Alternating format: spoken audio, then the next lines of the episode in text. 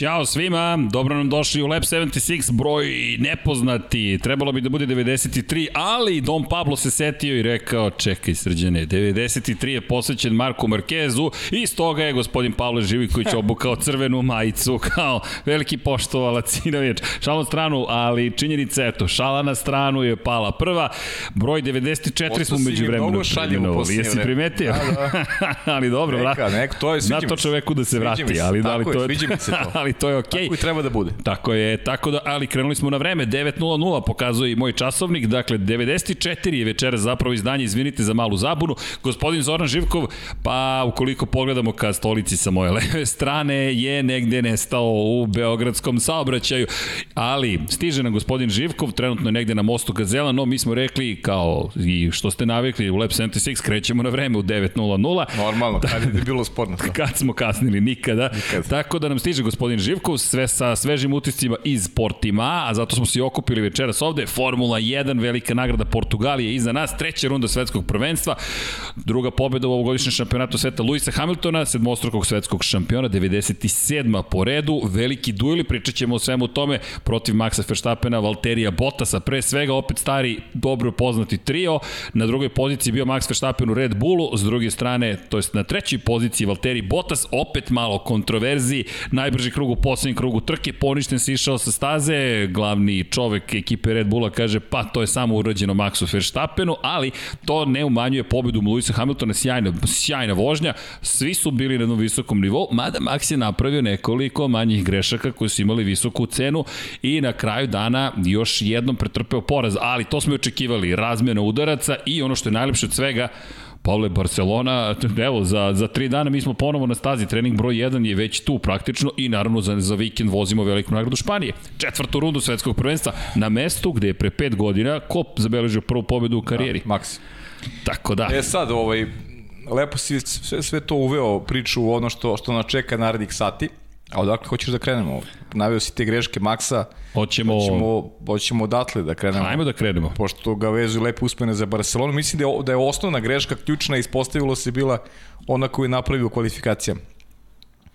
Jer da je poveo trku sa prve pozicije, to bi moglo da bude onda potpuno drugačija priča i verovatno bi bila drugačija priča s obzirom da Portimao baš ne dozvoljava mnogo mogućnosti za preticanje, iako smo imali par izuzetnih situacija na stazi, par obilaženja razmena udaraca na relaciji Max, Luis, Bottas je takođe bio tu aktivan, dakle gledali smo možda nek, gledali smo stvari koje su bili iznad očekivanja, shodno onome što nam nudi kompletna sezona, ali rekli smo grešaka će biti, koji bude pravio manje imaće uh, bolju poziciju, Max je pogrešio uh, u kvalifikacijama kada nije imao najbolje vreme, kada mu je poništen krug onaj prvi, da kažemo tu nema kontroverzije, to je potpuno to je potpuno opravdano i napravi onu grešku kada je na početku trke obišao Hamiltona kada se približavao Bottasu i čini mi se krivina, da li je to bila krivina 14 takođe, još jedna greška kritična i onda veliki šampion kakav je Luis osjeća krv uspeo je da se dovoljno približi i da iskoristi DRS i u tom momentu pobegne Maxu Verstappenu, kasnije obiđi Bottas i mislim da su ta dva Luisova obilaženja bila e, krucijalna kada govorimo o, o konačnom ishodu trke, a onda imamo još jedan onaj moment reakcija Red Bulla, odlazak e, na, u pit lane izlazi Bottas na stazu, međutim Max koji opet pokazuje taj šampionski njer koji ima tu smirenost neku koja ga možda ranijih godina nije krasila, ali stalno to ističemo, ali mislim da vredi. E, postao je onako momak sa, sa onako jasnim stavom, sa, sa e, mirnom glavom u nekim trenucima koji su onako kritični za njega. Delo je nekada uh, i deluje i sada da ima dva rivala na stazi, da nema pravu podršku i dalje od Serhija Pereza i to je nešto u Red Bullu očinički treba da Sergio Perez postane konkurentniji, da bude bliži uh, toj vodećoj grupi kako bi i Red Bull imao više prostora za manevar kada pričamo o taktici. Max na kraju dana zabeležio čak tri greške. S druge strane, Lewis Hamilton, briljantna vožnja, nije pravio greške i to je ono što smo videli u prethodnoj trci, on napravio grešku, Max nije ni jednu u trci i svodi se priča na to ko manje bude grešio, Jeste. čini se da će odnositi pobede.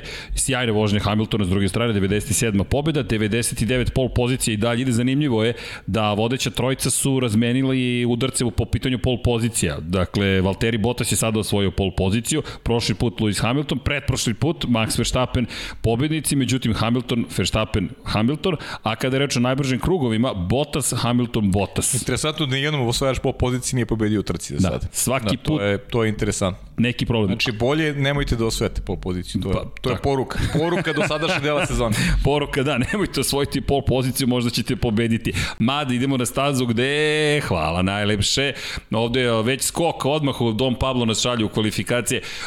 Doći ćemo do ovoga, ali nije zgorek samo baciti pogled na to kako su izgledale razlike između kvalifikacije 2020 i 2021 s obzirom na činjenicu smo videli značajan napredak kod nekih timova, to jest videli smo da su neki izgubili manje, neki izgubili više, da smo na kraju dana došli opet do jedne uzbudljive bitke između Red Bulla i, i Mercedesa, da se do poslednjeg momenta nije znalo ko će biti na pol poziciji, međutim zanimljivo je bilo i to što je kada pogledamo stanje na stazi, zapravo u tom prvom pokušaju bilo mnogo bolje postavljeno vreme, kasnije, ne, što da. nije baš uobičajeno, smo došli do toga da nema pol pozicije za one koji su pokušavali kasnije. Ali imali smo moment u kome su Mercedesi sa meki prešli na srednje tvrde gume u, u, u Q3, to je nešto se takođe redko viđa, imali su odličan tempo u Q2 i bilo je evidentno da na srednje tvrde guma Mercedes Mercedes e, je, je brži, ima bolji tempo, mada u samoj trci je Max Verstappen sasvim korektno pratio oba Mercedes. Nisu bile velike razlike, dovoljne, teško je naravno voziti, to smo pričali u Portimao, takva staza, teško je voziti E, iza, e, iza čoveka koji vodi u tom slučaju, znači pričamo sad iz pozicije Maxa i Luisa, imaju objektivnu predno čist vazduh ispred sebe Luis Hamilton u najvećem delu trke i to je nešto što je, što je njemu pogodovalo u, u tim duelima u završnici trke sa, sa Maxom Verstappenom, ali on, je, on se sam izborio za tu poziciju, U jednom momentu je bio treći, ali eto iskoristio je grešku Maksa, kasnije napao Valterija Bottasa i kao što si rekao, nema tu šta da se doda. Luis je vozio bez greške i popuno zasluženo došao do 97. triumfa. Ali ima tu još mnogo priča vezanih za, za Portimao, zaista je bilo zabavno. Pa tek smo počeli zapravo i čekamo čoveka koji je bio na trci koji nam stiže, polako li sigurno se probija kroz saobraćajnu gužvu, tu je negde već traži sada parking, to će biti možda još veća muka nego probiti se utorak uveče kada je poslednji dan praznika negde do Jeste. centra grada, ali dobro, stiže nam gospodin Živko, tako da imamo i njegove fotografije, ali nećemo pre njega da ih prezentujemo, da vidite zapravo i da čujemo šta se događalo i kakva atmosfera iza kulisa, zato nam je drago što nam stiže, evo dva dana posle trke, direktno sveže priče tamo iza svega što, zapravo iza paravana, ono što i ne vidimo. Kada je reč o pričama, mnogo je zanimljivih priča, naravno najveća je upravo ta bitka za titulu šampiona sveta, nastavio se taj fantastični duel, morate priznati da meni bila sjajna trka, zašto? Na, na kraju, iako smo već negde videli ko će triumfovati, taj moment bitke za najbrži poen, da ti odločiš najpre Valterija Bottasa na zamenu guma. Pa, ne, po, ne pr prvo Sergio Perez. Sergio Pereza, tako je. I Sergio Perez, koji inače bila zanimljiva poruka Lewis Hamilton u onom momentu kaže plave zastave, plave zastave, a Mercedes odgovara ne, ne, trkaš se sa njime.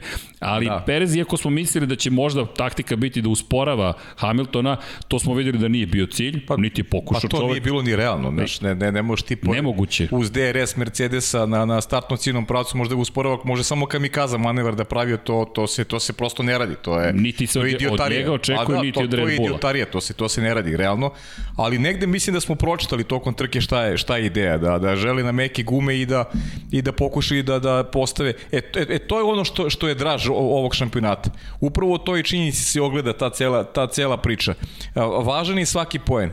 Imali smo tri, e, tri vozača koji su krenuli po jedan poen.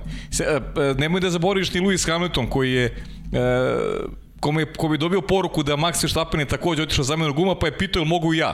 Ali, ali prosto je bilo kasno, više nije mogo da zagreje pneumatike, nije mogo da pokuša da, da vozi najbliži krug trke. Tako da će i tu da se odvija velika bitka i zbog toga je taj doprinos Serhija Pereza Red Bullu neophodan kako bi i Max imao veće šanse u toj pojedinačnoj trci, a naravno i Red Bull kao ekipa, jer, jer obrni okreni opet je Perez ostao na startu, izgubio je taj duel sa sa, na početku trke izgubio duel sa Carlosom Saincem, dakle imao je opet za ostatak e, na startu i to je, to je celu ekipu koštalo. Evo ga, pogled na, na, na zapravo strategije. Ono malo pre što smo videli, vratit ćemo se na grafikon, dakle i uvod zapravo u trku. Hamilton, 37. zamena guma, Verstappen zamena na 35. Bottas u 36. I ono što je zanimljivo, ta promjena 63. 51. zapravo Perez koji prelazi na korišćene gume. Dakle, tačka sta linija pokazuje koje su korišćene gume, kada je puna linija, to su potpuno novi sveži pneumatici. Bottas je imao sveže crvene gume za kraj, Verstappen nije, ali je imao najbolji krug da nije se išao sa staze. I tu dolazimo sad do te kontroverze u suštini. I imamo Pereza u 51. krugu koji prelazi na stare meke gume. S obzirom na činjenicu da je to punih 15 krugova što nije tako malo bez obzira što su neki startovali i Norris na primjer i Okon koji su sjajne trke odvezli inače bili peti i sedmi 22 puna kruga vozili na korišćenim gumama gasli čak 24 činjenica je da nekako kada juriš taj najbrži krug ti treba što više to jest što manje krugova i a opet si morao da izdržiš 51 krug. Svaka čast Sergio Perezu kako je odvezao.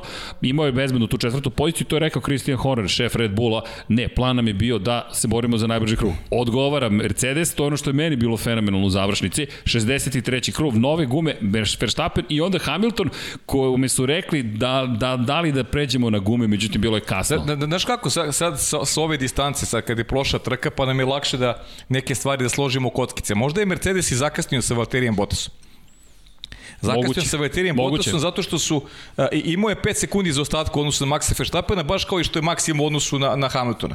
Da je Bottas krenuo ranije po taj jedan poen, verujem da bi onda i Max krenuo ranije jer bi onda znao da može sačuva poziciju. Bi onda bi Hamilton krenuo jer bi on isto znao da može sačuva poziciju odnosu na Maxa, pa bismo u finišu imali zaista spektakularnu borbu za taj jedan poen. Ali prosto Mercedes je čini mi se zakasnio, Bottas uveo kasno i nije imao pravu priliku Luis da proba da, da dođe do jednog poena. Ali, ali pazite o čemu ti ja pričamo sada, znaš, ko, ko, je, ko je to vrsta borbe, znači, je. borba za poen, jedan. Sad pričamo samo o toj jednoj borbi za poen koja je bila super zanimljiva u finišu trke, a da ne pričamo o nekim detaljima ostalim koji su isto pratili. Stanje u šampionatu konstruktora 101 poen za Mercedes, 83 za Red Bull.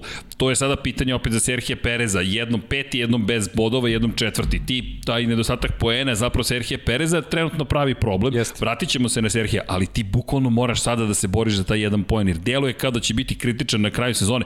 69 bodova trenutno za Hamiltona, 61 za Maxa Verstappena. Lando Norris je treći u šampionatu sveta sa 37 poena i Valtteri Bottas tek onda dolazi 32 boda, četvrta pozicija i sad jedan poen i zato je meni bila fantastična trka. Jeste, kako nije. Čitao sam neke komentare, pa kao ništa nisi propustio, ako nisi gledao, bila je dosadna trka. Ja gledam, da li smo gledali istu trku? Meni nikad uzbudljivije upravo ta bitka u budućnosti koja se odvija, ta jedan Jeste, jedini pa, poen. Pa znaš kako, iskreno, prvi utisak posle trke i meni je bio, pa okej. Okay. Znaš, nije u rangu one prve dve. Ali onda kad sabereš šta smo sve videli, kad malo središ misli, onda shvatiš da, da je i ovo bila fenomenalna trka. Fenomenalna trka. Baš je bila fenomenalna iz, iz više aspekata, ali zaista potrebno nekad, zato nekad nije za zamiriti vozačima kad neko onako vruće glave kažu nešto što možda nije primereno, jer, jer i mi sami koji gledamo, pa živimo trku, nemamo adekvatnu reakciju e, kada se trka završi, jer meni je sa tom naknednom pameću e, sam ovaj ukapirao koliko je u stvari bila dobra trka, nisam je tako doživio odmah po završetku jer mi je bila e, za nijansu slabija od prethodne dve. Znaš, sad su već podigli lesticu svi. Velika su očekivanja od svake trke jer su sjajne borbe, ali suštinski kada, kada onako razložimo trku na, na, na više tih sekvenciji, kada se prisetimo lepo šta sve događalo, zaista je bilo onako sadržajna, uh, puna dešavanja, čak i obilaženje, jako Portimao zaista to ne nudi Zanimljivo. baš izobolju, ali pa, Portimao dobro. Prošle godine postavio rekord tokom sezone po broju preticanja, međutim, stalno se vraćamo na taj prvi krug, prvih nekoliko krugova Jest. gde je bilo zaista mnogo... Pa gde je Kimi postavio sam rekord. Pa sam postavio rekord. Kada već pominješ Kimija, možemo odmah da štikliramo i trku Kimira i Konena. Završena je na početku. Ti ja smo gledali kao da je Đovinaci uradio nešto, međutim na kraju čista greška Kimija koji je rekao, jest. ne, ljudi gledao sam u volan, nisam obratio uopšte pažnju. Jest, jest, jest. I izvinio pa, se pa, to je taj prvi utisak. To je taj prvi utisak. Jer neka zna bude, pa da, da je krenuo i zastao, međutim s Kimi prosto nije ispratio. Imali smo istu reakciju i ti ja, da. Prosto. A možda smo i da. subjektivni prema gospodinu Rajkonenu. Toga ima, toga ima, ja priznajem da toga Vidi, to eno je tamo knjiga, kako, tamo gde, gde nam dolazi gospodin Živkov, ali to je Kimi Rajkonen, dakle, Kimi koji je prošle godine briljantan imao prvi krug, ove godine najgori mogući, sve se završilo već na samom početku i izvinio se ekipi, rekao nadam se da nisam uticao na gumi Antonija Đovinacija, Alfa Romeo koja... da nije, da. Da, nije baš bila spektakularna, naprotiv na kraju Đovinaci 12. pozicija, to je isti rezultat koji su imali u prvoj trci i još uvek bez bodova. Raikkonen inače i Alfa Romeo su uložili, to jest Alfa Romeo uložili žalbu na plasman. Za prethodnu trku, Tako da. je, ali su na kraju prihvatili konačni sud Međunarodne automobilske federacije koji je rekao da od toga nema ništa. Tako da bez bodova i dalje Alfa Romeo. Inače Robert Kubica nam se vraća na stazu u prvom treningu u petak, tako da ćete vidjeti da, čoveka koji... Imali smo i Debi Kyle Majlota takođe ove nedelje. Jeste, u Alfa. Ali imamo vremena. Ne, pa ne, samo da mi je prosto da. Rajkone nekako to otvorio pa da napomenemo. Inače, Robert Kubica čovjek koji je poslednju svoje poene za Williams, da ne zaborim, pre dve godine onaj jedan jedini poen. Da, i Williams utisak isto, ali od, Snažan. od onog pozitivnog, snažnog, ušli smo onaj negativni snažan na kraju, jer, uh,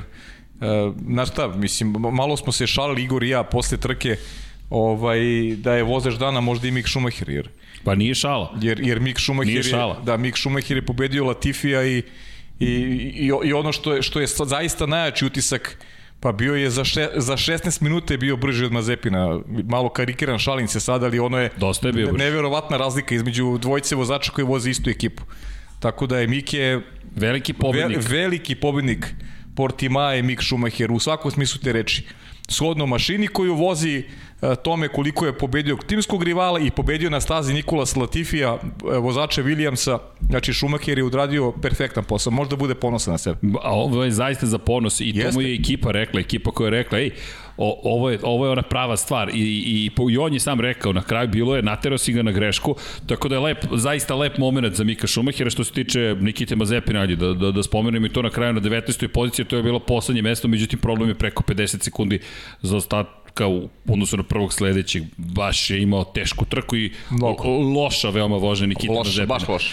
U svakom slučaju, Lewis Hamilton još jedna pobjeda. Kada je reč o toj kontroverziji silasku sa staze, pravilnik je dosta jasan, jasniji je bio ovoga vikenda i pravilnik je rekao silazak sa staze u krivini broj 14, u krivini broj 4, u krivini broj 1, u krivini broj 15 će se smatrati prosto prekršen koji dovodi do poništavanja krugova. Mhm. Ima tu međutim nekoliko stvari hvala, borba za najbrži krug, e, Vanja nas je vratio nazad, a to je, pa de, gde nam je ovde najbrži krug Maxa Verstappena? Ha, momčilo ga je izbrisao. Ali, šalu na stranu, 1.19.865, Valtteri Bottas, međutim, Maxov nema krug. E sad, da se vratimo mi na priču o krivinama.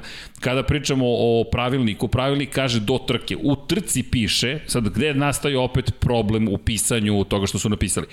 U trci, ako siđete jednom sa staze, pa drugi put, pa treći put. U bilo koje od četiri navedene krivine dobit ćete crno-belu zastavu i upozorenje da u još jedan silazak sa staze dovodi do kazne. Nigde ne piše eksplicitno u treningu ili u trci da će poništavati ili neće poništavati vremena. To je ono što smo rekli tokom prenosa. Da, i sad, Da li poništavaš, ne poništavaš, Christian Horner smatra da nije trebalo da bude poništen. S druge strane, sišao je sa staze, više nego što je dozvoljeno u treninzima, ali Christian Horner koji se pozvao na preticanje Landa Norisa protiv Serhije Pereza, gde je rekao Landa Norris je sišao sa staze da bi završio svoj manevar i opet je zadržao poziciju. Nije, nije, nije vratio tu poziciju, ali ja bih isto tako skrenuo pažnju na Red Bull. Red Bull je pre nego što su sudije reagovale, rekao Verstappenu da vrati poziciju u Bahreinu. Jeste. Tako da Red Bull mora da to bolje sam, Teo sam odigra. baš dodam to. To sam baš teo dodam. To je i dalje smatram da je to velika greška Red Bulla. I, a, a ovo što se tiče ove situacije takođe ne bih poništio krug, ko god je u pitanju posljednji krug u trci, jako je važno to ko ima upozorenje, ko nije, ko nije ima upozorenje, jer šta da, šta da radimo s onom prvom trkom u kome, u kojoj Lewis Hamilton priznao da je 30 puta sišao sa staze. Na šta raditi, sa, šta raditi sa, sa, sa, sa nekim ko je 30 puta napravio prekršaj u istoj trci? Znaš, to je ozbiljno pitanje. To su, znači mora da budu malo ta pravila ili da budu Uh, jasno definisana ili da se onako ovaj uniformišu uniformišu na pravi način ili da budu fleksibilna za sve, da budu fleksibilna uh, u svakom momentu. Jer ono je, ono je bez ikakve potrebe u onakvoj borbi za taj jedan poen ti poništavaš krug, posljednji krug poništavaš, a sigurno nije bio prvi koji je napravio, da kažem, koji izašao sa staze i, ovaj, i napravio tu vrstu greške. Ali dobro, to su, kažem, opet neke stvari za, za, za, za analizu i uvek, uvek izazivaju kontroverze i uvek različite reakcije. Mislim, ljudi uglavnom reaguju na osnovu e, toga za koga navijaju, a to je pogrešan stav. Samo treba gledati, pokušati da, da se stvari gledaju, da stvari gledaju realno. koliko je to moguće. Mi smo u svakom slučaju dobili mnogo uzbuđenja, pa čak i taj moment kada Maksu govore da nema najbrži krug, sve to uživo da, i ti gledaš kako pa se on je razvija. saznao od Martina Brandla da nije imao najbrži krug. Da. On je tu saznao na onoj improvizionoj konferenciji štampu.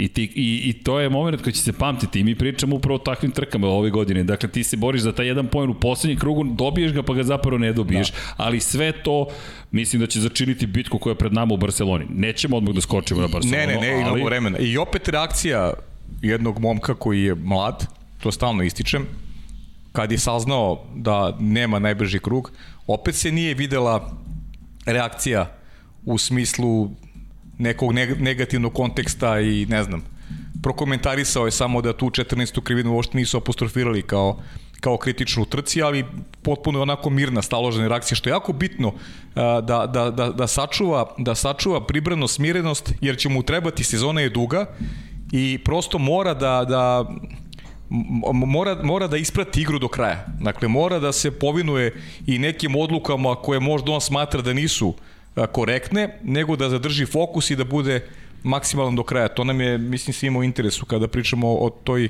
zabavi u šampionatu, a dobili smo je konačno posle duže vremena. Zabava traje od početka sezone. Da. Ako pogledaš, mi uživamo u trećoj trci za redom, ali u skladu sa scenarijom. Baš onako kao da je pisan. Hamilton, Verstappen. Hamilton je sad četvrta trka, tačno tamo gde je pobedio i napravit ćemo uvod, čekam i gospodina Živkova za utiske iz Portugalije, ali meni je to iz te perspektive sjajno. I još jedna bitna stvar, koliko su se dobro bolili. Kada pogledaš Bottas koji startao s pol pozicije, odbranio prvo mesto, Hamilton je bio na poziciji broj 2, dobijamo restart zahvaljujući Kimijevom incidentu i Bottas koji opet grupiše sve. Mene silno podsjetilo ono na Muđelo. Jebe, isto. Još se spuštamo nizbrdo, u Muđelu je sa, krivina u levo, pa izbijaš na startno ciljni pravac, ovde je krivina u desno i opet se spuštaš nizbrdo i penješ. Srki, primetio si, malo je falo da se ponovi scenir iz Muđela u smislu u smislu incidenata iza. Gužva pozad. Alonso koji je izašao sa staze, bilo je tu još par situacija koje su bile kritične, tako da je Bottas o, o, ovo drugi put se ponavljaju ovakve stvari. Ima on pravo to da Ne, ne, ima, ne, ne, ne, ali, to smo rekli. Ali, ali, Ali pričamo sada o nečemu što se zove bezbednost i... Ali su svi naučili. Vidiš koliko su svi bili oprezni i rekli, čekaj, djeluje mi da je to bio utisak, jer meni je nedoljivo podsjetilo, zaista, kao gledalo da gledam, kada je neko stavio kao, ok, sad se spuštamo samo s ove strane a, a i pričali smo malo da je, da je bila vidljivost malo, malo onako teža, da je, da je ta pozicija na stazi bila drugačija, da nisi imao jasan pogled ispred. Moglo je tu da se napravi da bude karambola ozbiljnog. A srećom sve je prošlo na kraju bez većih incidenata, Jest. Ali Hamilton koji pravi grešku, gubi tempo, to gubi ubrzanje, Verstappen to sjajno koristi sjajno drego, i jest. koji ga pretiče. I onda ta greška opet u krivini broj 14 koju onda sad Hamilton koristi i ti gledaš duel između dvojice šampiona, to jest jedan je šampion, jedan još nije, ali potencijalni. I stigo nam je gospodin da. Živkov. Yeah. Mislim, tu, tu Hamilton kod restarti napravio grešku, prosto je, Jeste. prosto je Max dobro radio, znači to nije greška bila Luisova, nego je prosto Max pa, bolje ušao bolje ušao u, u, u taj restart i sebi stekao omogućio, omogućio bolju poziciju. Čak i Hamilton na kraju rekao, ok, napravio sam malu grešku, ali to nije problem, to je poništeno time što sam pretekao kasnije Verstappen. Jest, jest. Ali opet sjajan manevar i, i nad Valterijem Bottasom, Hamilton je u direktnom duelu protiv Bottasa odneo pobedu i još jedna važna stvar, Max Verstappen koji je opet u direktnom duelu pobedio Valterija Bottasa na samoj stazi. Gospodin Živko, hoćete, molim vas, samo izvolite napred, stigo nam je gospodin Živko u studiju. Parking, nadam se da je uspešno rešen, Nije, po, ali... po, ostu port, u Portimao, u Portimao ostao, auto ostao u Portimao. Tamo nema, tamo nema gužve, ako ništa drugo.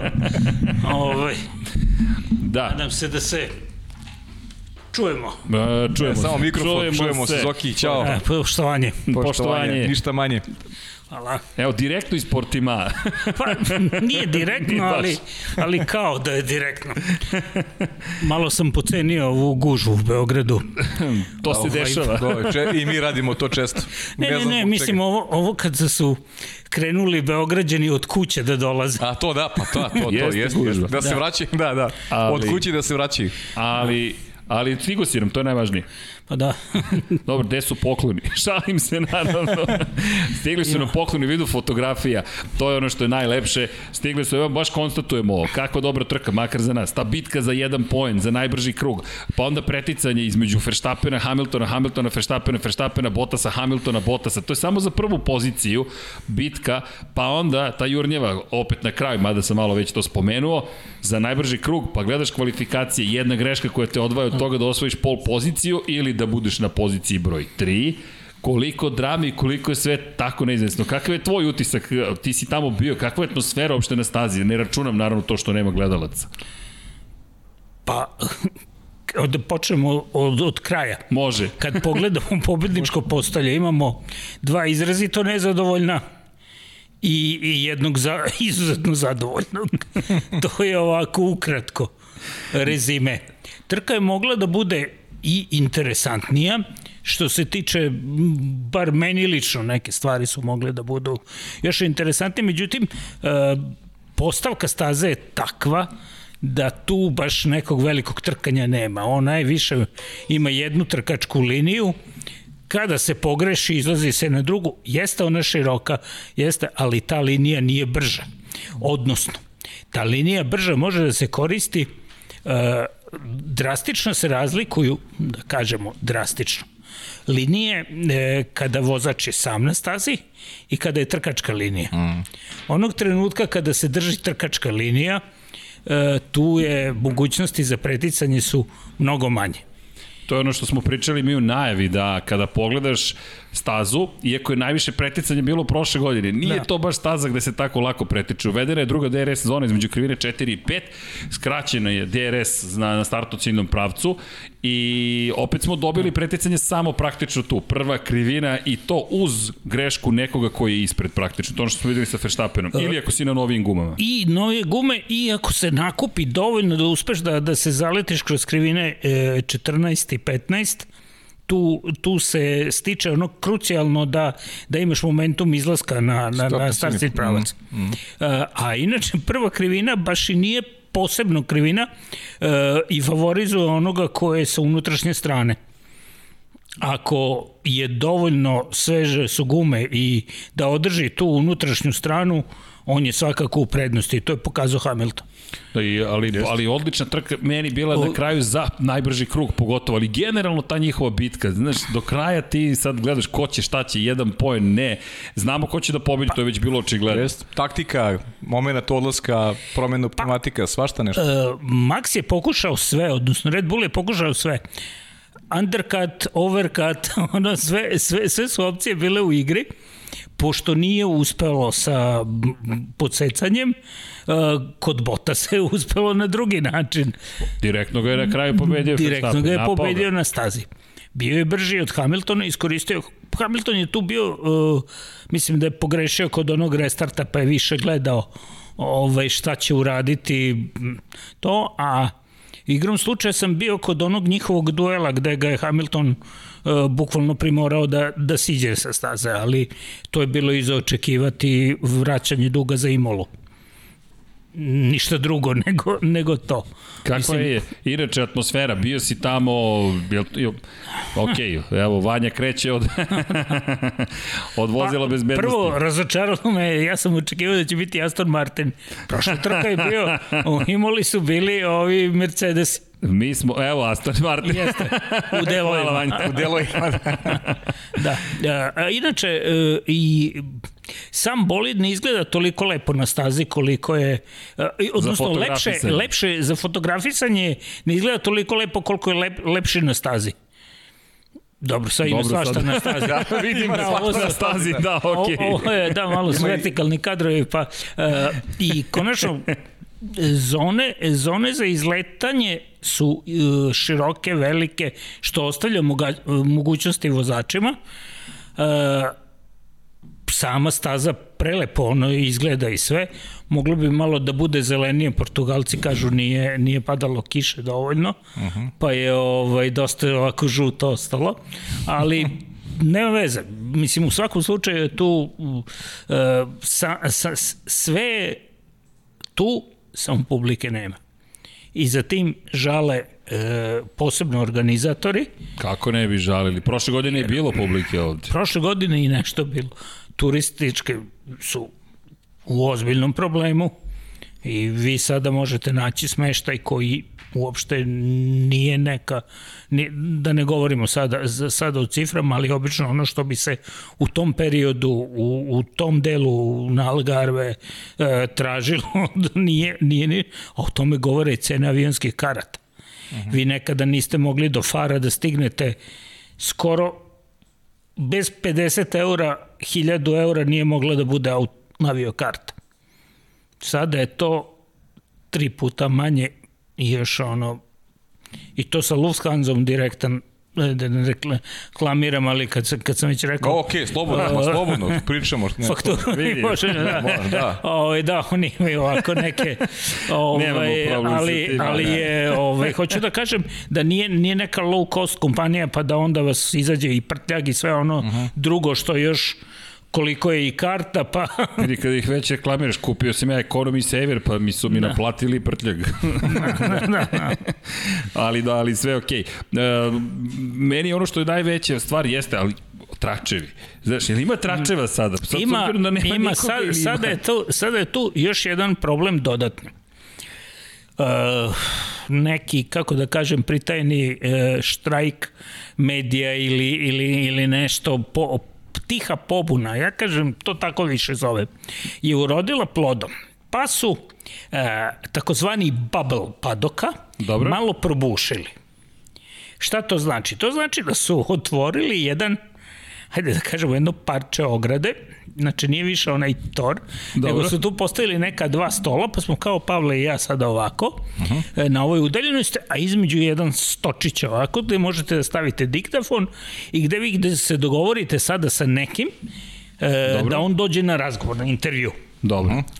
Što je ipak nešto u odnosu na ništa kako je bilo. Neka interakcija. E, neka interakcija, jer ja nisam hteo da radim intervjue prošle godine u Turskoj, Uh, iz prostora kaže imate kao, pa sad doći će, sesće u drugu sobu, Zoom, a ja ću sad ovde Zoom, pa ćemo pričati, preko, pa znate, rekao, to sam mogao da radim od kuće. Jeste. Ja u Tursku zbog toga nisam morao da dolazim.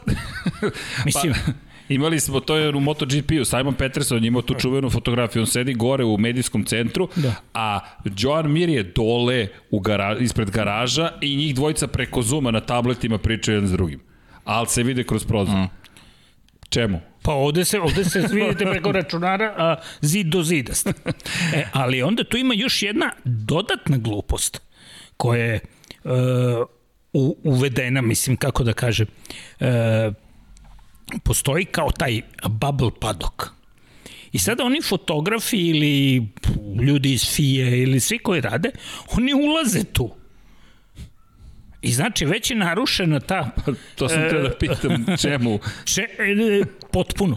Druga stvar, pitali smo, a zašto ne možemo da idemo na pit line? kada su u, kada su vozači u automobi u bolidima, s kacigama, svi su tamo fotografi ili bilo šta no, i još najmanje smetaju. Ispada da ne smetaju neki blogeri i vlogeri što se to sad tamo... Pa to si sada i ti vidi, sad si youtuber. ti reci ja sam na YouTubeu. pa govorim, govorim o posebnoj vrsti, one koji su Znam. se tamo uh, razni influenceri od kojih su pa sad su konačno neki shvatili da, da od toga baš nema puno koristi, jer ti koji prate njih, prate ih zbog nekih drugih, a ne zbog toga što je to Formula 1 i što... Aha, to su popularni ljudi van sfere automotosporta. Sfere automotosporta koje baš publika su 12-13 godina, pa nisu baš ono nešto, nešto prerasli. Ako nešto bude, Sunđer Bob se pojavi na drugoj strani, možda će otići tamo. Mislim, kako da kažem, ne bi, ne bi sada nikome da, da, da, da umanjujem vrednost, ovaj, vrednost, naravno. naravno podaštavam, ali postoje mediji koji se ozbiljno bave tim poslom. Postoje mediji e, koji znaju šta pitaju i znaju šta, e, e, šta traže, kakve odgovore mhm. traže od vozača. Uh mhm. -huh. U protivnom dolazite u situaciju da iritirate te ljude tamo. Intervjuiše ih neki e, od tih popularnih likova i vi, vi vidite na, na, na Lonsovom liku da, da na licu da on kaže više ha, kraj, gotovo, da. ne mogu, neću. Što mi to Zoran nepoznato zvuči. Da. Upravo. Mislim, imamo, imamo to i ovde, tako da ne treba otići na trku Formu 1 pa vidite Znam, nešto. Znam. Nažalost. vidi, ali ok, to je deo ljudi nove medijske scene Jest. i Formula 1 mora da pokuša, šta, pa ok, nema publike, ovo je način da približimo publiku, e sad, s obzirom na činjenicu su ljubitelji automotosporta zajednica i da je to neka vrsta posvećenosti koja je, ne mogu da kažem posebna, sa svaki sport ima svoje za, za, za ljubljenike, da. za luđenike poput nas, a onda je ovo pokušaj da se to proširi. Mislim da to ima vezi sa, sa celom tom pričom sa Netflixom Drive to Survive, da se proširi taj čuveni reach, da bude veći, pa onda možda ćemo privući neke nove gledalce. Ne samo to, e, formula je globalno popularna. Jeste. I onda pokušavaju da se uvuku u celu, u celu priču i oni koji ne gledaju to kao neku pasiju, kao strast, kao sport, nego gledaju kako sebe da promovišu kroz celu priču. Da, to je... ali to ima, e, o, postoje ljudi kojima je to core biznis. Tako je. I kojima biznis trpi zbog nekoga uh, kome je to zabava. Jeste i vrlo neblagonaklono se gleda na, na, na takve stvari. E sad, imam utisak da će, moguće da će se već u Silverstone nešto promeniti po tom pitanju, da bi se vratili u padok oni ljudi koji e, zaista treba da su tamo. Odmisliš od kvalifikacijone trke. A, e, to je posebna da, tema, ali, to je ali, posebna tema, ali kada si otvorio tu postoji, uh, tu postoji, uh, znaš ono, uh, svi smo za, ali sad neću da ti kažem zašto sam ja za. A uh, uh. -huh. ispada da imam mnogo rezerve prema tome, ne ja, nego govorim. I svi timovi su uh, pristalnak dali da bi nešto dobili za uzvrat. Eto, ali to je, mhm. ali, ali Uh, A može nešto da se čuje čekaj. sa strane? neko stvarno šta misle onako u nekom da, prozoru. Pa ja sam pitao, pričao sam uh. -huh. za, za, za promenu, između ostalog, jako mi je zanimljiva promena e, visine i posmatranja, recimo, vozača Ferrarija godinama niste mogli da privolite na razgovor, odnosno, ne vozače, nije problem u vozačima bio, problem je bio u mišljenju Ferrarija kojim smo mi, možemo misliti Srbija ili neka druga E, sve ono što nije Amerika, Bliski istok i to, to su bila neka sasvim sporedna tržišta. E, sada se to promenilo. Jer Ferrari nije tamo gde je, nego je na sredini grida, pa ima mnogo da se šeta, pa je u poredku pao, pa je popularnost pala. Mislim, nikad njima neće realno da. pasti mnogo popularnost, ali je... Ali su se otvorili što Ali su se otvorili tako da e, Leclerc će, otišao je, pa je zaboravio, pa ja pitam, pa će se vratiti? E, hoće, hoće, da, pa onda ponovo dođe. Uh mhm. -huh. Tako, što se u normalnim situacijama Nikada bi bilo kao, pa dobro bit će prilike sledeći put i tako. Uvijek bi se našao neki diplomatski izgovor, ali sada je, e, sada je to. Naravno, to sada ne kači Mercedes, jer je on sada na nivou ono nedodirljivosti i kod sudija i, i ovaj inače uh, Red Bull ima svoju zonu popularnosti ili Red Bull uh, tu postoji jedan drugi problem uh, mnogo mnogo politike uvlači dr. Helmut Marko konkretno on I, i, i on je taj koji vidi stvari koji ne, koje ne postoji. Uh mhm. -huh i one stvari koje ne postoje, on potencira i, i, i ono, i mislim da samo dodatno pravi pritisak na Verstappena, a ceo tim pravi pritisak na Verstappena i, Here, i Pereza. A Perez je u suštini može se desiti još uvek nije ušao, ovladao bolidom onako kako treba, ali može se desiti da u bliskoj budućnosti on bude opasniji Verstappenu od od uh, vozača Mercedesa, što naravno Red Bull neće dozvoliti, što će naravno dodatno otežati situaciju u timu, jer oni ga nisu doveli da bi pobeđivao Verstappena, nego da bi pobeđivao Bottasa i, i Hamiltonu otežavao posao, a ispada da će u dogledno vreme početi više da otežava Verstappen. To je Zanimljiv pogled. zanimljivo, okej. Zanimljiv pogled. A slažem se popuno, evo recimo, de, iskreno pričamo, slažem se popuno za doktora Helmuta Marka. Ja mislim da on dosta koči uh, sa svojim, onako ima jedan, jed, jednu, jedan monopol ima unutar ekipe, mislim da, da zaista nekad onako reagu iskitreno, da pravi pritisak i mislim da je tu recimo Christian Horner je u njegov, njegovoj esenciji potpuno mislim da je Christian Horner neko ko bi čak recimo vukao bolje potez u interesu Red Bulla. Sve što je radio recimo Helmut Marko, ja recimo mnoge stvari su mi onako baš pod velom sumnje. Eto, pa, najbolje rečeno. I meni su, i meni su zato što su e, zapravo o, gurali, e, gurali, evo sad dolaze, dolazimo u situaciju, vreme prolazi. Verstappen nije uradio ono što se od njega očekivalo. Od jednog wunderkita, on je sada samo i dalje na nivou prosečnog vozača. Zamerit će mi verovatno fanovi njegovi, ali to je tako. Mislim, ne, ne može da kaže sad kao potencijal Hamilton. Ne, ali taj čovek s jedne strane ima, ne znam, 97 pobeda, Vettel, Alonso, Verstappen i celo društvo ima 96 pobeda. Pa dobro, ali... Ako ćemo samo da gledamo kroz pobed. Ali ajmo da gledamo... I za, proped, za, za, za protivnika imaš jednog lukavog sedmostrukog šampiona koji ima sve resurse Mercedesa i ti umesto da pomogneš svom vozaču u borbi, ti ga još pumpaš, da, da, ti si bolji, bolji, bolji, a on to ne može na stazi, zato što Hamilton će jednostavno pribeći onoj taktici što je, što je radio i do sada. Kad pomogu pobedim, uglavnom mogu, a kad ne mogu, izvučem najviše što mogu. Drugo mesto plus najbrži krug. Dok će Verstappen, ne verujem da će uvek moći to da uradi.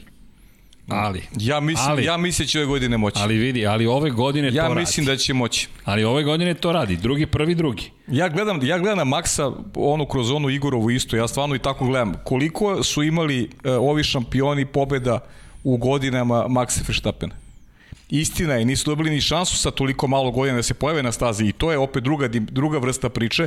Mislim da će redko ko kasnije dobiti priliku da vozi sa toliko malo godina kao Max, ali ja stvarno vidim njega kao, kao čoveka koji jedinog čoveka na gridu koji može da uzme titulu Luisu Hamiltonu.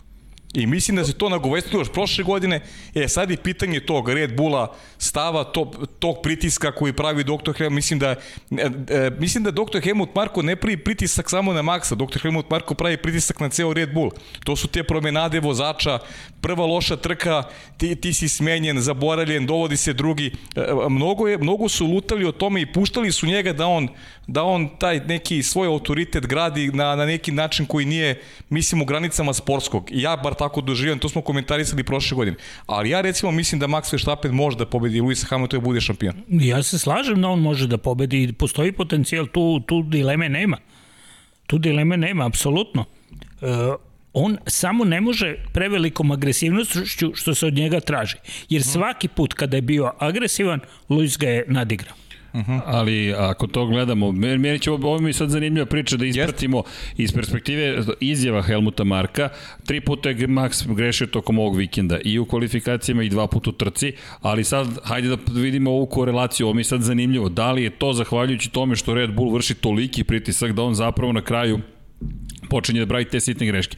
Moj, moj viđenje stvari do sada nikada nije pod jedan imao šansu da se bori protiv Luisa Hamiltona, tako da nikada nismo videli ovu vrstu testa, jer ako pogledaš prošle godine, možeš da se boriš eventualno s Bottasom i to je to. Razlika tehn, tehničko-tehnološka je tolika bila između Mercedesa i Red Bulla da ti nisi imao ni šansu praktično da učestvuješ u tom duelu. Kada pobediš Bottasa, što se često dešavalo, ti si drugi i to je to. Ali suštinski pritisak nije taj post- postojao. To je, ti slažem sada Sada ima pravi pritisak. Sad imaš pravi pritisak, sada da te vidimo i sad Marko je takav, on uvek vrši pritisak, ako to pogledamo kroz celu karijeru, Pa- manje više to je njegov, njegov stil. I jeste i problem. Da, još. Ali seti se Jeste, kako je jeste. napravio problem sa Renaultom. Je, fakat. Pa kako je napravio problem sa, e, sa Hondom i, i mislim konačno sad se to malo smirilo, ali mm, to je jako skupa. Ne opravdavam njega, samo konstatujem da on to radi od uvek, ali da. isto tako da mislim da je pritisak ove godine na, na Feštapena i druge prirode ti sada imaš šansu da se boriš protiv Hamiltona. Realno imaš šansu da se bori. Da nije napravio grešku u kvalifikacijama, eto je pol pozicija a to je onda drugačija trka i to su te male greške nijanse. Hamilton s druge strane sedam titula, skoro 100 pobjeda, ti si dokazao sve što imaš da dokažeš. Tvoje, ti si opušten. Ako si posle prve bio još uvek željan da dokažeš mogu da budem višestruki šampion, druga, treća, četvrta, peta, šesta, sedma, gledam po sebi sa 45 godina, drugačije posmatram stvari nego sa 21-2. Znaš, želiš da se dokažeš, hoću da pokažem šta mogu, šta znam. Sad već, pa možda ni ne moram baš sve da pokažem polako. Onda ti se desi da dobiješ i više nego što si želeo, Zato što si toliko opušten da stvari idu nekim, da drugačije posmatraš stvari. Mislim da Hamilton ima ogromno iskustvo koje može da upotrebi. A naravno, to je, to je velika njegova prednost. I to je ogromna prednost, bukvalno. Ali mi je baš ovo sad zanimljivo, sad moram da ispratim, da vidim Helmutove izjave, da vidim Markove izjave, da vidim da li tu postoji nešto. Ali nije to samo sada, Hvala. to je, to je Zoki, to je Zoki pravu skroz, to nije, to nije od sada. To je njegov način poslovanja, na njegov način gledanja stvari. Na taj, sve. Taj surovi, da zovemo kao surovi profesionalizam, kao, znaš, napravio si grešku i kao ti si sada ali ti si skrajno imamo Pjera Gaslija koji je koji je strašan ali više ide ka surovosti mogli smo da ga izgubimo ka surovosti baš ka surovosti ide to je Hvala. Nije, Najradikalnije, definitivno. Nije, nije samo tu, e, takva je struktura e, Red Bulla, ali e, pitanje je, ako žele šampionsku titulu, e, iza, iza Maxa, tu mora da, da, da radi Perez. Koji je bio najzad četvrti poeni su tu, to je, samo što to još je, nije ušao ovaj... u bitku. Misliš Zoki da neće da radi Perez za Maxa do kraja? Pa sad... Uh, Dok li mu traje ugovor? godinu dana. pa da. nije, nije ništa specijalno to. Drugo, Perez uh, nije neko ko nema para. Slažem se, da. Ali može da ko bude neko da... ko nema sedište. Tako što je. mu je već da. bio problem prošle godine. Jeste. Gde ćeš ako te neće Red Bull? I I to je problem, ali... Hm, polako, tu, tu, tu će se sada videti... Biće sad zanimljivo. Biće zanimljivo jer će sledeće godine biti drugačije, potpuno zamešane karte. No, niko ne zna šta ćemo dobiti sledeće. Upravo to. I mislim da se sada grade neke pozicije, da će Perez biti kooperativan ja maksimalno do jednog trenutka. A onda će reći, e sad vozimo za sebe, ako mu se učini da ono što, što u Red Bullu bude postavka da ne može da njega zadovolji njega. Pa on mora, on je prošli put bio bolji od Verstappena u kvalifikacijama. Bio na poziciji broj 2, treći je bio Verstappen, Verstappen pretekao sve na početku, izbio na čelo karavana i odvezao savršenu trku, bez greške. Završio trku na prvoj poziciji. Perez to nije iskoristio, još. E sad to će biti zanimljivo, ako Perez vodi u trci, Perez ima problem da se najbolje se od svih ovih vozača koji su e, promenili ekipe, vratili se, znači posmatram Alonsa, Fetela, Pereza, Sainca. Najbolje se snašao Sainz. Svi ovi imaju problema. Neko manje, neko veće. Pa do ove... Ricardo, trke, njega sam isto zaboravio. Do, do ove trke bih se ja složio, međutim mislim da je Perez ovom vožnjem sada sebe pomerio I pogotovo što je Sainz na kraju ispao van po, osvajača poena. Ja, ja sam mislim da. da je Perez iskoristio kapacitete Red Bulla i ništa više. Hvala Vanja. Da, evo ga da. pogled na Carlosa Sainca. Da, malo smo stali sa analizom trke, ali sad se uključujemo nazad u to. Perez koji je bio četvrti, Sainz koji je krenuo peti, pa ovo je zapravo iz trke u trku peti, šesti, sedmi, peti, peti, četvrti, šesti, osmi, peti, jedanesti. Izdali su ga gume, su ga izdali na kraju, to smo to znali, nema problema. Ali, ali se tu ekipa izvenula, da. jer je ekipa pokušala neku taktiku koja hm, baš nisu... Čudna. Mm -hmm. Ako Vanja možemo da vratimo pogled na, na zamene guma, tačnije ko je kada menjao gume. Krenuo je sa pete pozicije, dobro je startovao, bio četvrti, evo ga Sainz. Posle 21. kruga on prelazi na srednje tvrde gume.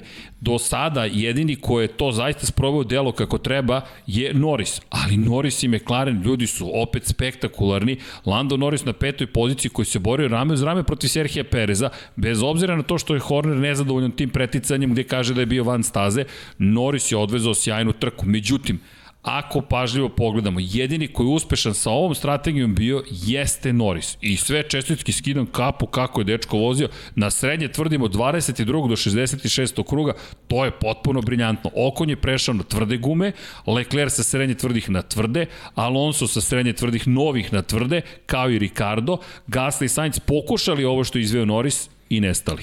Sainz je, Sainz je rekao već u subotu kada smo pričali to, kada sam ga pitao da šta, šta može da bude problem, problem je što temperature nisu bile ni blizu očekivanih. Niske temperature. Mm. E, to je zanimljivo. Vanja, možeš da nam daš uh, Pirelijevu grafiku sa najbržim krugovima po tipu guma?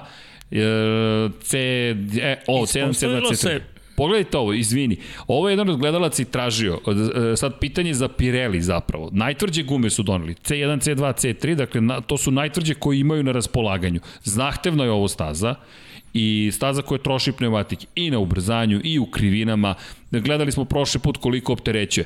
Ali pogledajte vremena. Na tvrdim gumama su brži nego na srednje tvrdim. 1.26.95, na srednje tvrdim 1.21.6. I sad kad vratimo ovaj Saincovu ovaj, trku, odnosno vratimo onu, onu grafiku. Grafiku? Ne, ne, ne ono, ono, sa, sa, sa zamjenama guma. Sa ovaj, e, naravno, šta mi vidimo? Sainz u 21. krugu uzima žute gume, odnosno srednje tvrde. Mm -hmm. Jeste. A... I to od tog momenta počinje da propada kao kamen. Yes. Jedini koji je dobro koristio te gume Norris. Ali je Jedini. tu stvar, Norris je već dugo u ekipi McLaren, zna kako će da zagreje gume, da održi temperaturu njima i to. I bolja Temperatura u, u, u Portimao, odnosno uh, ono što smo mi rekli, bravo, u Portugalu biće super toplo, tamo nije prešla 16 stepeni mm. vazduha. Staza je bila nešto toplije, mada ne onoliko koliko bi se očekivalo. Mm. I problem su bili udari vetra, ali nije Ferrari tu problematičan, mislim da je daleko najgori što se toga tiče, najgori je e, ovaj Alfa Tauri. Alfa Tauri. Zanimljivo, ja sam mislio no. da će Aston Martin to da ima. Ne, ne, ne, ne, Alfa Tauri kad udari vetar i cunode i ovo Gaslija ima na sve strane. Mm. Ne mogu da se Kako da je izgledalo to iz tvoje perspektive, kada si pokraj staze, ko je, ko je tu u najvećim problemima? Na njih dvojica? Njih dvojica. Definitivno na te udare vetra, a po Portimao imate, pošto je dosta gore, da. dole, i vi odjednom uđete u, u vetroviti deo ili vas, što je najgore, vetar Unese. pogura u, u, od nazad, kada tako da je... Deveta, deseta krivina, to smo gledali, taj severo, kako beše, zapadni, ja mislim, vetar. Pa, ne, ne, tu ima toliko, toliko pregiba i prevoja da je, da je ovaj, to ni izbliza nije toliko, da kažem, e, kada gledamo na snimku, još je, još je ravno ovaj, Nešto se... Pa, de, de, da, nešto mislim da je tvoj telefon. Da, da, da, samo, samo ga iznesite tamo. Zato sam ga i ostavio. Posko. ono, stavite ga u... Ovaj, u drugu prostoriju. prostoriju da.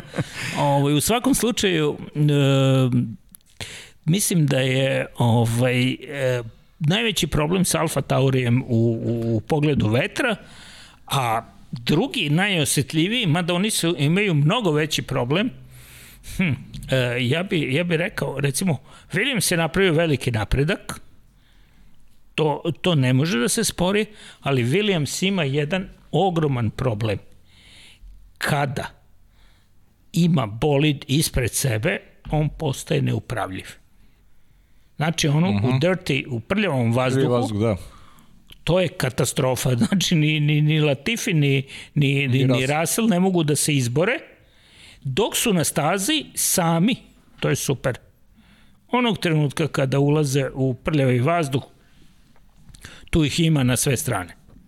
To je moj utisak, ne, ne mora da bude tačan, ali onome što sam gledao, ti si imao jedini od nas ovde da. Priliku iz prve ruke da vidi tokom ove godine bolide, tako da ovo nam jeste toliko važno da čujemo, jer bez obzira koliko na, na, možeš da vidiš kada je reč o televiziji, kada si tamo, to su te nijanse koje ne mogu da se primete, ne možeš da ih osjetiš, drugo, kad vidiš vozače, kad im vidiš oči, kada vidiš mehaničare, kada vidiš e, spuštene ramena ili ispravljene govor ramena, tela, stav, da. tako je, govor tela ti mnogo toga otkriva. A, recimo upravo zašto sam ovo sve i rekao za Verstappena, možda posle možemo i videti neku od E fotografija. da, Vanja, da iskoristimo priliku. A, nisam uspeo da, da snimim, pošto se sklonio iza, ali bilo je na kamerama, koliko je bilo njegovo razočarenje posle e, kvalifikacija. Videlo se to u prenosu. Da, i one fotografije kada je ponovo sedeo pored kontejnera. Da.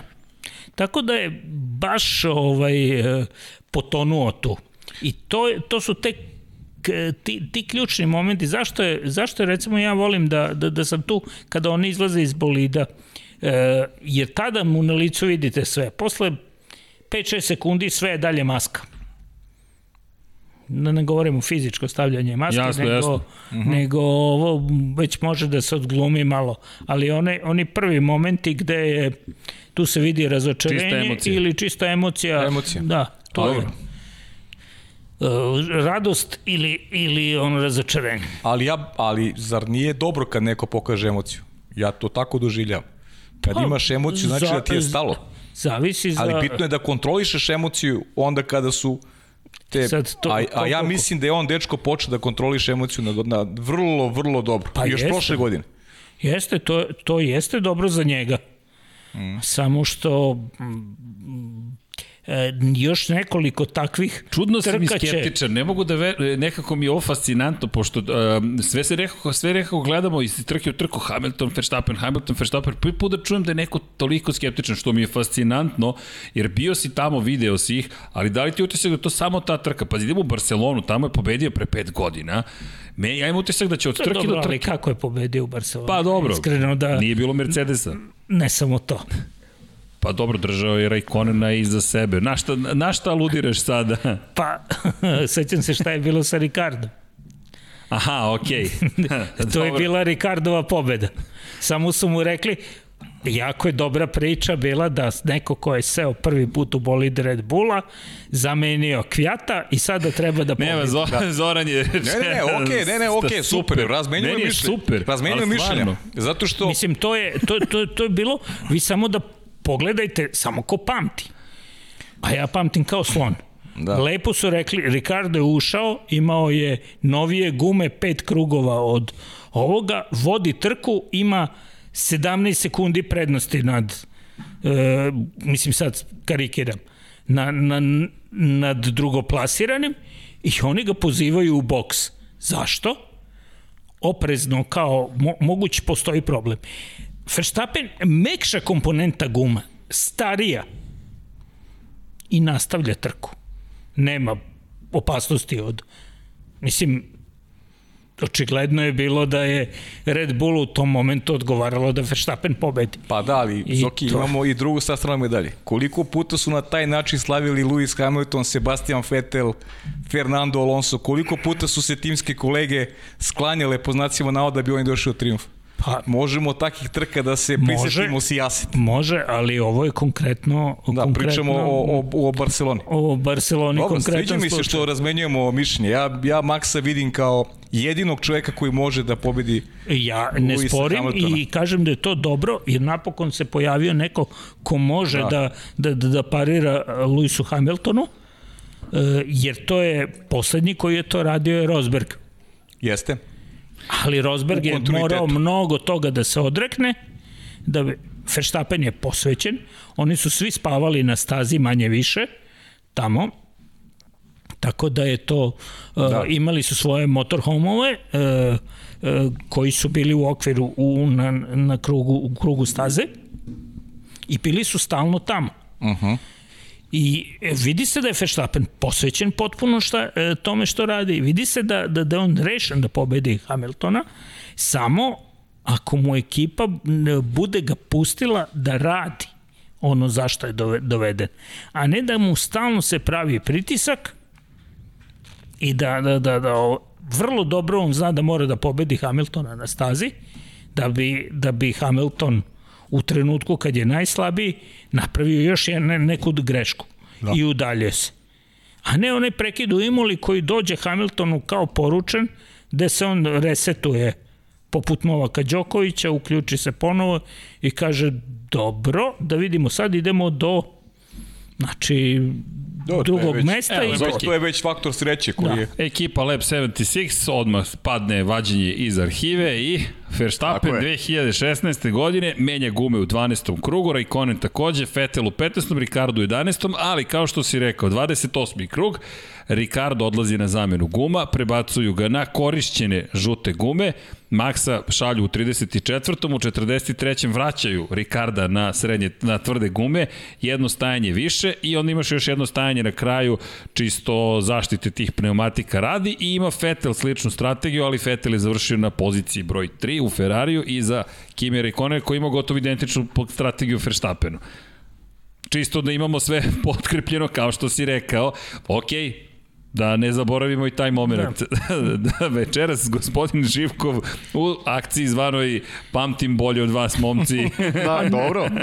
Mislim, uh, Ricardo, Ricardo je rekao negde kad smo pričali u, u, u razgovoru da mu je krivo zbog te pobede, da on razume šta se desilo. Ricardo nije neko ko je incidentan lik. Ricardo je jedan mladić, nasmejan, vedar, uh, uh, otvoren, priča, šali se i sve.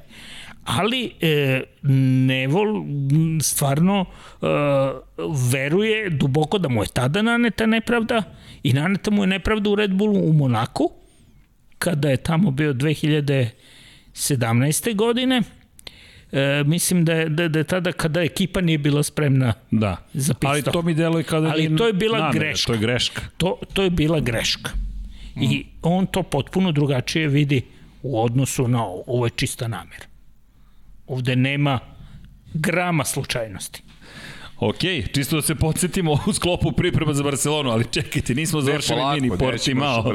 Imamo, tek smo jedan sat ovde, čekajte. Gde nam je Alpina, gde je svašta Lando ima Norris, nešto, ali Lando Norris. Lando Norris pozicija broj 5, Perez četvrti, iako ima tu, Perez izgubio kontakt sa, sa vodećima na, na, na, na samom početku i to je stano pravilo, Sainz, izgubiš da. kontakt na početku. Će, kraj. Sainz iskoristio meke gume na početku i... Jeste, i Norris kasnije. I Norris kasnije. I da. Norris kasnije, on se borio sa Norrisom za tu poziciju. Sainz je rekao da, da, da gume su mu e, da će te, neće biti problem sa zagrevanjem.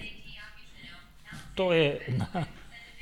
E, da. Ima, postoji jedna opcija na mobilnom telefonu koja mi se uključila, to je ona pomoć koja je i da. zato sam rekao da ga slobodno potope. kad ti potope. nešto progovoriš, krene nešto da govori. Ali okej, okay. uh, Sainz, gume, šta, šta kaže?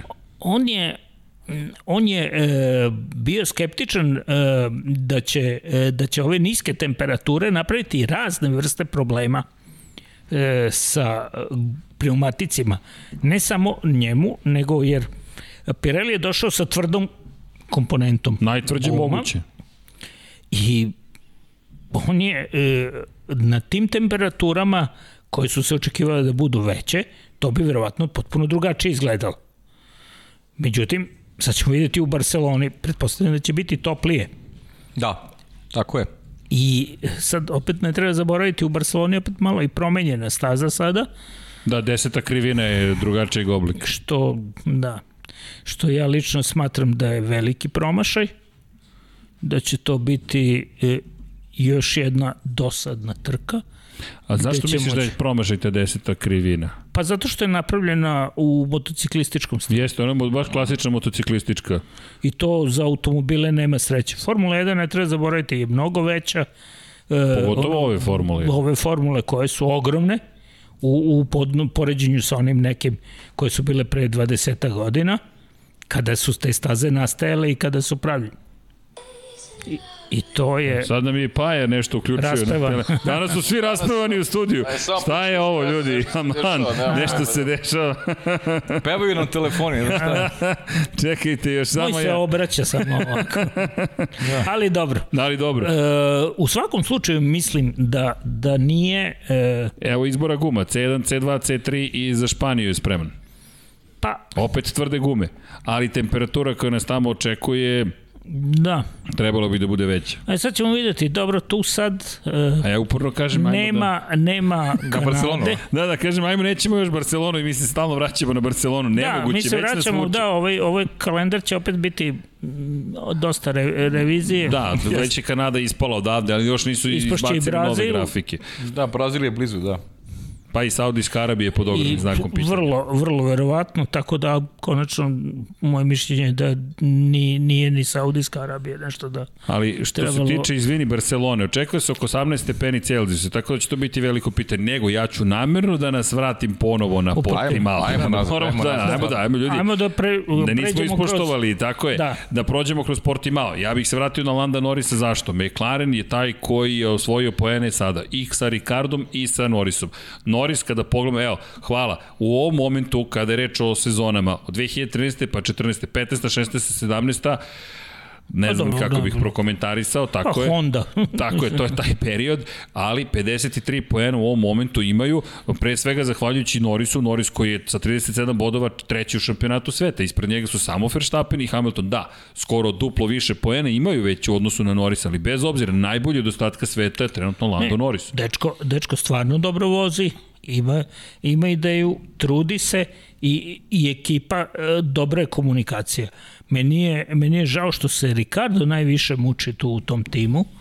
Ovaj, to, je, to je sada problem jer kaže e, Sainz je e, kada sam vraćan se na, na njega koliko si morao da pre, e, prilagodiš svoj stil onaj što za odnosu što si u McLarenu on je rekao mnogo i još uvek učim.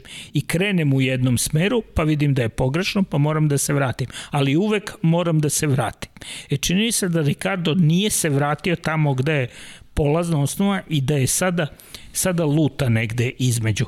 Znači, on ne može da se nahvata sa, e, sa bolidom, verovatno e, niti e, jer ono što je radio u Renault, odnosno u Alpini, gde je već morao da se prilagodi u odnosu na Red Bull, koji je bio savršen što se tiče tog aerodinamičkog, Renault nije bio ni izbliza takav. Onda je krenuo da podešava bolid na jedan način, a došao je u McLaren, koji je opet drugačije I aerodinamički. drugi motor sada.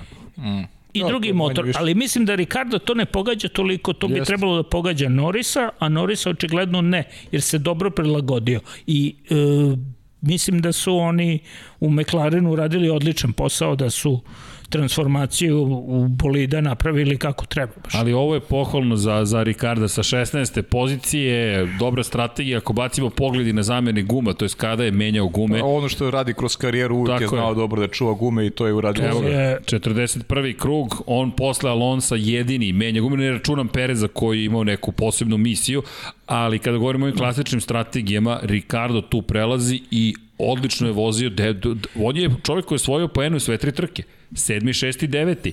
U, uprko sa svim problemima, negde je potvrda koliko je McLaren dobar, koliko je ekipa dobro radi, jer nisam čuo ni jednu lošu reč na račun Ricarda posle kvalifikacija. Ne, nego okej, to se dešava, ajmo dalje, šta ćemo da uradimo sutra, kako ćemo mi sada da se izborimo i dođemo do poena.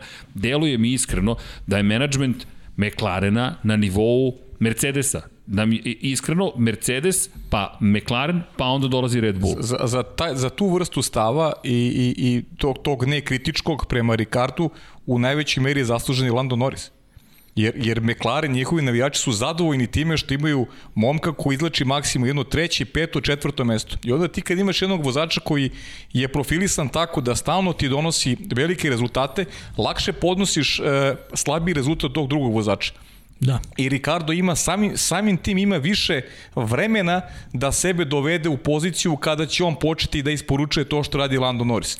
A ja mislim da će doći vreme kada će... Uskoro da, da, da će Sigurno, se on da. prilagoditi. Sigurno. E, biće taj prelomni trenutak nakon Barcelone, jer Barcelona je dobra staza, sad će Srđan da nas vrati opet. Opet na Barcelonu, da, da, ajde. Ali, Nećemo mu dozvoliti. Barcelona, Nećemo mu dozvoliti. Barcelona je ovaj dobra Jel staza. volite zbog- Barcelonu kao grad? Ne razumem ljudi. Pa ne, samo se, Ne, ne, tu je blizu, vremenski je blizu, pa se ne ono što je, ono što je Barcelona je svima jako poznata staza. Jeste, I to je- tamo postoji gomile podataka na osnovu kojih se može pomoći vozačima. ali nema podataka od ove sezone. To je ono što je zanimljivo. Predsezonski testovi nisu voženi u Barceloni. Ali nema veze, oni imaju toliko simulacija tamo Slažem da, se, da, da, da, tamo su beskonač, be, krug beskonačni broj krugova. Međutim, ima dve stvari koje mislim da će ove godine otežati situaciju.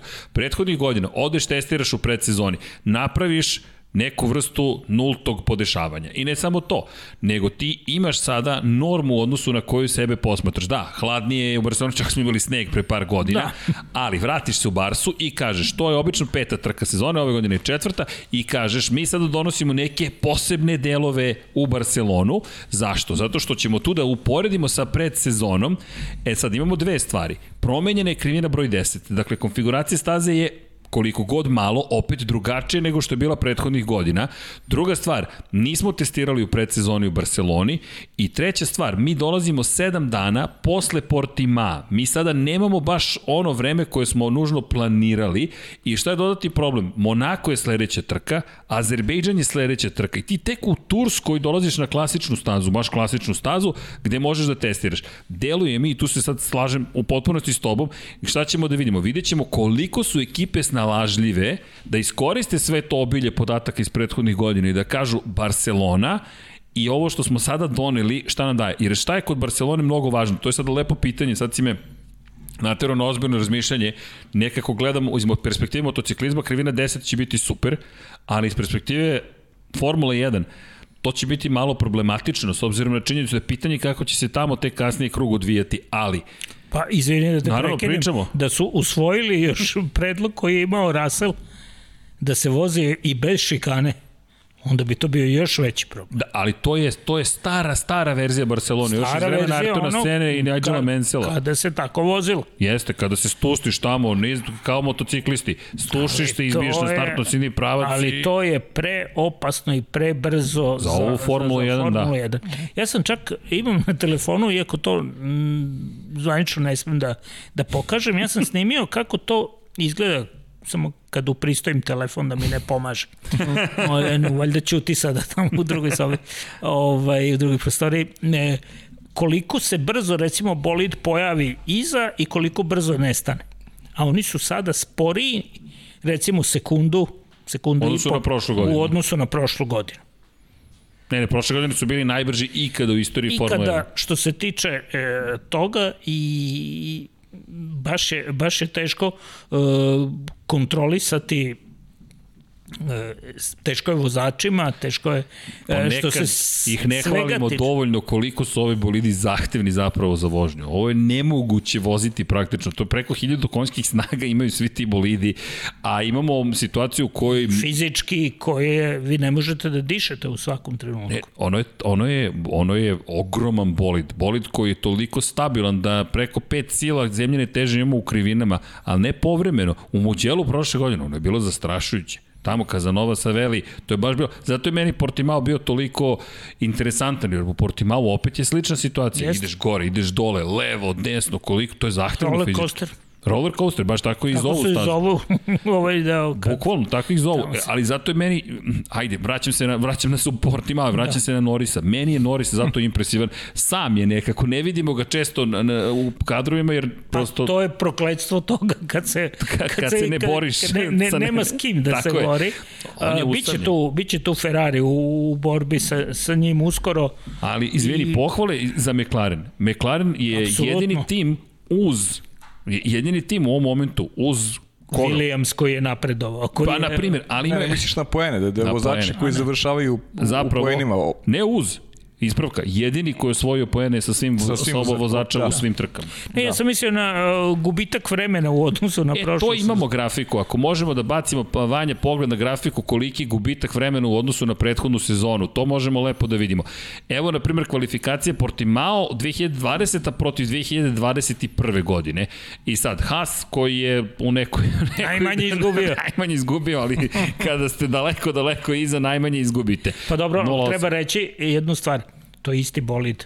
Pa samo su pod isekli koliko da, su morali. ono koliko to je, to. da bi bio po pravilima Tako za je. 2021.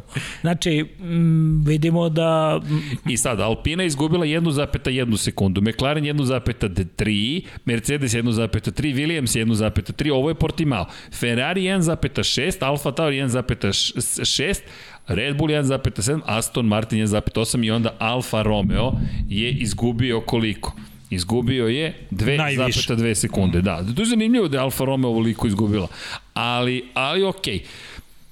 Haas, da, zanimljiva ova priča sa Haasom, ali hvalili smo Mika Šumahera pre nego što si stigao. Zaista odlična trka kad pogledaš s kim se on na kraju borio i izborio. Pa o- odlična trka, mene je fasciniralo.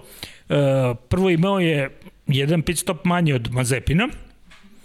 E, treba reći da, da, da i Mazepin, bez obzira koliko ga često kritikovali i sve, ona greška sa Saincem je bila plod To je ekipa. ekipe. To je ekipa, to je ekipa rekla. Nije mu, u, Nije mu trkački javila. inženjer mu nije rekao na vreme da dolazi brži vozač i to je greška ekipe. On stvarno čovjek nije mogao da vidi u tom, uh Mhm. -huh. u tom momentu. Uh, pogotovo neko sa, sa toliko... Pa stiže ti Perez u Red Bullu, to je kao munja, a ti si u presporom Hasu i on za to zaista nije mnogo kritika zaslužuje, da, ali za to za, ne. za to nije, ali uh, ovo da je Schumacher uh, da se Schumacher odlično snalazi, to je činjenica. Pogledati materijal koji ima pred, uh, Koji ima u rukama, ono je bolid Ono- koji je prošlogodišnji Da. bolid koji Sad verovatno, verovatno bi teže bilo ne, ne, ne znam, teška je, teška je misija za obojicu. Jeste. Ali imaju cilj da pobede jedan drugoga i eventualno Williams.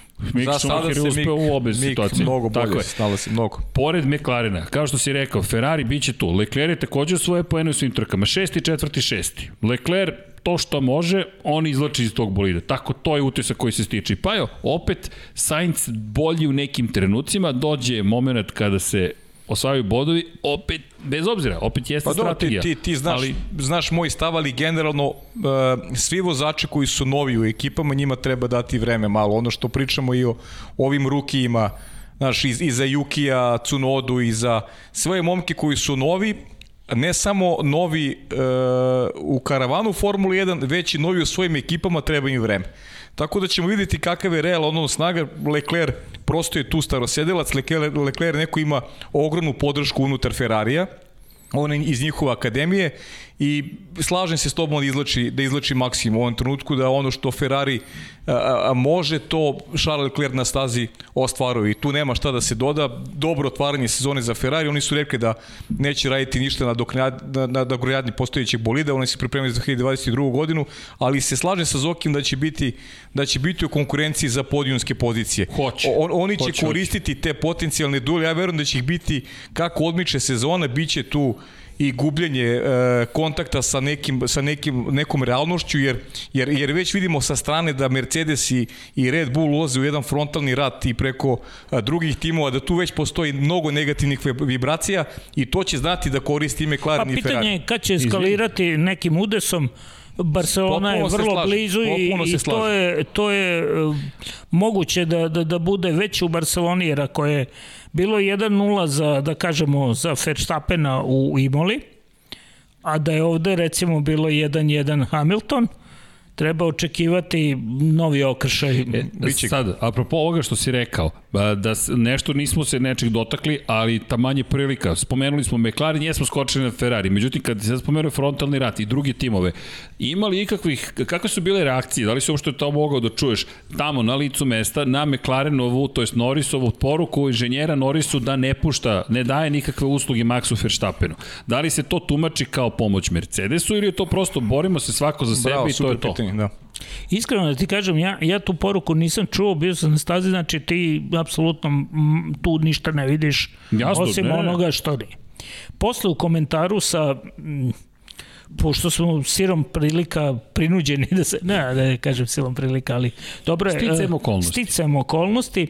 E, bio sam sa, sa, sa jednim kolegom, nemačkim fotografom, koji je čovjek radi 30 i više godina za Mercedes i ovaj neko ko, ko je potpuno posvećen svom poslu u smislu da zna, e, e, on, je, on je tamo, da kažem, domaćin u timu. Jasno. I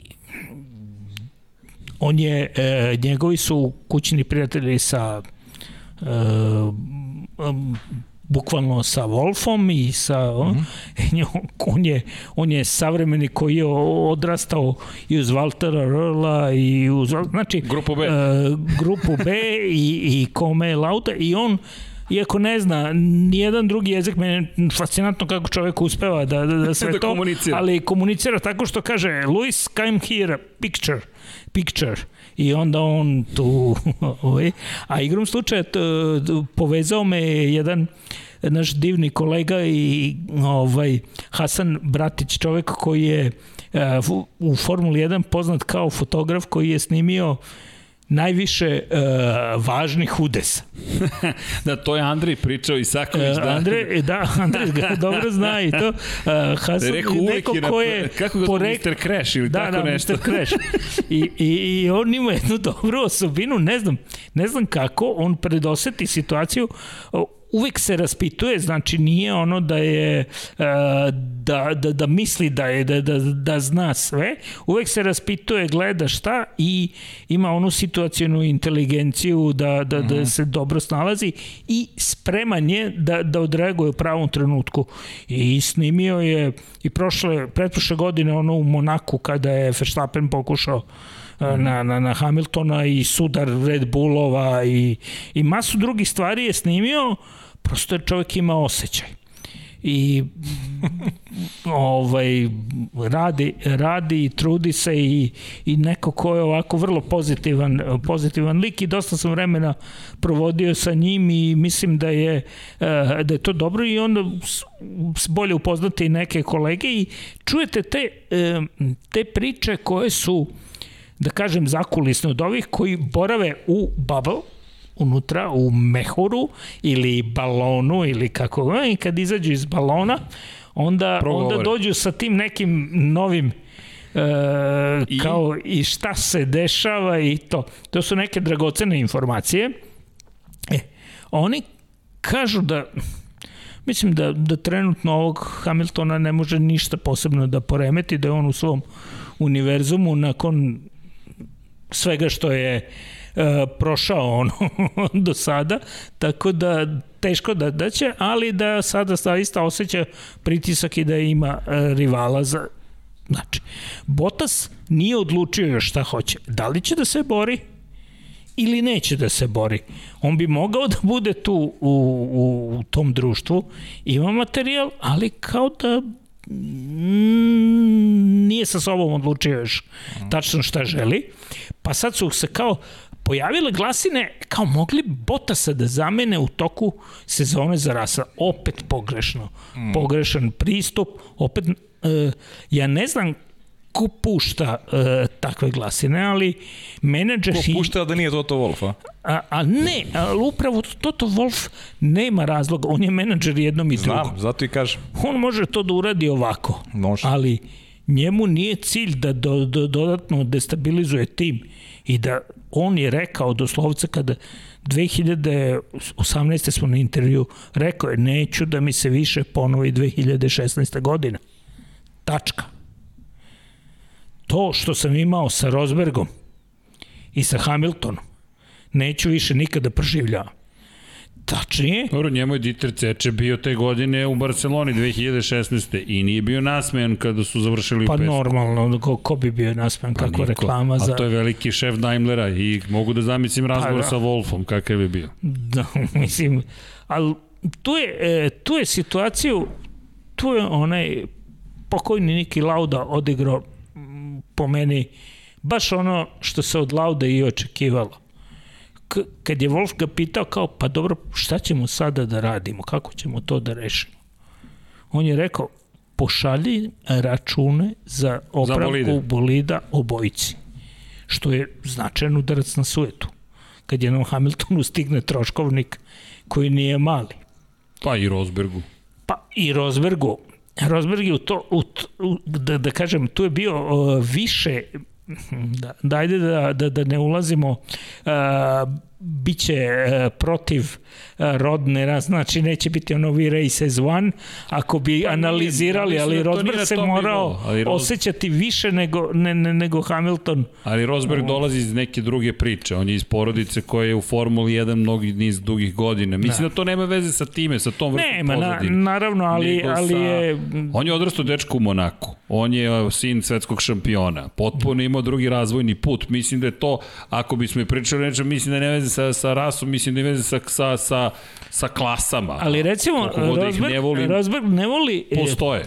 jako je, jako je pogrešno to, to, to povezivanje, odnosno to je, to je nešto, ja sam pre nedelju dana pre toga imao sam sreću da budem e, sa Žakom Vilnevom u Zagrebu. Jedan lep intervju koji će se pojaviti u dogledno vreme u Top Speedu, jer sad sam ubacio ekskluzivu da vam kažem e, intervju sa Žanom Todom Sjajno.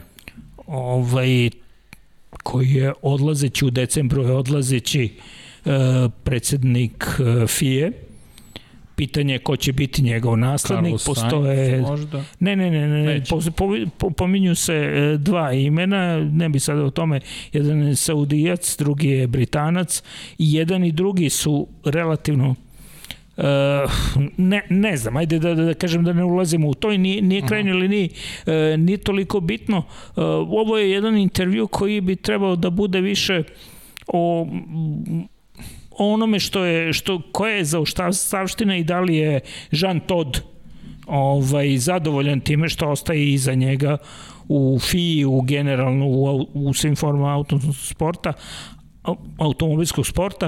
E, no, kažem, to će biti u novom broju Ok, sutra. Sad smo, tog izvini, feeda. upali smo u Midsummer Murder. Ali hteo sam da kažem da se vratim ovaj e, Počeli ne vole od, od, od Vilneva e, Dobro. da ne voli da se poredi sa ocem. Vilnev je uspešniji od svog oca, bez obzira koliko je otac legendarno popularan bio. Dobro. E, Rosberg je takođe uspešniji od svog oca.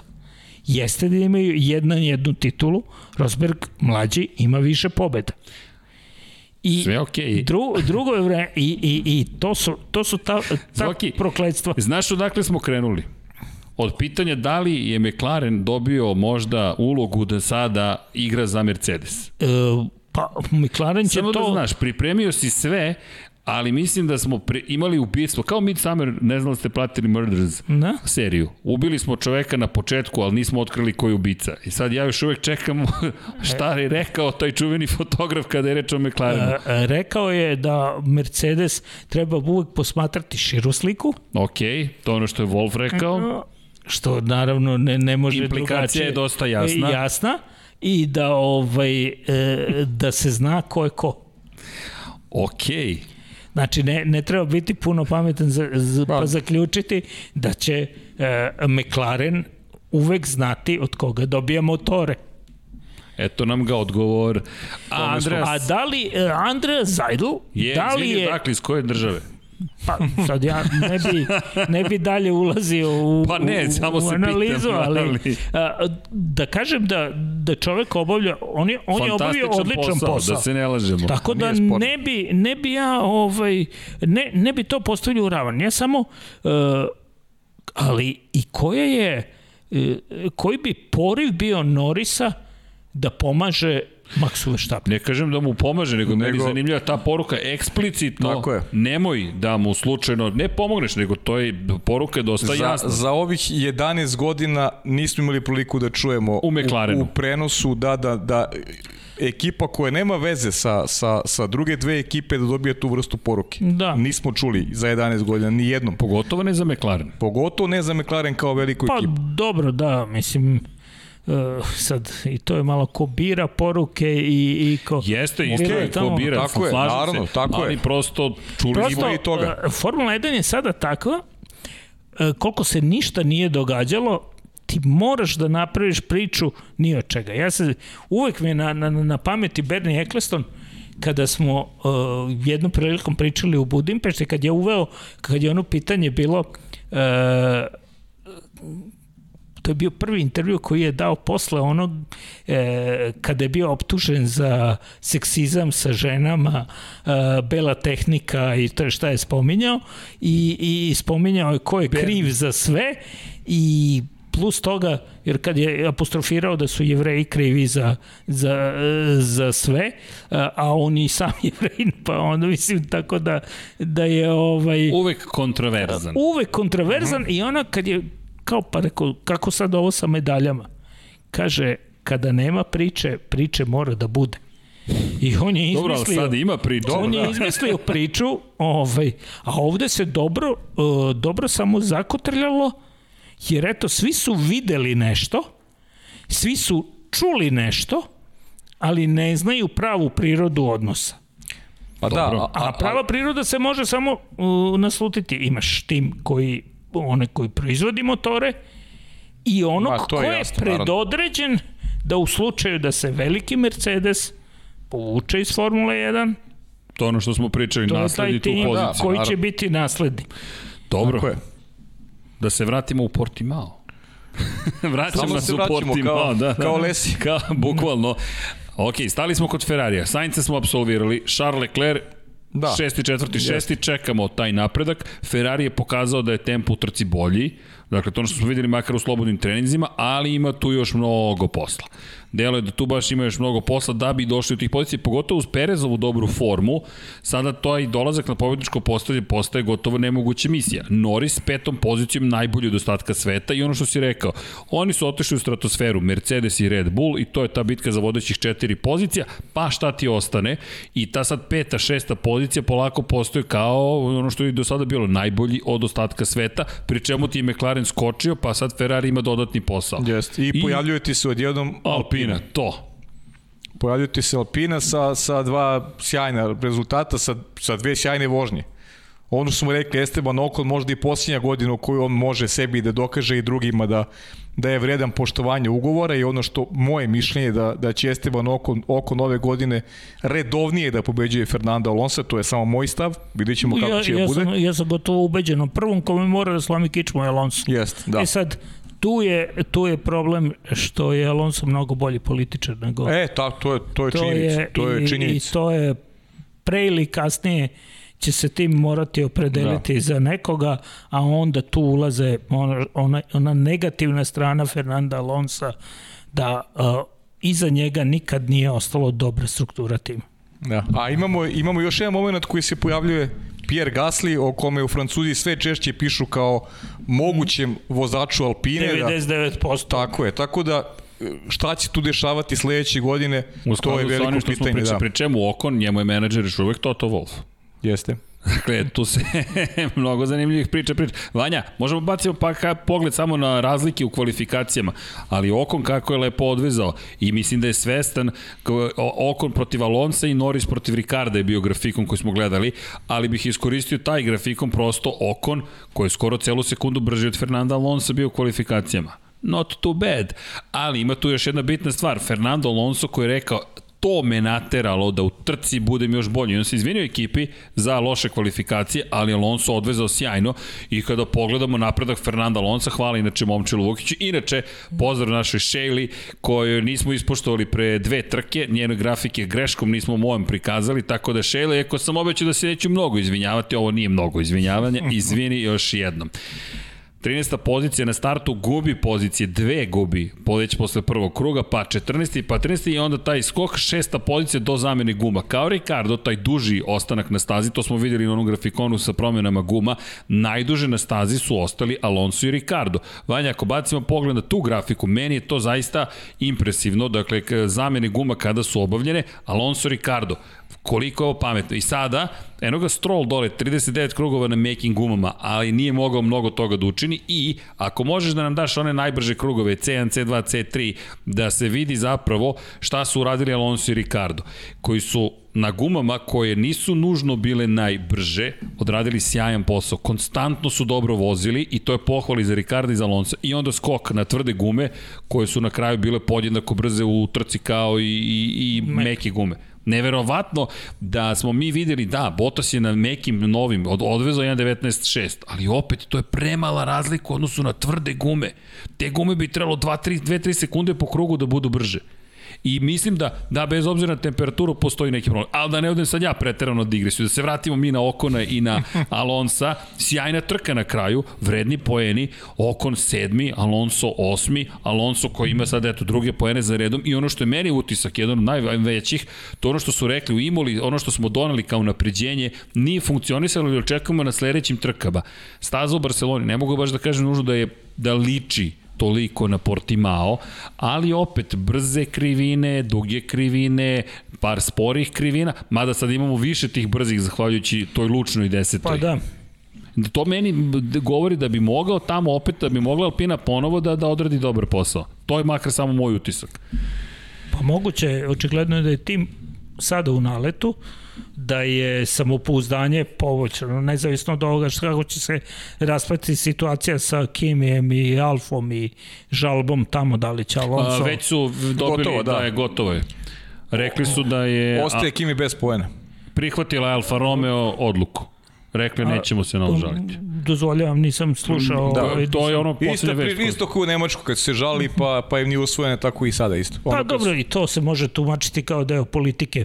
A, Danas da. ćemo popustiti ovde da bi negde zategli pa, sledeći put kad nam bude bilo potrebno, jer onda se opet vraćamo do onog priča one o kvalifikacijama, muzičkim stolicama i sprinterci i tome. Da kako ćemo, su svi ćemo, za, ali, zanima nas. Pa, ali to smo ali dobro, predosetili. U svakom slučaju, uh, Alpina, Portimao, tu smo. Tu smo. Uh, uh, Alpina ima uh, sada problem kako da očuva to mir u timu. To je jer ako Okon se ustali u tome da pobeđuje Alonso, to neće biti dobro. to se Fernandu neće dopasti. Pa naravno. Apsolutno. I to je, a zna se da Alonso, ja po sponzorima vidim koji su došli sponzori zajedno sa, sa, Alon, sa Alonsom, što se Alpini neće dopasti. I mislim da je naj, nešto što mi je najčudnije je e, način na koji je otišao bivši šef. E, to, to sam Cyril Abiteboul Da. Je prosto nestao. On je obrisan čovjek. Mm. Da. Obrisan pre početka Pa je sada on jednom se pojavio Brivio. u projektu da ona Davide Brivio. Da, dobro, dobro to, ne, ali Davide, Cyril. Davide Brivio nije iz tog sveta bez obzira. Bez obzira koliko... Iz MotoGP-a, to je drugi svet. To je drugi svet. I ne znam koliko je koliko je to dobro za samu Alpinu, Zavisi koliko će i dalje biti uticaj Alena Prosta i te francuske struje, jer ne treba zaboraviti, Alen Prost je direktno zainteresovan da Alonso ne napreduje previše. Zašto? Pa, šampion jedan, šampion drugi. Aha, Francuz. na tom ličnom nivou praktično. Okej. Okay. Mislim, nikad ne ste oceniti uh, ličnu uh, sujetu. A kod sujeta pa, je kod da. šampiona vrlo izražen.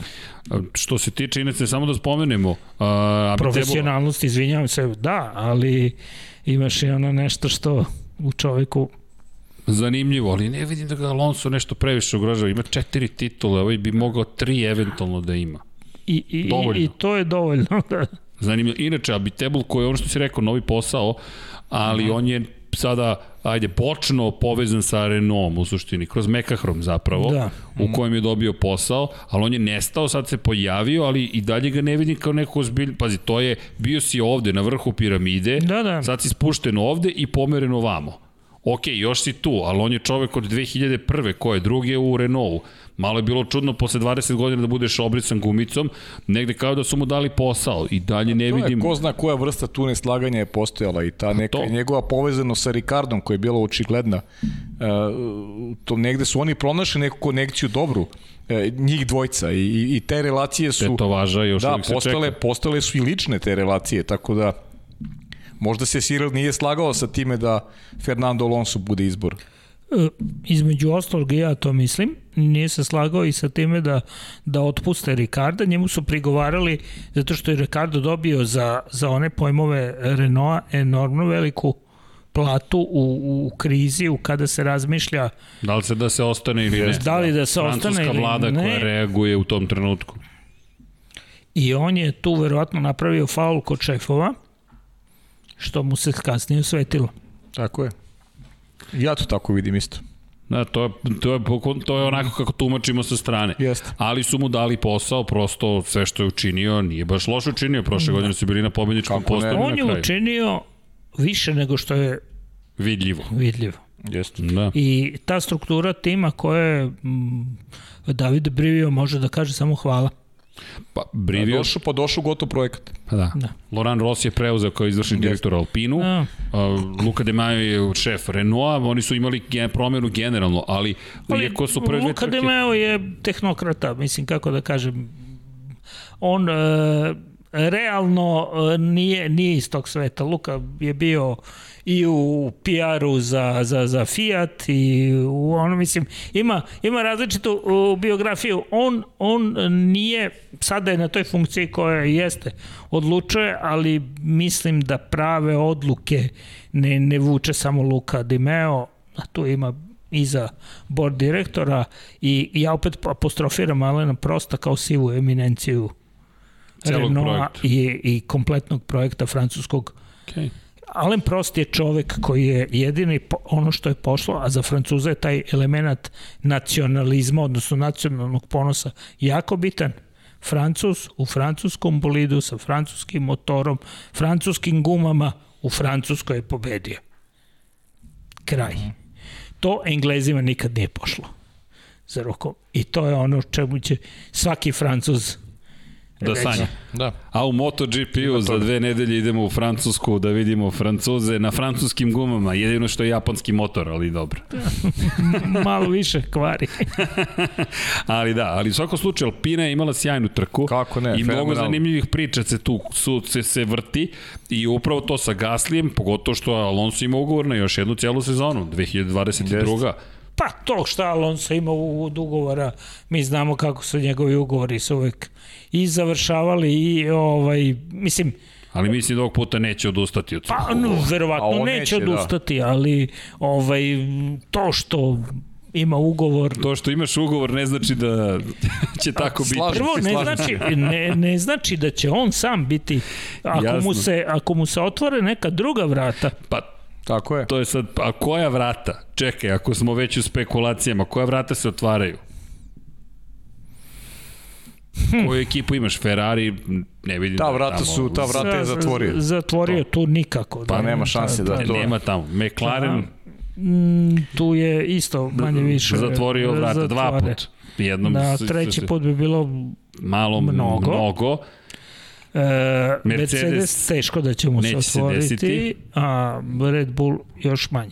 Pa, Pa neka vrata neka Pa, koja vrata, izla, vrata? izlazna Trajna vrata. jedna vrata će izlazna se vrata, otvoriti izlazna samo. vrata. E, e, Aston Martin, ne vidim da će se ta desiti. Pa ne vidim, Aston Martin Oni su u svojim nije problemima. u svojim problemima, ali sad e, i Aston Martin čeka raspad situacije mm, sa Mercedesom šta će biti na kraju.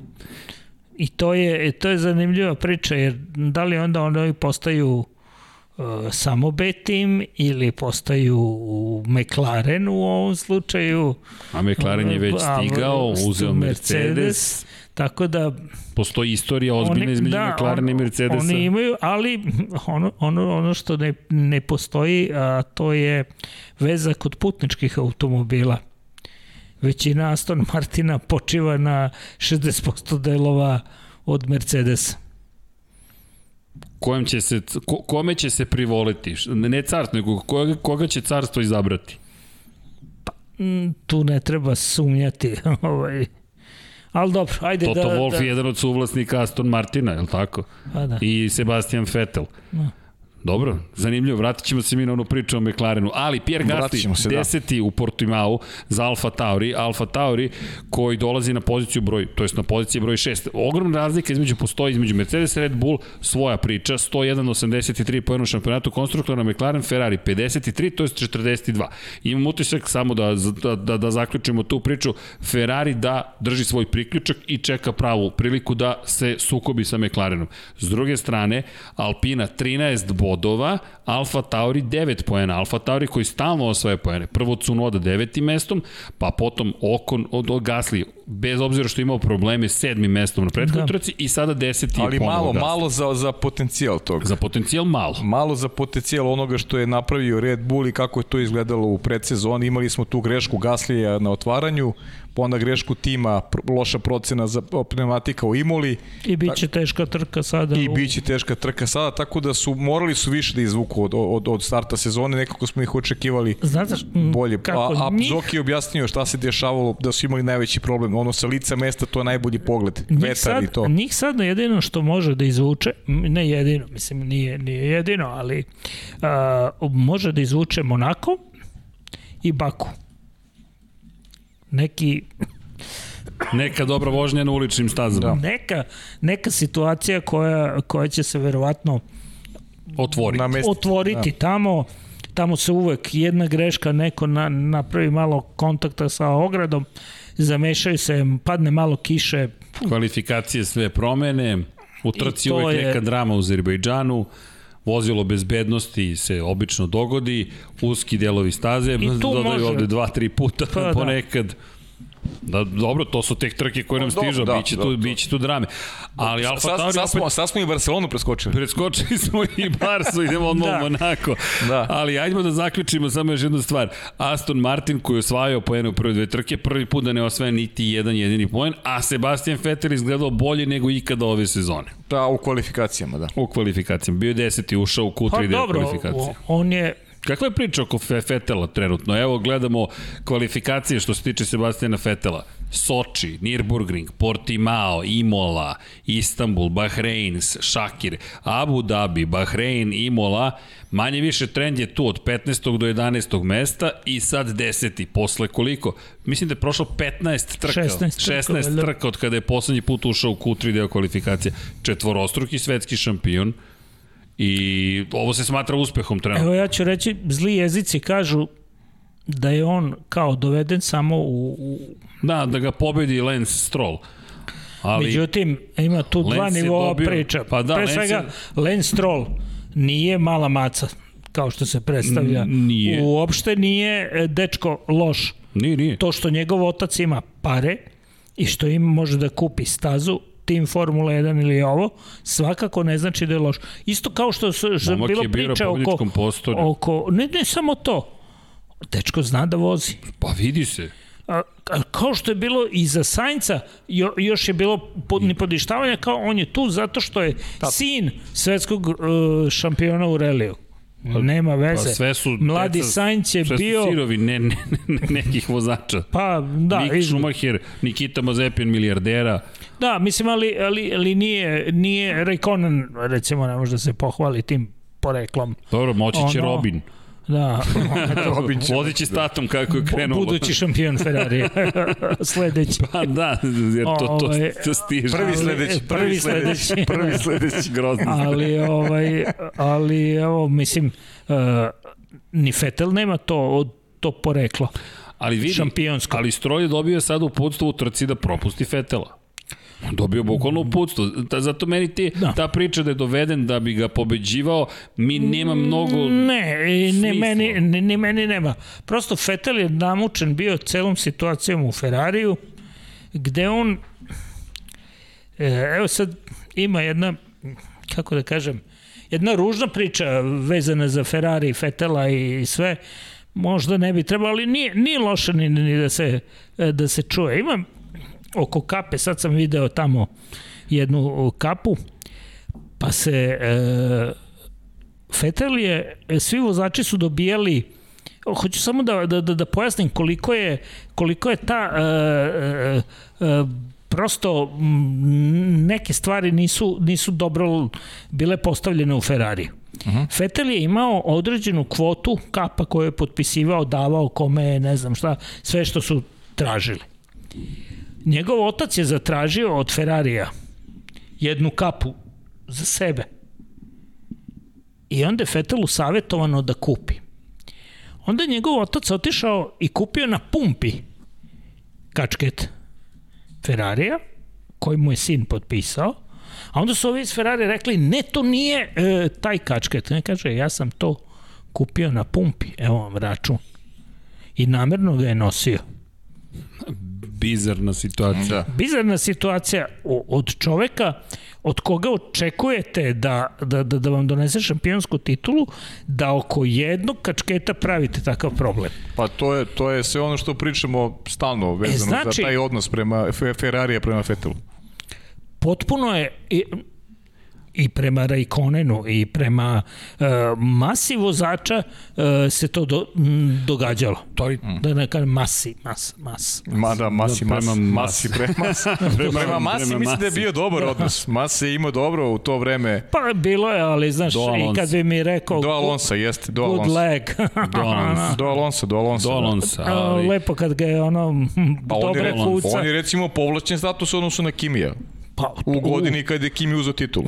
dobro. On ima ta dobro, Kimi status. imao 27 miliona razloga da, da kaže okej. Okay. ali opet Dobre, osvojio titulu. titulu. Da. Imao je jedan veliki razlog pored da, toga. Ali, da. ali ne, Najveći. ono kad je odlazio je otišao sa 27 Ljudi, pa, miliona. Okay, da, Izvinite, evo, sreće mi momčilo pažnju. Mihajlo Konatarević, hvala. E, čovek je, evo, i doniruje 1000 dinara, hvala, to je podrška. E, udrite like čekajte, ja nisam pre, pa, zamolio za like Nisi celu emisiju, već dva sata. dva sata nisam, ali šta mislite, da li je Hamiltonov komentar za Perez je plavu zastavu možda nameran, kako bi se obesmislio Red Bullov pokušaj da pariraju Mercedes. Veliki pozdrav e, za Srleta e, pa, Pajka iz Zokija, ne zaboravite na hidrataciju, to je, nećemo, to je hvala. Ono što, to je ono što je rekao Zoki, što je dobro primetio, ali to je kad, e, kad postoji priča, Kad postoji sezona prava, onda se rađaju i priče. Onda na svaki, svaki detalj obraćamo posebnu pažnju. Ne možeš da mi napraviš priču ako bi je sezona neinteresantna. Šta god da uradite, nemam priču. Neću da reagujem na to, ali sada obraćamo pažnju na svaki detalj. Možda nekad, možda nekad iz pogrešnih razloga, iz pogrešnih ubeđenja, ali obraćamo pažnju na detalje zato što nam je takva sezona. Otvara nam se najbolji mogući način i zato i zato su ti detalji i ta pitanja su, vidiš, vidiš kakva pitanja dobijamo, Srki, to je, znaš, ljudi sad u sitna crevca razglabaju svaku izjavu. Pa da. Šta je ovaj hteo da kaže, šta je ovaj pomislio? Zato što nas to zanima, jer imamo priču. Kada nemamo priču, detaljima se i ne bojimo. Pa, Prolaze pored nas pa da, ovako, kao, kao da smo čuli. Veličanstvenu priču, veliku bitku između Hamiltona, ne samo Hamiltona, ovo je Mercedes protiv Red Bulla, protiv Tako Honda, je. protiv, i izvini ga, ono što smo videli, Red Bull koji kupuje ljude Mercedesove, i ono što to se zaboravilo, priča, to je tek priča. Ono što se zaboravilo, ja mislim da će Wolf tek da pokaže svoje karte. Ok, vi kupujete od nas, mogu i ja da kupujem od vas. Pa dobro, jer da. očekujem i taj, to vrstu rata. Zašto? Pa Mercedes ja, ja mislim da Mercedes šta je, šta je problem Mercedesa što nema više tako jaku figuru kao što je bio Niki Lauda. Da Mercedesu nedostaje neko ko, ko u tom sportskom smislu ima tu vrstu iskustva koje je znao da bude pomirljiv i kada su vozači u pitanju, ok, Toto je njima menadžer, to je cheese business to je cheese business. Mislim da Mercedesu polako ponestaje resursa, odlaze im ljudi koji su bili vrlo važni i važni u tom sistemu funkcionisanja. Tako da ne znam kako će stvari odvijeti, u kom smeru idu, možemo samo da nagađamo, ali smatram da je Mercedes već pretrpeo onako ozbiljne udarce kada govorimo o samoj strukturi tima.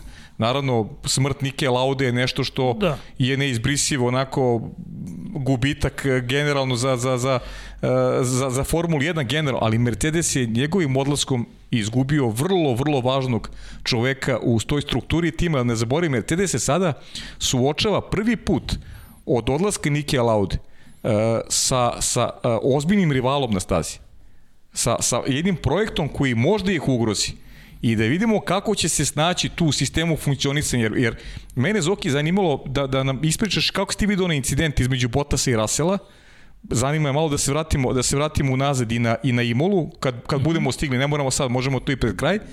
Jer, jer mislim da i tu postoji sada priča vezano za da li je pametno Toto Wolfu da, da sada u, u, u godini kada se bori za titulu, a, a ona je ugrož, ugrožena, da li je pametno u ranoj fazi promovisati vozača za narednu godinu i možda skinuti teret sa pleća I, jednog od dvojice momaka iskreno, koji ja bi, voze. to, ja bi to uradio već sad. Isto. E, zato ti. Jer, Isto jer i ja. nema potrebe da otežava se timu i Hamiltonu, ovaj, ako će već da bude borba takva kakva je teška, Slažem se. znači trebalo bi odmah, a s druge strane, jasno je da neće doći Bottas u tim, da neće doći Russell u tim dok je Hamilton tu. Tako je. I to se slažem. Ne treba mu sukob da, da, da on, Sve se slažem. bez Nema obzira, potrebe, Nema, imaš, nema, se. izvini, imaš Britanca u rezervi. Brit, važno je imati Britanca, nemojmo Sad, to zaboraviti. moguće, A moguće je da, tu. da će Russellov talent biti prokockan. Pa da, ali Moguće. imaš Landa Norisa. Ali imaš Landa Norisa. Ti imaš me, u McLaren Mercedesu Britanca koji je Ali ultra ga nema talentovan i popularan. Ok, da. ali a, da li Što bi ne znači odbio, da ga ne može da, imati. pa da li je bi. Norris odbio poziv Mercedesa?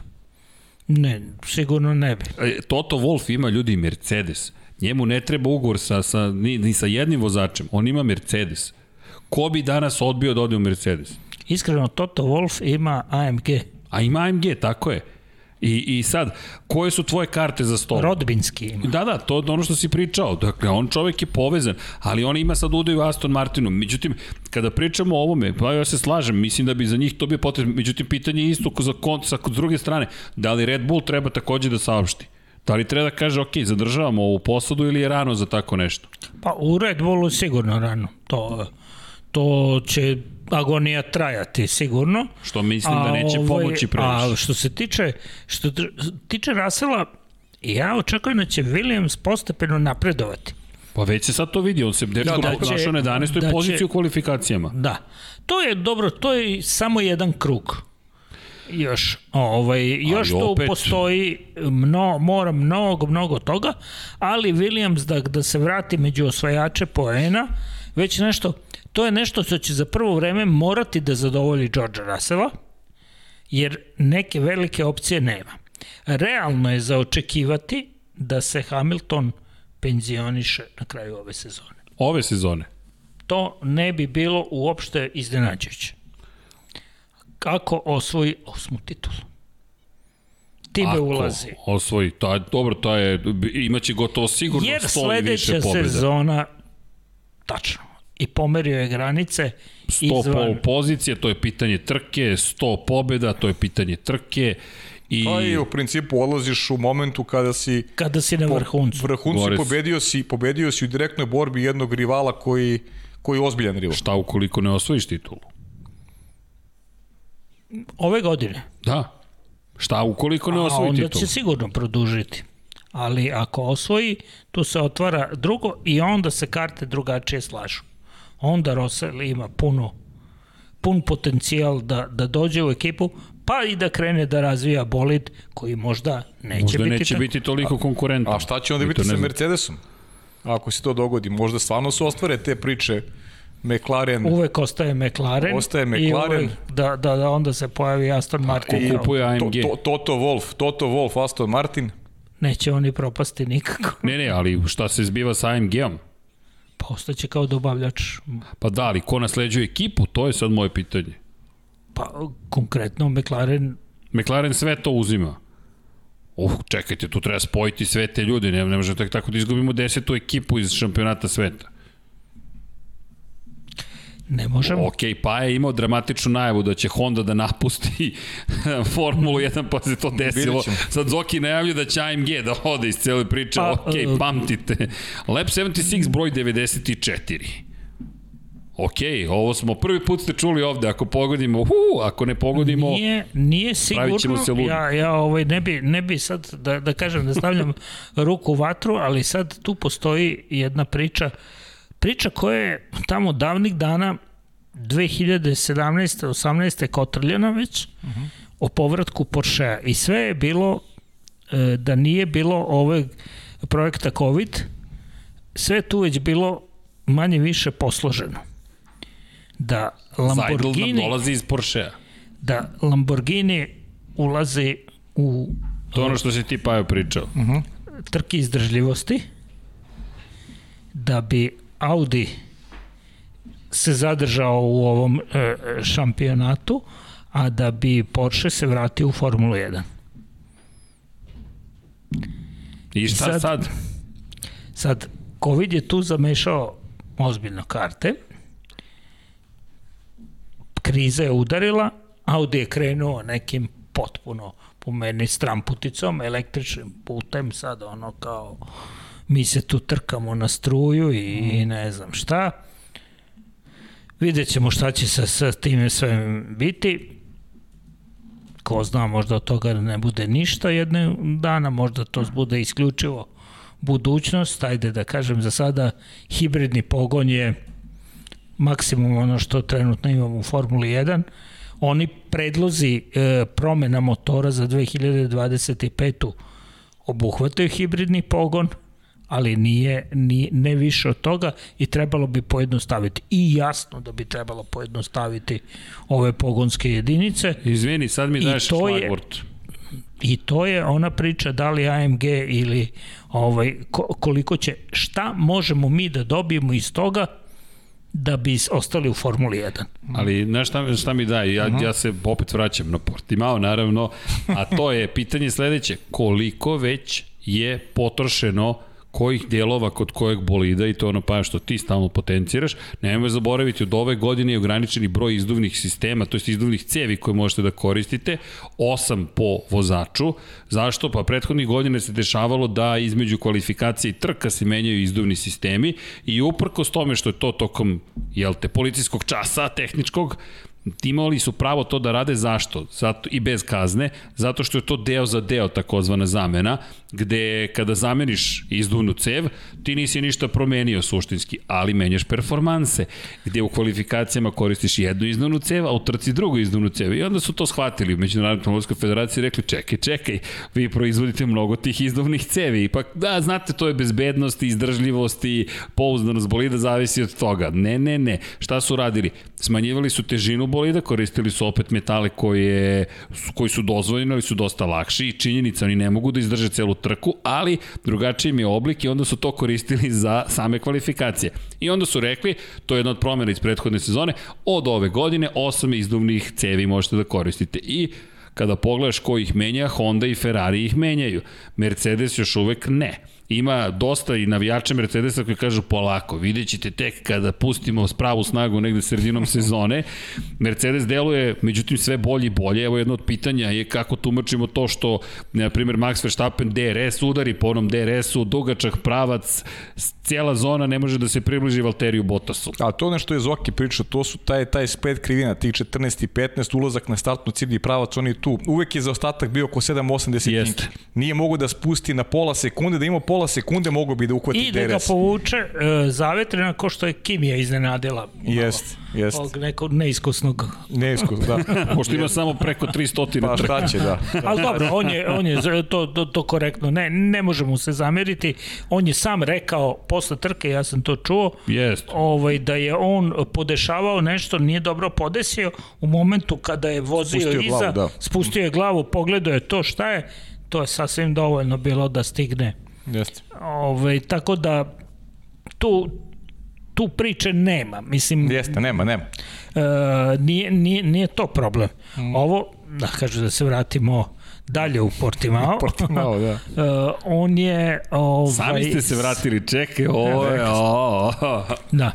Uh, mislim, ovo i Kim je iz Portimao, ja? Jeste. Jeste. Ali što se tiče izazovnih sistema, uh, problem koji je Bottas imao sa senzorom uh, ukazuje na to da su i većine u Mercedesu počeli uveliko da rade sa tim zamenama. Pa, u... Iako, iako ne, ne. Uh, šta je? Bottas je u onom trenutku kada je pojačao tempo, uh -huh. kada je ušao u kvalifikacijone, kako da kažemo, krugove, tada su se pojavili problemi. Do tada je u onom nekom cruising, da kažem, a ako to postoji u Formuli 1, relativno bez problema funkcionisao. A onda je u pet krugova se pojavio, problem sa, sa, sa senzorom da bi se ispostavilo da je to samo kao softverski problem, da ono, na kraju ne znam, neće Mercedes to baš da ili kad kaže kazat će nešto što će odvesti u drugom pravcu, mm. Treba gledati šta se iza dešava. Da, da, taj moment, to je moment u kome je izgubio trku sa, sa Maxom za, tu, za to drugo mesto. Jednom je razlika od nekih sekund, sekund prošla da. na 5 sekundi, da. Taj... Da, ali Timo je to i rekao i ako pogledamo ekipa je poručila tokom i same trke da je zapravo u, u pitanju senzor, međutim sam Botas je rekao ne znamo šta se tačno dogodilo, moramo da pogledamo. Konstantno se i vrti ta priča u suštini, to smo spominjali tokom prenosa gde zapravo inženjeri mogu da kontrolišu i količinu snage koju ti dobijaš. Pa to je nešto što je potpuno po mene ono, ne, ne, ne bi komentarisao taj nivo uh, da kažem gluposti. Sve što može vozač da iskontroliše, to bi dozvolio, sve što ne, uh, svaku vezu da, da se upliče. Bilo je, znate, ono kao ranije, ako se sećate, davanje instrukcija, pa ne znam šta.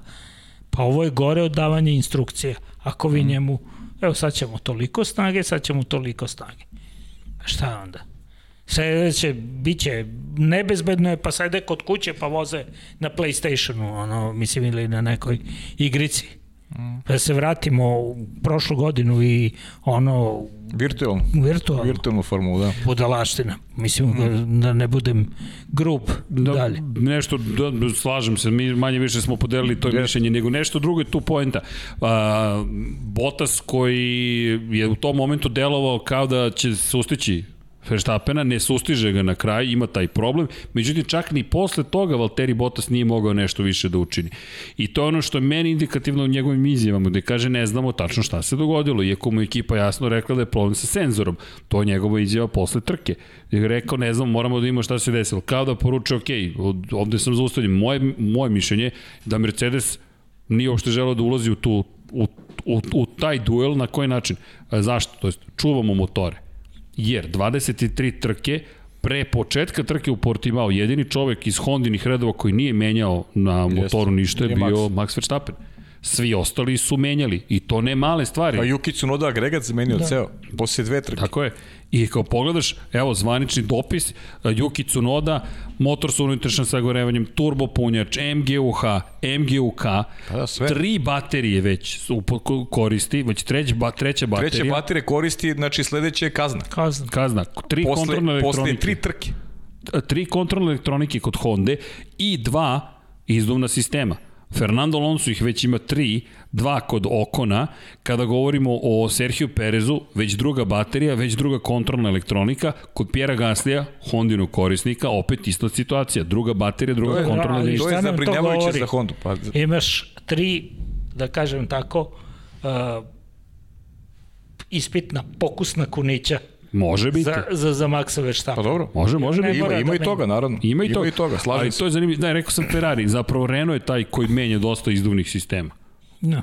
Vrlo interesantno, a ostali su dosta ovako čisti, pouzdani, tako da to može da odigra veliku ulogu u godišnjem šampionatu sveta. Pa hoće. Hoće. To je utisak.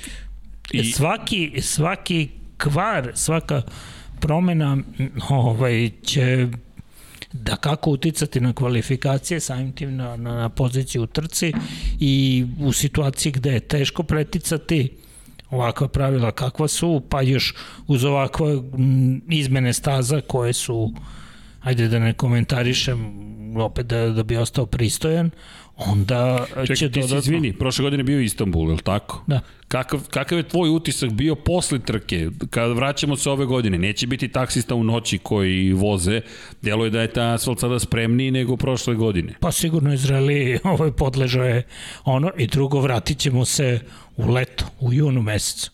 Kakav je tvoj utisak? Mada su vozači Kada... zabrinuti, baš su i Maxi pa, i Hamil Lewis pričali o tome. To je, to je crn, jako crn asfalt. Tu sad može da se desi druga krajnost da temperatura bude 60 stepeni. To smo imali u MotoGP prošle godine to u Herezu. To je jako južno. Drugo, imamo krivine koje su opterećene. Prošle godine je bilo ekstremno, jer je bilo hladno, novembar 15. Yes. i kiša, znači temperatura nula. Asfalt je već i bio u problemu, znači plakao je ono, da kažem, Aha. bilo je uh, bitumena na polju u, u, u, u, kako je postavljen, A kad je pala kiša, onda je to još posebno. Ovaj, inače, staza u Istanbulu bi mogla da kažem odgovara po konfiguraciji, slična je Portimao. Manje, manje možda nije toliko brza, ovaj, nema toliko, toliko brzih krivina, ali je layout prilično gore dole, mislim Uh, u svakom slučaju mene raduje to što se bolje nego Kanada, iskreno govoreći, uh, Kanada mi je jedna od... Ti si jedan od redkih koji se da. raduju što ne idemo u Kanadu. Pa vozači se svi raduju. Eno Vilnev kaže šta kaže, ostaće u Evropi do daljnjeg. Ovaj kaže ne pada mu na pamet da se... A da, dobro, da oni se... se raduju iz drugih razloga. Mm, naravno. Korona i to i... Pa upravo zbog toga, kaže, da. pa da, da sedim za 6000 dolara u, u, u svom trošku dve nedelje u karantinu, Vilnevu to nije problem, da kažem. Naravno. Ali, ali ekipama je ono koji bi trebali da pošalju koliko personala da, da zasedi u karantinu, koliko vremena. Da, da. Ne, sad smo se razumeli, pošto mi iz perspektive trkanja volimo. Same ali go, volimo govorim, Kanadu, ali... sa, sa, sama staza je okej. Okay. Meni, meni, ovaj, meni ta, ne, nemam problem, ali su svi doživjeli, ona je zapravo u neki zao čas uvek padala, gde vam seče evropski deo sezone. To jeste. I zato da, je tim kalendar, da. Kalendar, da, nije, nije, nije, nije dobro, nije dobro. Naravno, a ne može da se vozi, a ne može da se vozi u nekom drugom periodu. Jeste. Sneg, ovo hladno. Jeste. Nemoguće, Montreal. Pa da. To je jedini period kada možemo da postimo, a grad voli Formulu 1, država pa voli, voli Formulu da. 1, svi tamo su rado viđeni gosti, sada je drugačija situacija, nema publike, sve je zatvoreno, sve je pod ključem i dolazak jeste logistički problematičan, ali to smo rekli na početku godine, ne vidimo da će se Kanada ikada desiti, zašto? Pa ne vidimo da će neko ukinuti pravilnik po kojem ti moraš da ideš u karantin dve nedelje, izađeš iz karantina, voziš i onda se vratiš u Evropu da opet moraš u karantin. Nemoguće sklopiti Ma, taj da, kalendar.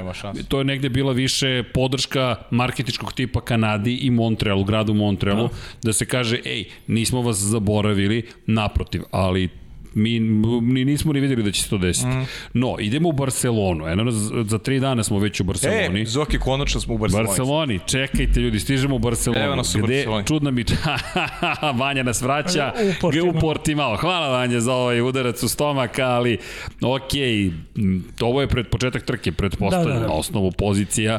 Prošetao si se i, i bio Ovo su tvoje fotografije? Da, to su moje fotografije, ovaj, sad isportima. Ovo nam je za tehnički kutak savršeno. Pa evo ga Michael Masi, ako se ne vara. Jeste, to je baš, on je malo bio tu u inspekciji staze, jer je jedan od vozača Porsche ovaj, udario, pomerio je barijeru i onda njega zaista sve interesuje što je u krajnjoj liniji dobro. Ovaj, ali eto. Malo umetnosti. Pa da, malo bacimo na, na, na umetnost, ovaj, da posle izvestnog vremena život povuče u dosadu. pa, ovaj, eto, Koja ti je ovo trka da je posećeš, ili znaš, ili imaš neki broj? Pa ne znam, morao bi da, da, da zavirim u, u kalendar, ali u ovaj neku svoju. Žao mi je što baš nisam uh, najprecizniju evidenciju. Moram ponovo, bar sam uzimao sve rezultate i onda kad bi pretresao Orman sa, sa, sa svim tim, onda bi mogao da kažem, ok, to je to. Je to. Koliko puta godišnje ideš otprilike u nekim redovnim godinama? Pa u nekim redovnim godinama sam išao 6-7 puta. To je Znači, Či, samo ove decenije 100 trka bez problema, pa prethodne 100 trka. Imaš kao nije, kimije? Baš, nije, nije baš toliko, ne. Na, nažalost, nije bilo svuda e, mogućnosti da E, nije svake godine bilo tako ovo intenzivnije vremenom. E, obećao sam nešto sebi ovaj, sledeće, recimo, veliku nagradu Monaka da neću propuštati. I Ideš tako, sad za Monako? I tako da mi je sledeća Monako. Vidi, Zoki, Super. ali mi se tu moramo da napravimo neko uključenje tamo, da te mm. čujemo sa lica mesta. I, ovo je, e, ovo je dosta snimljiv moment. Tako? Da, da, da.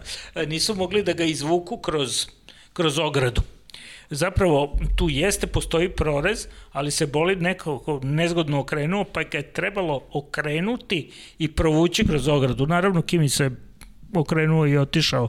Nije baš bio preterano zainteresovan za ovo ovaj, izlačenje, a redari su se tu malo pomučili. Ovo je pogled na uh, pobeževanje, nema veze. Da. Ovo mi deluje kao četvrta krivina. A, jeste da uzbrdo tamo posle nadužnjaka.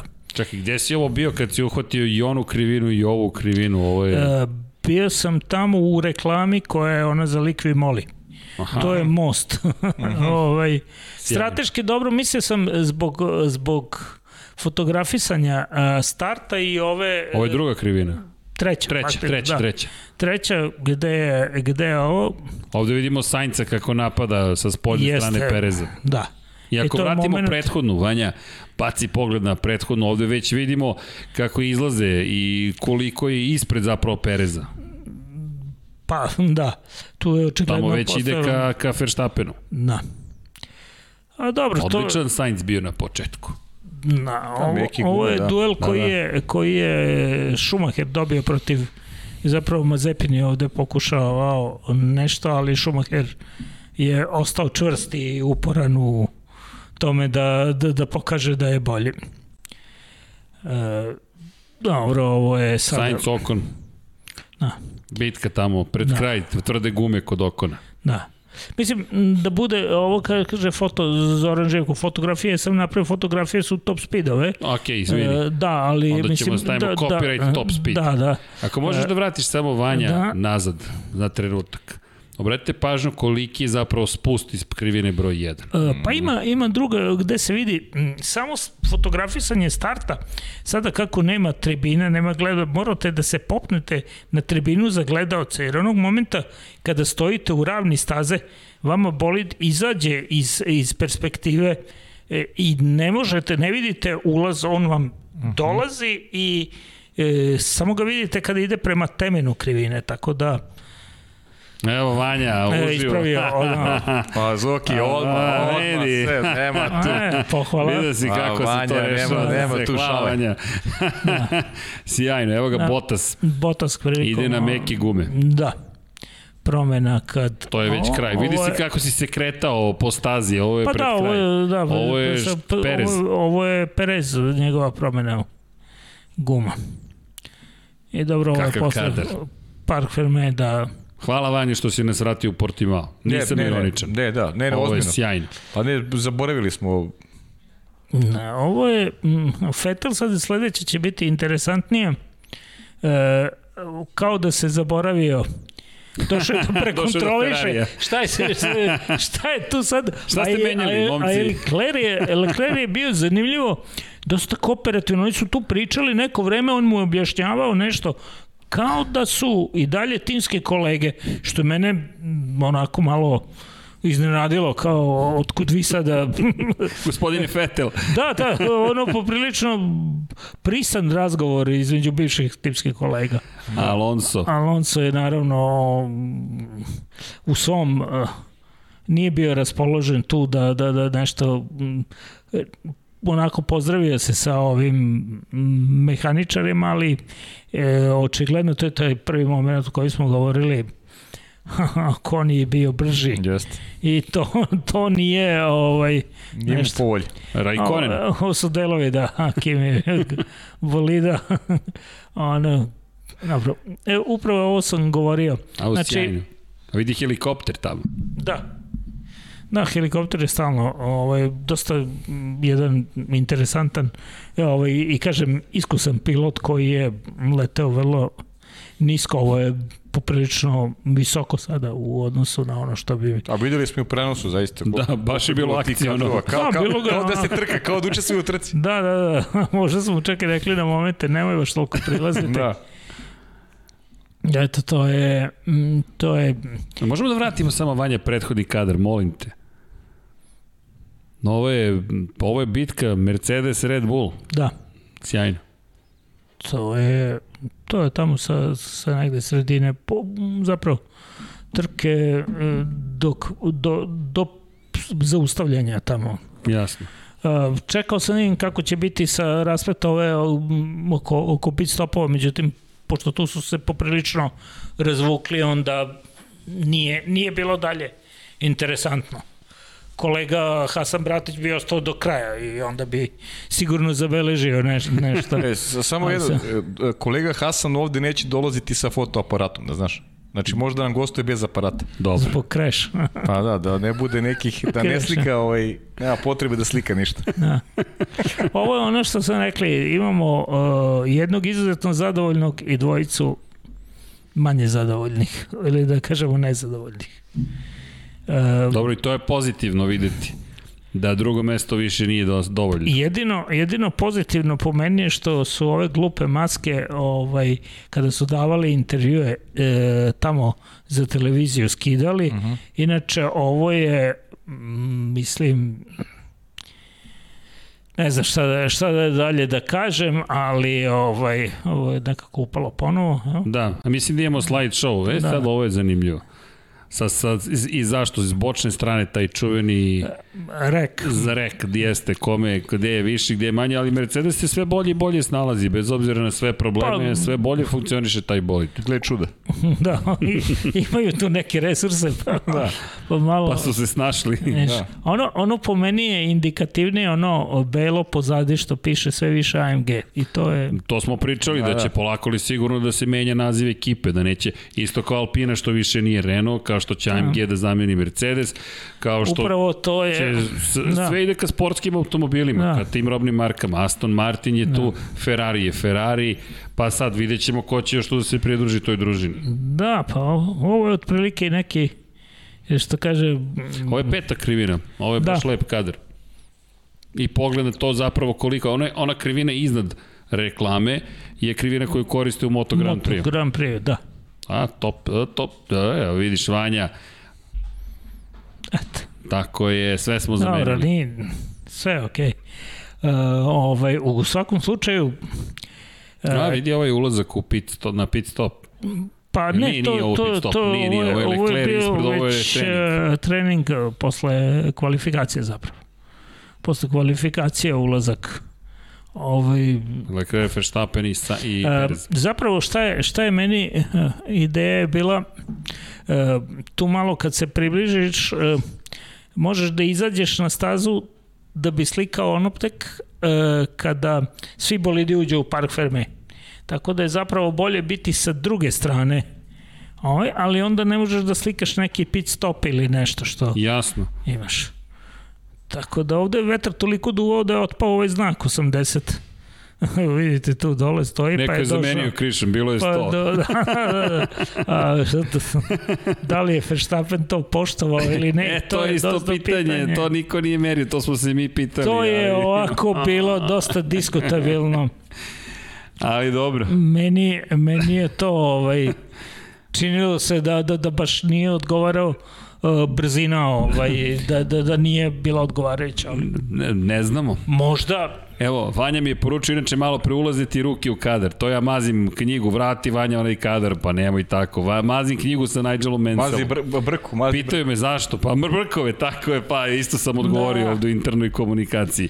Evo, gurnućemo Mensela ovde ka Evo, gospodinu da. Živku. Moj omiljeni lik. A, jel vidiš? O, 2-1, znači, ovde smo 2-1. Ja sam znači. Menselovac stari.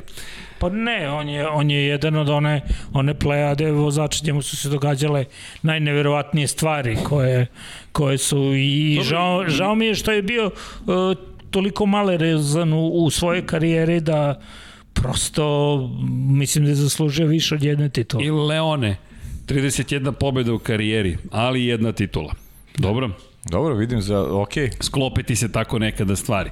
No, hoćemo sada u Barcelonu malo da skočimo, mada mislim da smo sve ispričali manje više. Pa jesmo, da. Mi smo najavili i, i šta očekujemo i kako vidimo i kada je reč o gumama i ta nova krivina i podatke koji nisu baš identični, to jest ne može, nije identična staza, pa se sad pitamo, imamo malu enigmu, ali kada pričamo o pobednicima na ovoj stazi Mercedes, Mercedes, Mercedes, Mercedes, Mercedes, Mercedes i Mercedes i jednom Red Bull, a na stazi Katalunja, trenutni vozači Formula 1, Hamilton 5 pobjeda, Kimi Raikkonen 2, Fernando Alonso 2, Sebastian Vettel 1. Jedini čovek koji nema šampionsku titulu, a pobeđivo je na ovoj stazi, je Max Verstappen sa jednom pobjedom 2016. Ali kao što je gospodin Zoran Živkov objasnio, specifičan triumf, izvojevan na jedan zanimljiv način, a pobjede ukupno na ovoj stazi Schumacher, Hamilton, Hakkinen i onda Mansell, Raikkonen, Alonso, Alan Prost, Jacques Villeneuve, te to je Damon Hill, da ga ne zaboravimo, Jacques Villeneuve, Felipe Massa, Jenson Button, Mark Webber, Sebastian Vettel, Pastor Maldonado, 2012. čuvena pobjeda, Nico Rosberg i Max Verstappen. Ok, ko je favorit za pobedu, mislim da se jasno istaklo u celoj ovoj priči. Pet pobjeda za Hamiltona i staza koja odgovara Mercedesu. Bar je pa, odgovarala do sada. Pa, da. da, samo da, da, da kažemo i ovako. Ja mislim da će Mercedes ovde hodati po ozbiljnim mukama, biti na ozbiljnim mukama. Ukoliko bude, ako bude bilo vreme, vreme lepše, toplije. Da. I ja mislim, e, to je ljudi zanimljivo. Mercedes nema više toliko prednost kao prošle godine po hladnim vremenskim uslovima. Pa sad, Jedino što Mercedes e, mnogo, mnogo spašava u odnosu na, na, na Red Bull jeste ta potrošnja i, i kako e, kako se ponaša na tvrđim komponentama guma. Uh mhm. -huh. Tu Red Bull nije ovladao, očigledno ne mogu da zadrže verovatno ga dostignu temperaturu, onda se potrošnja poveća kad preteraju sa... Znači, to je ono što, što muči trenutno Red Bull. Slažem se. Biće zabavno, ljudi. Ja mislim da je ovo nemoguća misija. Oni, gledat će oni u nebo. Hoće, ali ja... Imaće vremenski uslovi, će imati vrlo značajnu Ali ulogu. mislim da ćemo prvi put videti i Pereza koji učestvuju u ovoj bici. Iskreno, to je moj utisak. Ja nisam siguran. Ja mislim da ćemo dalje nisam kako, siguran. Utič, kako se ovde pojavljuje i mislim da će mu kvalifikacije biti bolje nego u, u Portimao i da ćemo videti bolju verziju u odnosu na Pa u svakom slučaju ima. on zna, uh, znači ne dolazi na nešto uh, na nepoznat teren, da. teren a moraće da moraće da sigurno bude uh, na, na boljem nivou, na već, višem nivou nego na onom, moraće da izvuče više iz sebe i bolida. Ne znam, ja nešto verujem u Perezovu dobro ne, tako. Ja, ve, mislim, ja verujem, u, generalno verujem, ali nisam siguran da, će, da će baš sad da, da, da klikne tako brzo. Pa dobro, mislim to je ne, ne znam, teško je, on ima onako od do, što, što bi rekli, uh, u vikendu zna dosta da, da, da oscilira. Zna. Još uvek, a to je to je i ranije bio problem kod njega, a sad je još izraženiji jer je u novoj sredini. I, a veće su očekivanja. Da. Imola je recimo klasičan primer. Ono je bilo nacrtana trka da napravi dobar rezultat. Nacrtana, sve se otvaralo da ima dobar rezultat. Da. Mislim da je to bio ozbiljno nestrpljiv. Pa da se vratimo u Portimao, on je užrtvovan. ono što kaže, u Portimao je bio, tako da, da ne možemo baš posmatrati skroz kao da je neka ideja bila druga da nije morao da radi to za Verstappena što su Da, ali, ali u, dobroj, u dobroj meri je sam sebe doveo u tu poziciju Jeste. jer je loš start trke bio. Red Bull da nije tu ušao, mnogo izbora. Da, da, da je ušao Tako je, da je on pratio kako tempo. Treba, tako je, da je to, pratio to tempo vodećih, tako je, bilo bi drugačije. Da. Ovako da. je sam kumovo da, da, da bude žrtva. Da bude žrtva, jes, yes. slažem. I to, to, je, to je činjenica. Nadam se da će, da će ispraviti to. Ja duboko verujem da će, da će upravo se to desiti, da će biti među vodećom četvoricom, čak mislim da neće biti četvrti, da će se učestvovati u bici za čak za treću, možda čak i drugu poziciju i da to da nije slučajnost bilo ono što smo videli, pogotovo uz ove izmene mislim da tu Red Bull ima šta da traži sa ovom novom krivinom 10, da tu može da Apsolutno da bude... zbog aerodinamike, je. to je to koje koje im odgovara. Odgovara, je. Uh, ali mislim da će to ubiti trkanje ne sporim, nego samo kažem iz perspektive Red Bulla ovo može da bude nešto što će njima da pomogne. Po, podsjeća me ta krivina na ono što smo videli sad i u Portimao, to je neka stara verzija praktično staze u Barceloni, koja davno nije vožena, zaista davno, nije identična, dakle, s obzirom na činjenicu da je produžen zaustavni, to je zaustavni, da je produžen zapravo bezbednostni, uh, bezbednostna zona je produžena. Pa više odgovara moto konfiguraciju. Motorima, a ona je pravljena za motocikl, da. bukvalno, ali to je nešto što smo videli prethodnih godina u Barceloni. Naprimjer, za trku Formula 1 je bilo oko 66-8 hiljada ljudi, za, za MotoGP 90-98 hiljada bez ikakvih problema. Jer kad je Alonso pala popularnost, to je kada su rezultati prestali da, da, da, da dolaze, videli smo kako se zapravo menja odnos snaga kada je reč o, o publici.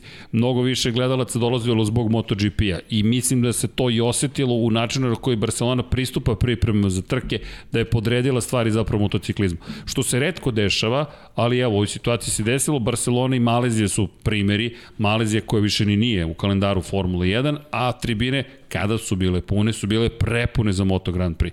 Ali okej, okay, to je isto nešto Pa što dobro, se dešava. i tržište... Tržište je drugačije. Drugačije. Motori su tamo, Tamo su motori Najvažnije. nešto što je... Indonezija, e, Malezija, pa da, ali Tajland. to ljudi voze i to. Tako je. Od Formule 1 toga nema. Mislim, I bilo je Ne. nekih vozača iz Malezije koji su i počeli da naravno što postižu je, rezultate. što je, što je posebno jasno. Tako je. Hoćemo malo da se pozabavimo pitanjima Ajde malo, da. gledalaca, da, Ajde, iskoristimo ajde da priliku. iskoristimo, Zoran, ti je. znaš da kod nas to nema Dobro. ispod 3,5 sata, šalim Dobro. se. Ta, evo, pokazuj mi ovde na sat. Ne, ne, sa, a ne, ne, ne, ne, ne, da pročitam poruke. E, Marina, pozdrav, čujemo se ujutro. Dobro. pukao stream. E, kažu pukao stream. Vanja, jel nam pukao stream? Nije još, ali će. Hoćemo da menjamo kabel operatera.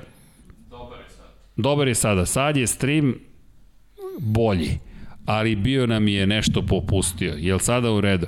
Evo ga Boži Tatarević i jao, Boži Stvarno. ima pravo na prvo pitanje, ne zamerite gledaoci, dragi, ali Boži, tu smo, dobro veče. Mada, Mateo Lovrić je bio brži. Vaše prognoze za Formule 3, da li će biti prenos? Na drugo pitanje, ne znamo kako da odgovorimo. A sa druge strane, naše prognoze za F3. Mm. Uh. Da, šta sada? za Formulu 3. Pa ne znam. Da, Pa ne znamo, pa gledamo prvo trku Prvo- sezone, ljudi. Da, tako da, mislim- jedva čekamo zapravo.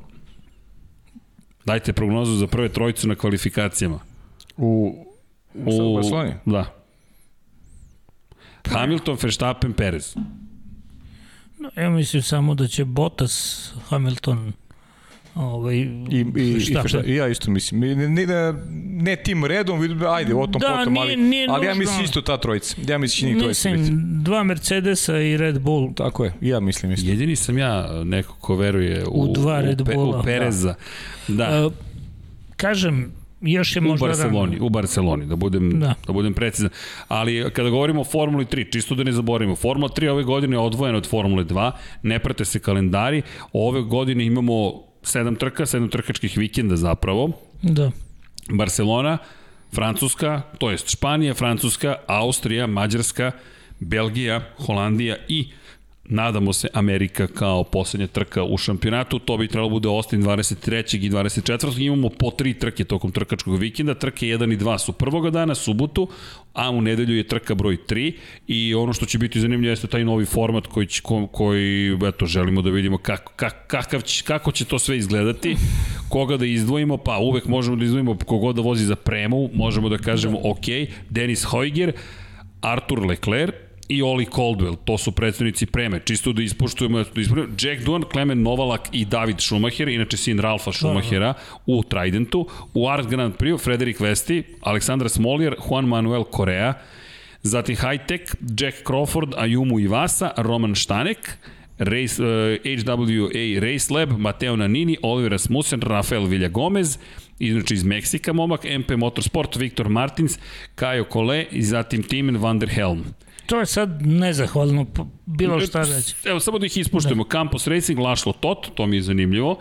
Imamo jednog vozača iz Mađarske, Lorenzo Colombo, Amir Kordel, Karlin, Ido Cohen, Kylen Frederick, Johnny Edgar, Jencer Motorsport, Callum Williams, Pierre-Louis Chauvet i Filip Ugran i zatim imamo u Šaruzu Logan Sargent, Enzo Fittipaldi, Rešad De Geros.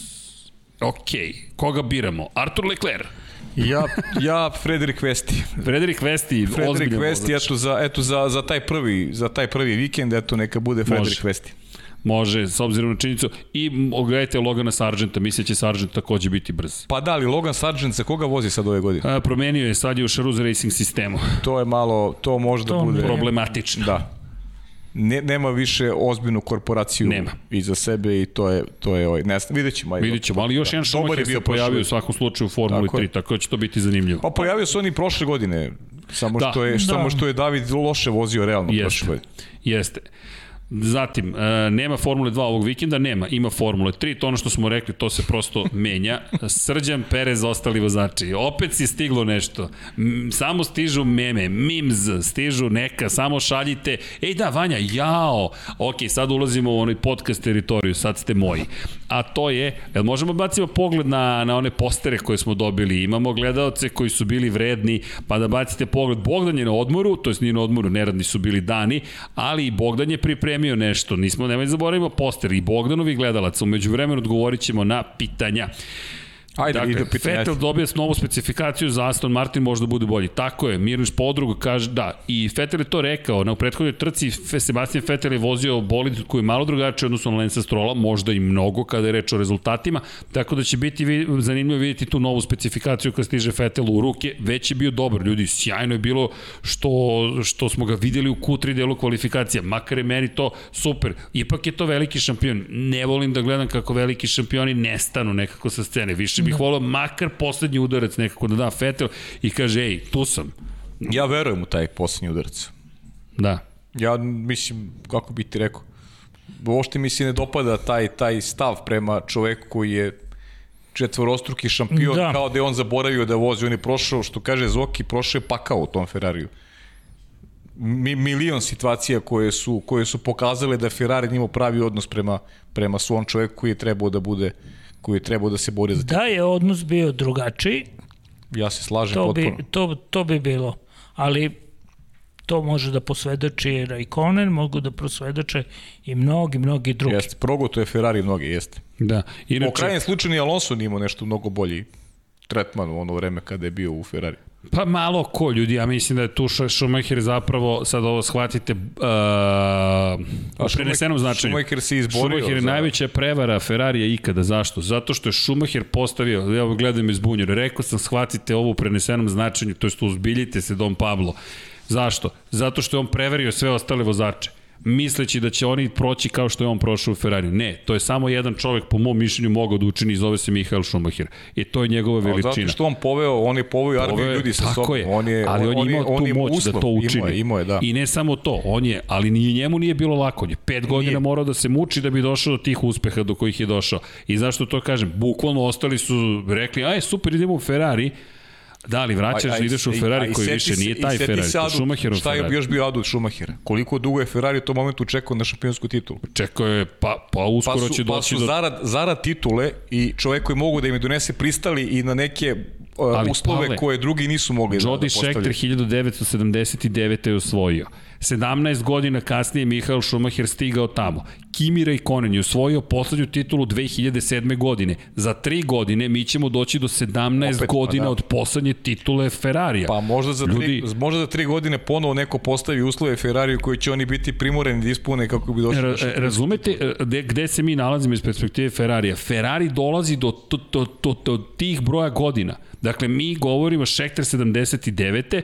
plus 14 godina, to je 1993. To je V12, Gerhard Berger, Jean Alesi i oni su imali 93. četvrtu, petu, to bi bila 2021. druga, treća. 2024. mora da im se pojavi novi Schumacher, neko ko će da dovede sve. E, evo, Lewis Hamilton napusti Mercedes i kaže svi sa mnom idete u Ferrari. Muk. Jako bi lepo, jako bi, jako bi lepo bilo, ali ali neće se desiti. Da. Ajde, ajmo na ali, pitanje. idemo dalje. A, koliko bi trenutnih vozača? Hvala, hvala. Gran Premio de Espanja, Barcelona. Bogdanov poster, samo Sjajan da se poster. zna ko I- je potpisnik. I prethodni je bio fenomenalan ovaj Jeste, za... u Art Deco je trenutno Bogdan. da. Mada je uzeo neke gume iz nekih drugih godina. Ili ovo brzina. Ne, Pirelli P0, pazi, ovo je ipak kao brzina. Ovo je pokazatelj brzine. Sjajno. Inače, I bilo još i hvala svima, mi, mi smo nazvali, mi ćemo novi segmente od sledećeg puta, ovo zovemo Lab 76 Community. Ko nam je ovo poslao? Da pročitam ime i prezime tačno, čekajte da ne bude zabune. Dakle, hvala za, za, za, za, za sve praktično, s obzirom na činjenicu da dobijemo nevjerovatan broj stvari i impresivno, dakle, koliko emocija ulazi u sve ovo. Zaista, i pozdrav još jednom za Šejlu, inače, s obzirom na činjenicu da nam je stalno pomagali i izvini još jednom Šejla za propušteno. Inače, Đorđe Radojević je ovo pravio. Đorđe Radojević ima još jedna, jedan poster, Đorđe, a to je Grand Prix de Monaco Monte Carlo. Lepo. Lepo, zaista lepo. I sutra ćete vidjeti još jedan poster koji je posvećen velikoj nagradi Francuske u Moto Grand Prix-u. I tako. Dakle, da se vratimo pitanju, koliko bi trenutnih vozača pristalo na Bottasovom mestu u Mercedesu, Nele Don pita. Ja mislim Pa znač, mnogo. značajan broj bi prišao. Mnogo. Evo reći ću vam zašto. Bez obzira na celu tu priču, ne boriš se za titulu šampiona, koliko bi pobjeda Valtteri Bottas imao u svojoj karijeri da je ostao u Williamsu? Ja verujem nula. Pa Bukvalno. nema šta, to je A matematika ovde jasna. ih ima devet.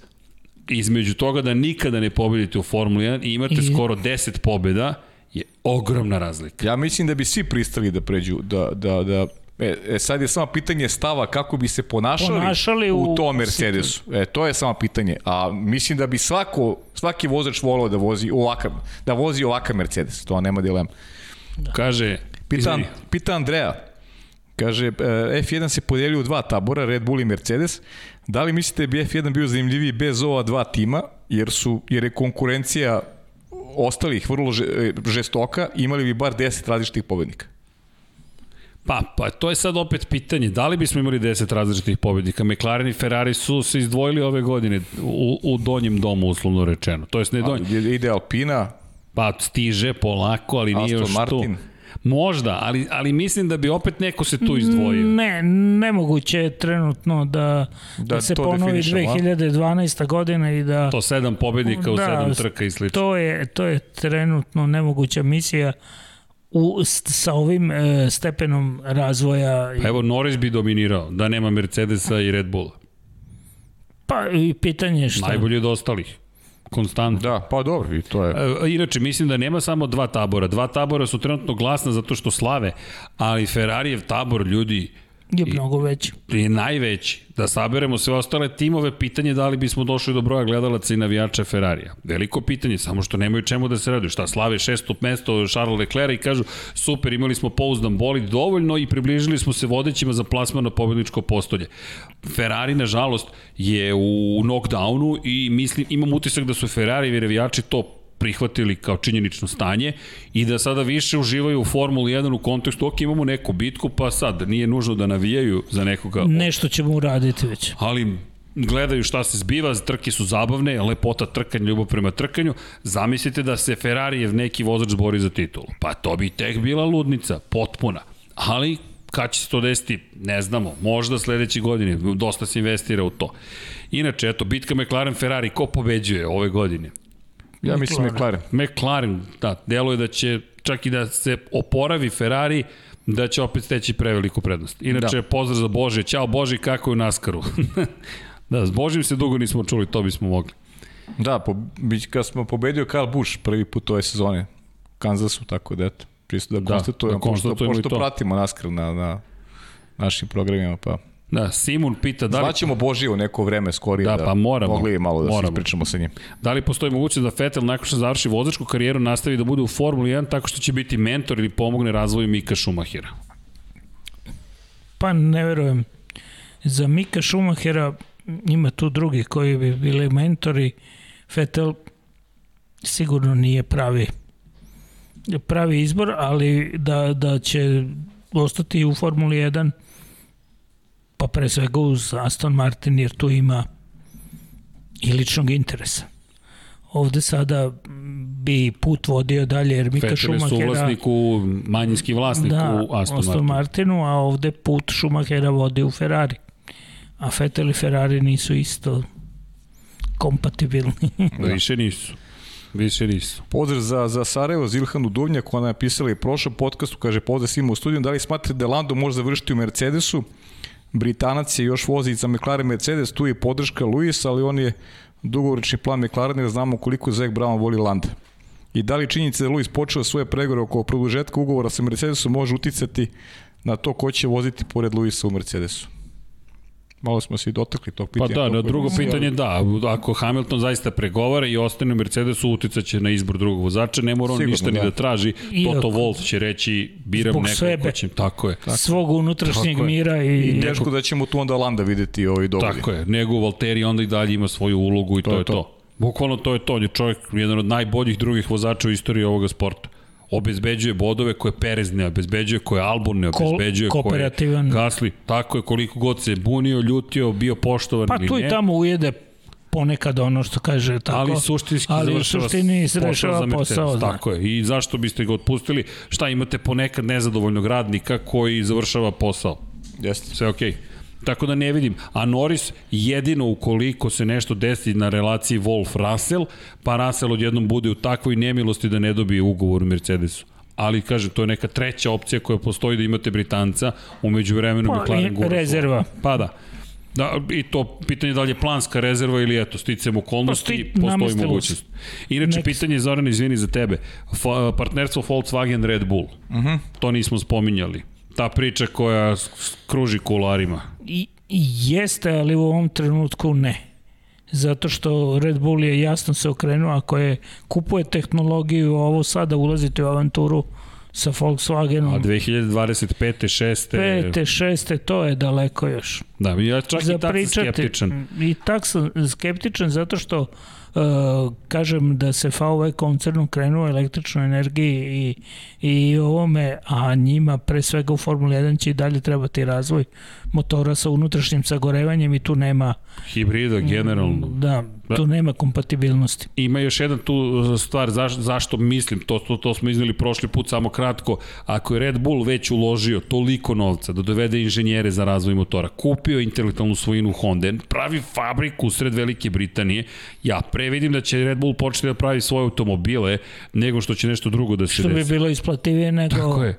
I kažeš design by Adrian Newey, raced in Formula 1 i promotivna I lica imaće ti- ono što ne su sa Valkirom imali. Tako je, Valkira koju smo spomenuli, jer taj projekat sada je u tuđim rukama Da. i ti sad odjednom imaš Njuija zajedno sa Verstappenom, pa sad biraj vozača broj 2 sa svojim motorima i možeš da ideš McLarenovim stopama i prodajemo sportske automobile. A to nam nije takozvani core biznis, mi i dalje prodajemo energetsko piće koje se i dalje kupuje i dalje smo u plusu, možda manjem nego ranije, jer industrija raznih događaja je u trenutno ozbiljnoj patnji, no Red Bull i dalje će biti marža kod proizvodnje energetskih pića toliko visoka, to je multifaktor je puta puta, mislim, 150, na primjer, da vi ste relativno bezbrižni, a onda ovde pride još možete da pravite, imalite šampionski tim Formula 1, imate svoj automobil, svoju tehnologiju, Šta ćeš lepše? ništa.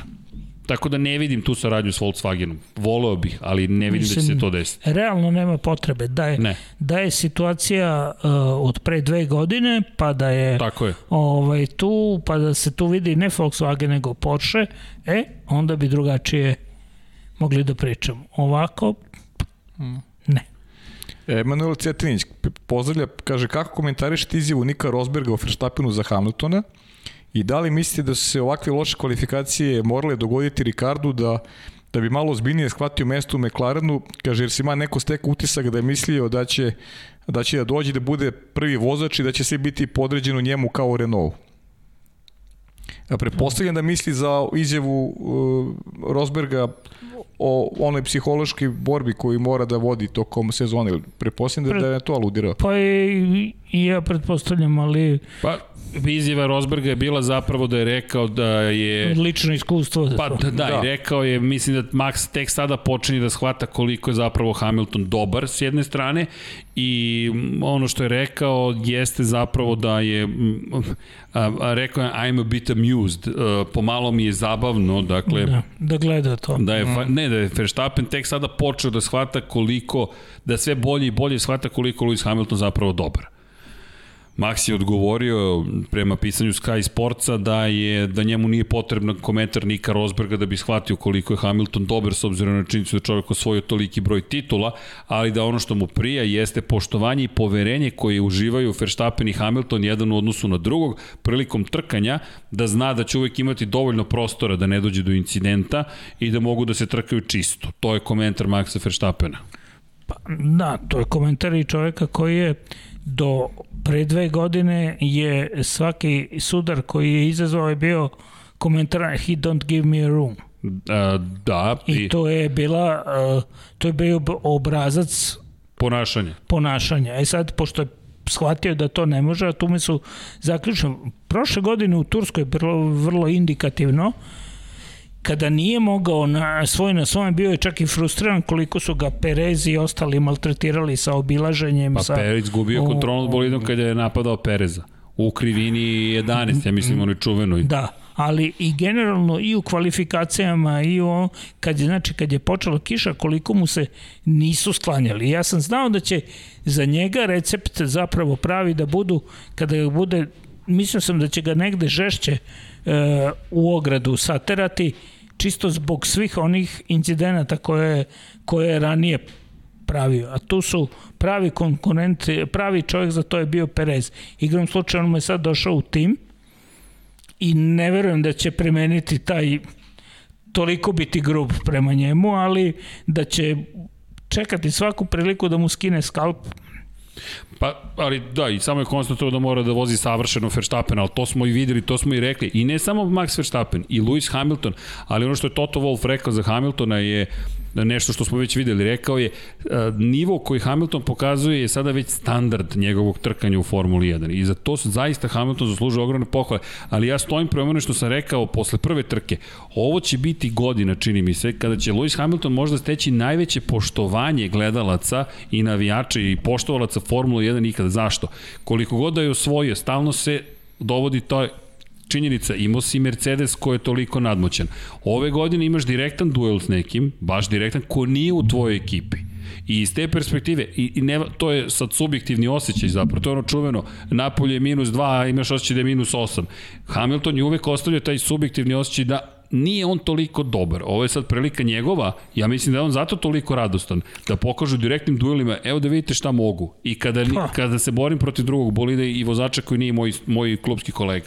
Ali Pa što, to smo već što da ne, on je dovoljno velik da, da ne mora da zazire od toga i Pa, šta god da se Ono desi. što smo rekli, sa 45 drugačije gledaš stvari nego sa 25. Ti si sad ostvareni šampion i to toliko puta si već pobeđivao. Tebi je pobeda u krvi, ti znaš kako izgleda pobednički pehar, bez većih problema. Ok, idemo dalje s pitanjima. Šta imamo još? E, Eda Hasan Spahić pita, pozdravljam nas, šta mislite da li je ovo Kimeva zadnja sezona u F1 i ko će biti njegova zamena, Ajlot ili Mik? Pa Ajlot je Interesantno već, pitanje. Ajlot je već praktično jednom nogom u timu, tako da je da je to verovatno, a da Mika se sprem, Mika spremaju za Ferrari. Sad, ova kombinacija bi trebala da bude kao duža, međutim, ja nešto baš nisam ubeđen da će, da će Ferrari ostati sa ovom vozačkom Ja nisam isto. ovaj, u ovom sastavu ne, neko duže vreme. Svi se smemo zapravo u studiju na kraju Pa univerzuma. ja, sam, ja sam skeptičan zaista, ali, ali, ali možda bi mogao da bude za, za, za Mika jedan korak napred, jer, jer ne znam, ne, ne znam šta, šta da dobije u. Hasu, da. Da, šta dobije u Hasu, a, a, a ovde može eventualno da, Pa, da dobije ipak malo više, da, da, da tu napreduje opet, da stekne iskustvo svajanja poena i, i direktnih duela sa... Ferrari ima te slatke muke da ima popriličnu da kažem e, mogućnosti izbora vozača, ali ni Kalum, ni, ni Ajlot nije, nije neko ko ima neko iskustvo da bi, Jest. da bi mogao da pomogne Alfi, a Mik e, će i umeđu vremenu nakupiti iskustva. Hoće. Tako da je da sam na mestu Frederika Vasera, ja bi odabrao Mika, ali se ne pita Frederik. To sam htio da kažem, ali vidi, nego- Ferrari daje podršku Hasu. Nemojmo zaboraviti taj deo, mi sa, ja sad ne znam da dokle će Haas uopšte biti tu. i Pa kako, to je veliko To je pitanje. upravo pitanje koliko je, kako To je je, možda i ključno pitanje. Znaš, moguće da je ovo bio potez da im se pomogne, da se kaže ok.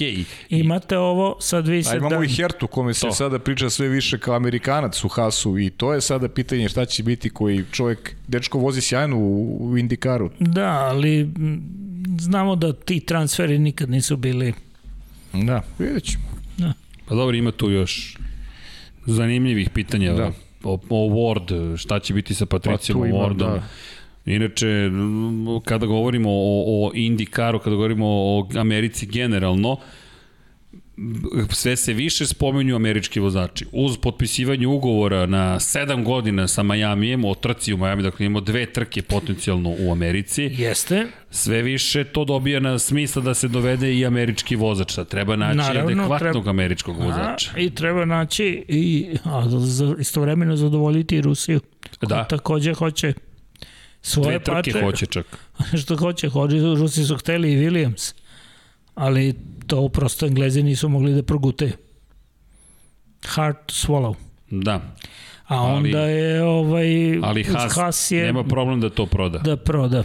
Mislim, to je čist biznis. To, to, to Naravno. ne, pa i njemu ne smeta Naravno. ruska zastava, bolid u bojama koji je ruska zastava u suštini. Dobro, i, i meni je drago da je tako. Pa, to je Haas, to je vrlo jasan, ovo je posao. Da. I, I Haas je ušao u Formulu 1 želeći da reklamira svoje CNC mašine. Zapravo, to je njemu bila ideja. Core biznisa. Core business, tako ja prodajem CNC strugove, glodalice, Pa da. kupite CNC mašine od mene. Ko zna za Haas? Koliko puta smo izgovorili Haas u Formulu 1? I on je rekao, ja hoću tržište Kine, hoću tržište Azije, hoću ta tržišta da znaju da postoji Haas, i da to nešto vredi što Vredi može da se što- kupi. Tako je. I inače kada se pogleda Haasove CNC mašine su na severnoameričkom tlu, evo Boži Tatarević ako nam je još tu može preverujem da posvedoči, kada pogledaš mnogo toga, mnogo toga se događa na, sa Haasovim mašinama, bukvalno.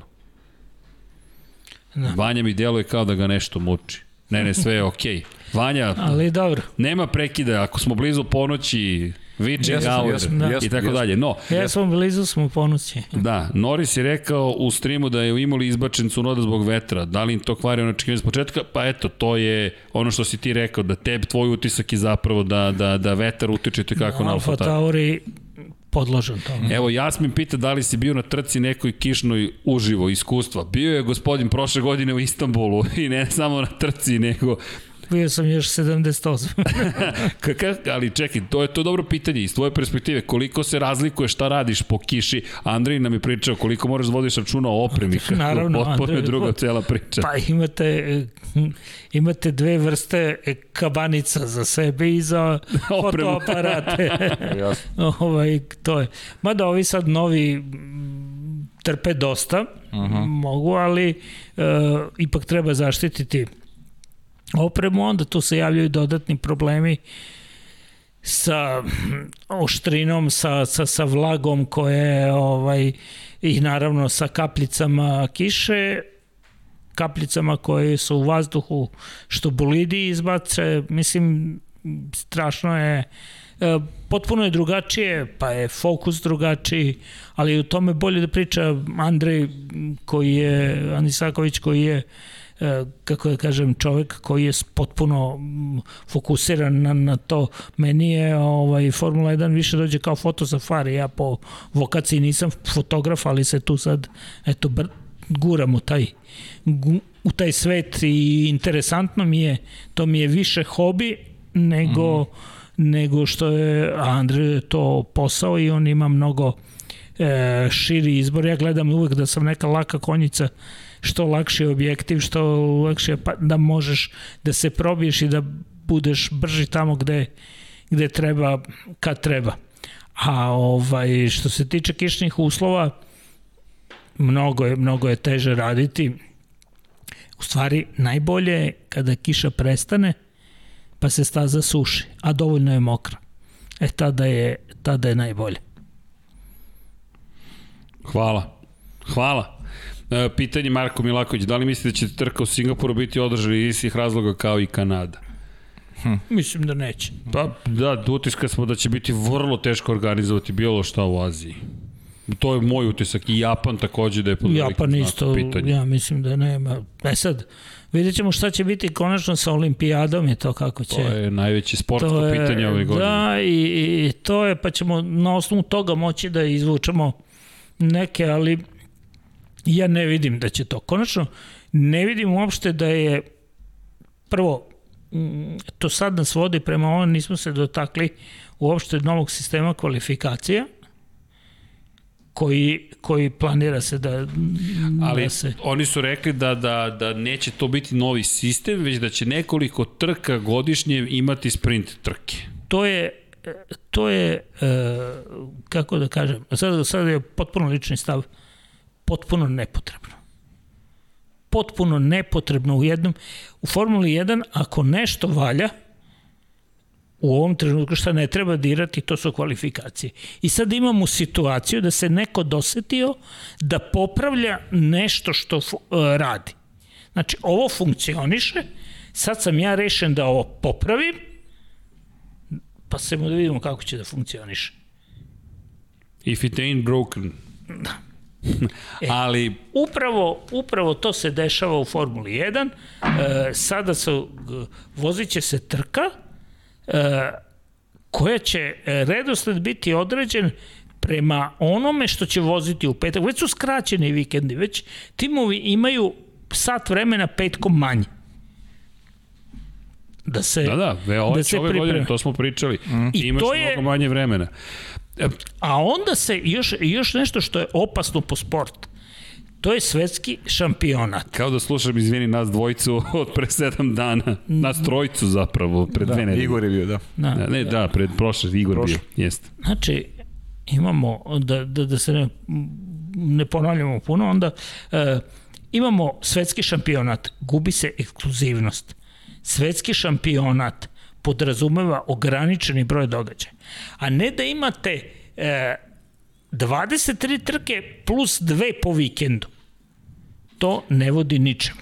Pa dobro, to je ono što smo pričali, taj Sve pokušaj šova pravljena, izmišljenog. Jel, čekaj, za koga? To će biti e kratkog roka. A za koga šov? Pa za koga? Pa ne, upravo je Zoki, pa to je ono što smo mi pitali isto, to, to... Kad nema pita, publike. Tako je. Pa ne samo to, pa za koga kao šov? za televiziju, ali ono što se postoje kao pitanje u petak popodne ko će da gleda kvalifikacije, ali hajde da vidimo kad se desi, Pa da vidimo šta se zbi... I mi imamo identično razmišljanje, da znaš, mi smo pričali prošle o tom. Ne znam, ali, isto. Uh, ali sećaš se onog sistema uh, muzičke stolice, ono, da, da Pričali smo i o tome. Budalaština ne opeva. Vidi, Just. ali uh, ovde smo svi 40 plus, pa kao, ajmo da sačekamo da ne bude da smo samo uh, ne, ne, na, na, na pa godine. Pa ti voliš, da pa sve bude, ali misli će to biti isto kratko da. Isto, mislimo da će se obrzo završiti. Pogotovo Nadam što je tu problem, dobiješ 3, 2, 1 poena. Prvo je bilo reči neće biti poena, sad ima poena. E, samo jednu stvar, jedna, jedna digresija što kaže, da. što ti kažeš, e, Pavlo me upozorava, nismo se dotakli, ipak je bio vikend Imola, 94. Ratzenberger. Već sam odgovorio da Pavlo Sena. hoćemo, Bravo. ali dobro, nije da. pročitano, a da. Da, da, da, da, da ćemo to da spomenemo, ali sam hteo pre toga nešto da, da uradim, pre nego što dođe ponoć, a to je, Aha. ljudi, may the fort be with you za sve ljubitelje zvezdanih ratova, danas je taj veliki datum, važan dan. E, sad se malo nadovezuju drugačije, ali to sam hteo da spomenemo sledeće. May the 4th, 4. maj, uh, Revenge of the 5th dolazi iz, evo, za minut kada prođe ponoć, to je, jel te, na Revenge of the Sith, ali pozdrav svim geekovima, svim Star Wars, si ti ljubitelj Star Wars? Pa u neku ruku da. U neku ruku, aha, evo, hvala Vanja. I onda da se dotaknemo i ovoga što si rekao. Ne, nisam zaboravio, bez brige, a to jeste Imola i naravno... Crni vikend. Crni, Crni vikend, vikend Roland Ratzenberger 30. aprila izgubio život 1. maja, Ayrton Sena, Senina zastava tu nam stoji, pa nam stoji i stajaće i to je prosto, evo i, i knjiga nekako kada dođe taj period godine, svi se prioritetimo Sene. Ali ono što ja makar volim da kažem jeste, ja želim da ih pamtimo jednog i drugom po onome što su radili za života, ne samo po tomeve, jer Sena nas inspiriše dan danas. Roland Ratzenberger, nažalost, dečko nije ni stigao da, da, da, da dobio priliku suštinski da nam pokaže šta može. Austrijski vozač koji, nažalost, zapamćen je upravo po tome što je izgubio život tog vikenda i voleo bih da možemo i njemu da više pričamo, ali činjenici da je Senina smrt zasenila i to što se desilo dan ranije, danas nam neverovatno sve to zvuči, ali... Pa upravo bi inspiracija jeste to što je da. bilo. Recimo, jedan čovjek ovde ne bi sedeo da nije bilo Artuna Sena. Znaš, to je ljubav prema Najmanje formuli. Jedan. Formuli je krenula meni lično od Ayrtona Sene, tako da zato i ja lično pamtim ono što je bio, tako da to je to. Znaš, ne, ne, ta vrsta junaka, naš, tragična smrt nečije uvek izaziva, izaziva pažnju među ljudima koji možda nisu bili poštovaoci lika i dela, ali uvek neko pa, ljudi iskreno, vole. Iskreno da kažem, ja sam u, u duelima Sene i Mensela uvek bio radije za Mensela. E, pa eto. Ali e, je Sena neko ko zaslužuje apsolutno poštovanje Jest. e, za i oni su bili oni su bili korektni u, u, u svojim duelima e, Sena je bio neko ko je bio dosta povučen, zatvoren ovo, ja nažalost nisam imao priliku da ga mm. upoznam ja sam u Formulu 1 stigao kada je on poginuo tako da da je to ta 94. bila ovaj kada je Kultar došao u, u, u tim Jeste. na mesto Da. tako da da je tu bilo pa ne znam ne znam šta šta šta bi rekao mm, u svakom slučaju uh, jedan tragičan vikend u Imoli Imoli koja je tada nešto drugačije izgledala uh, uvod u petak težak udes Rubensa Barekela koji je srećom prošao. Dok je leteo u Jordanu, da tamo na startno ciljnom pravcu. E, pa da, pre start šikana da. ona je bila, e, potom, potom e, narednog dana Roland Ratzenberger u krivini Villeneuve gubi život i onda u Tamborelu narednog dana strada Ayrton Senna. Šta se dogodilo?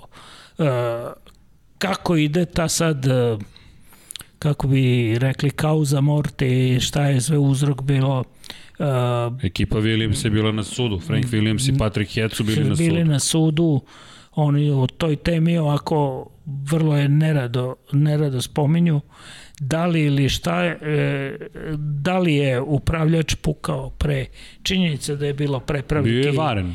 Zavaren je bio. Bukvalno ovako presečena pola je bio volan, šipka volana je bila presečena, podignuta, u nju je ubačena uža šipka i onda je napravljen var na gornjem i donjem delu.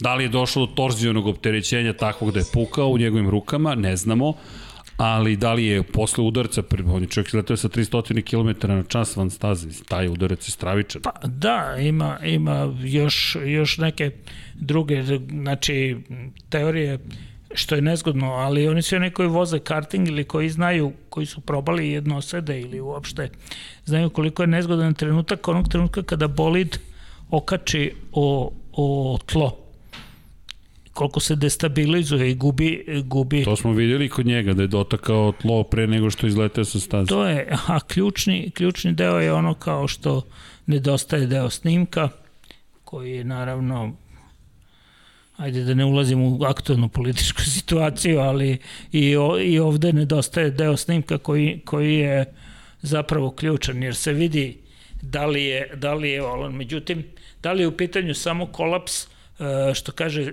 samog e, upravljačkog mehanizma da je da je volan počeo da se spušta po tom jer ja sam gledao neke neke spise koji su ovaj u pitanju gde, gde se prikazuje na, na, na TV snimku analiza gde stoji položaj upravljača u odnosu na gornji zid kokpita i koliko je sada niže kod ulaska u tamburelo, što znači da je možda i volan krenuo da, da se spušta, a u kombinaciji očigledno da se radi o više I faktora slučaj, izvini, i nesrećan slučaj da oslanjanje da... da prođe kroz kacigu, to je da prođe tačno ispod gume. gume. Tako je, i da ga udari u glavu. Da, da je udarilo centimetar više, rikošetiralo bi, da. tako je. Ali prosto To toliko je- stvari se izdešavalo. To je, da, to je baš ovaj, splet nes, nesretnih, Nesrećnih okolnosti. okolnosti, stravično. Mm. Nesrećnih okolnosti i na kraju nije, nije mogo da dovede e, do drugačijeg rezultata nego, nažalost, do gubitka šta bi bilo, koliko bi svet trkanja bio Ba, to, drugačiji, nikad- to je nikad sada- Nećemo znati. To mi ne možemo više, naravno, znati i mislim da je e, svi oni polako koji koji bi mi imali tu šta da kažu, već dobar deo od njih nije među živima, tako da to polako odlazi u, u, u ovaj zaborav. Mi smo tu da, se, se, da se sećamo. Mi možemo da To se to, setimo, bio je vozač, jeste, e, bio je sjajan ovo, e, neobičan lik, e, nije bio prototip ono, e, da kažem, neko ko nije morao da, da, da vodi dovoljno imućan, bogat i, i On nije morao da vozi. on nije morao da vozi, voze je zato što je to želeo. vo- On je u toj grupi onih ljudi koji su poput, on je aristokratija praktično bio Pa da. u Brazilu i to su ljudi poput Grofova tamo nekada davno koji kažu ne, ja hoću da vozim ili da budem pilot u Prvom svetskom ratu ili generalno da se bavim nekim nevjerojatnim stvarima. E, on je na tom nekom nivou bilo, na nečemu što je potpuno van racionalnog, ali je bio pravi trkač, e, imao je i puno kontroverznih Tak- momenta. Takvi su i bili trkači tamo Tako kada, je, još ali- kad su, kad su krenule ovaj, To je karakter određeni Jeste. i on je definisao mnogo toga Pa i jeste, meni se dopala ona odluka ovaj, u, u, u Japanu, kada je, mislim, to šta su njemu radili Alain Prost i Jean-Marie Balestre u taj francuski lobby je strašno.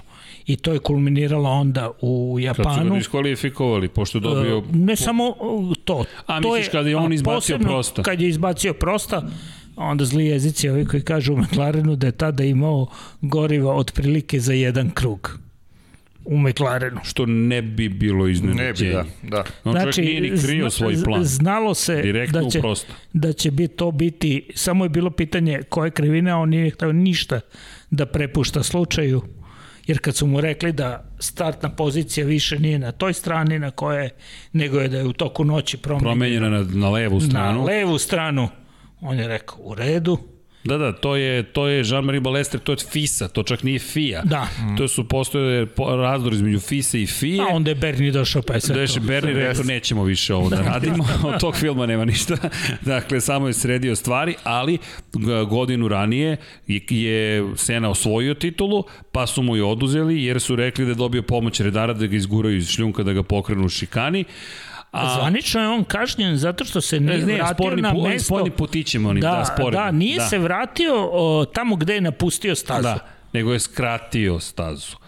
I, b- ali se vidi, to je u vreme pre nego što je televizija imala, ka, sada navodno imamo pristup svemu, sada imamo pristup svemu osim onome što je najvažnije, a tada kroz prozor vidiš u kontrolnom tornju prosta koji je došao kod balestre, koji koji vrišti posle trke i Sena koji dolazi da sazna da zapravo nije pobedio. Šampion, da. Da.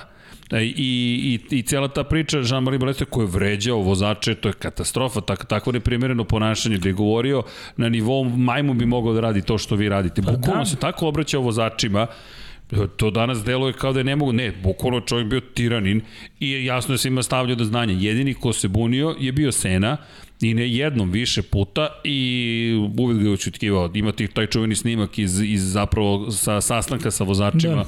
gdje mu on kaže Ayrton, Ayrton, završili smo, nema, nema dalje diskusije. The best decision is my decision. My decision, tako je.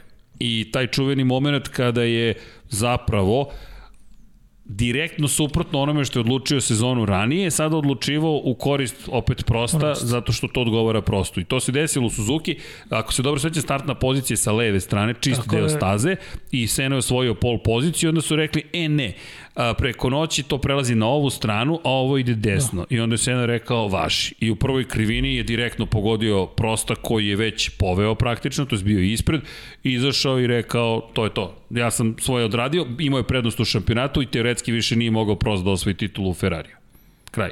I tako se završilo. Mnogi smatraju da to je to jedan od najnižih tačaka u njegovoj karijeri. Ali to je sad pitanje...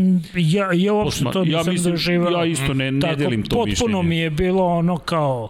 Pa, znaš o, kako? Iako ne volim kad, kada se tako stvari završalo, ovo je na neki način bila pravda Pratiš pozadinu, pratiš e, pozadinu. zadovoljena jer da je to uradio mimo, mimo svega, da, da nije bilo ono što se dešavalo prethodne godine i da nisam znao šta je rađeno mu Preko noći. U, u, u preko noći, sve znači da nisam to pratio, onda bi rekao ok, ovo je lud, mislim. Manje više. Ono, Ali, izvini, ima i čuvena izjava jednog od novinara koji je prisustvovao toj konferenciji za medije i rekao je kada je došao Sena, način na koji je počeo da priča sa njima, samo izjavio kad Sena progovori tako, samo ćutite. Bukvalno samo ćutite.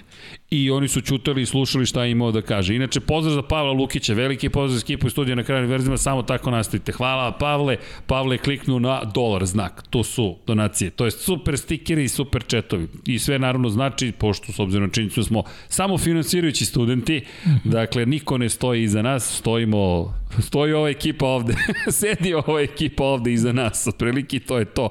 Tako da hvala, zaista na sve znači. Pozdrav za Pavla. Inače da, to, inače dobili smo pitanje da li ćemo imati i Uh, specijal web povodom Ayrton serije, hoćemo. Naredne nedelje planiramo za Mihaela Šumahira specijal, taj čuveni Lab 76 broj 91 po broju njegovih pobjeda. 93-ku ne znam kada ćemo upakovati gde, ali hoćemo, ovo je 94-ka, sutra 95-ica, ali nemojte ništa da brinete. I sad da se vratimo malo u stvarnost, veliki pozdrav iz Modriče Perak, kaže veliki pozdrav. Inače, Valencia Street Circuit opet u kalendaru, Nikita Stojanovski pita. Pa kada spomenjemo Valenciju, da, da, da, ovde mi neki šalju, ali da, što se toga tiče, nisam siguran da će se to desiti s obzirom na činjenicu da ta staza u vrlo teškom stanju za trenutno, da para nema, da ne vidim da će grad Valencija to sponzorisati ponovo, niti region Valencija, niti vidim gde će biti tu prostora.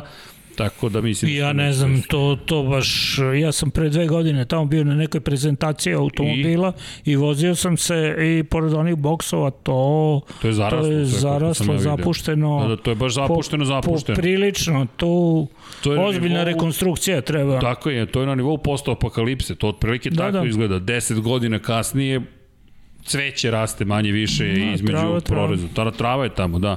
Tako da mislim da to neće moći da se desi. E, da li ima dovoljno zamenskih trka ako toliko bude otkazan, imamo rezervi Mugello i dosta staza koji nisu u formuli trenutno kao što su Hockenheim, Valencija i Nürburgring. Valencija, ne vidim da ne. da će staza uh, Ricardo Tormo ikada videti Formulu 1. Ljudi, to, to nema šanse. mala staza. Tamo se da spakuje Moto Grand Prix, motocikl, kamoli, da se spakuje. To što je Rossi vozio pre dve godine, demonstrativni pa to je šala bila. To je bukvalno šala, on sa Hamiltonom za potrebe sponzora, bukvalno. Hockenheim to može, možda, ali preće Nürburgring dobiti to nego što će Hockenheim. Pa, naravno, i to je sad stvar politika Tako Nemačka, ali u svakom slučaju Nürburgring je spreman i, i to nije, a Nemci bi svakako sada e, imaju interesa.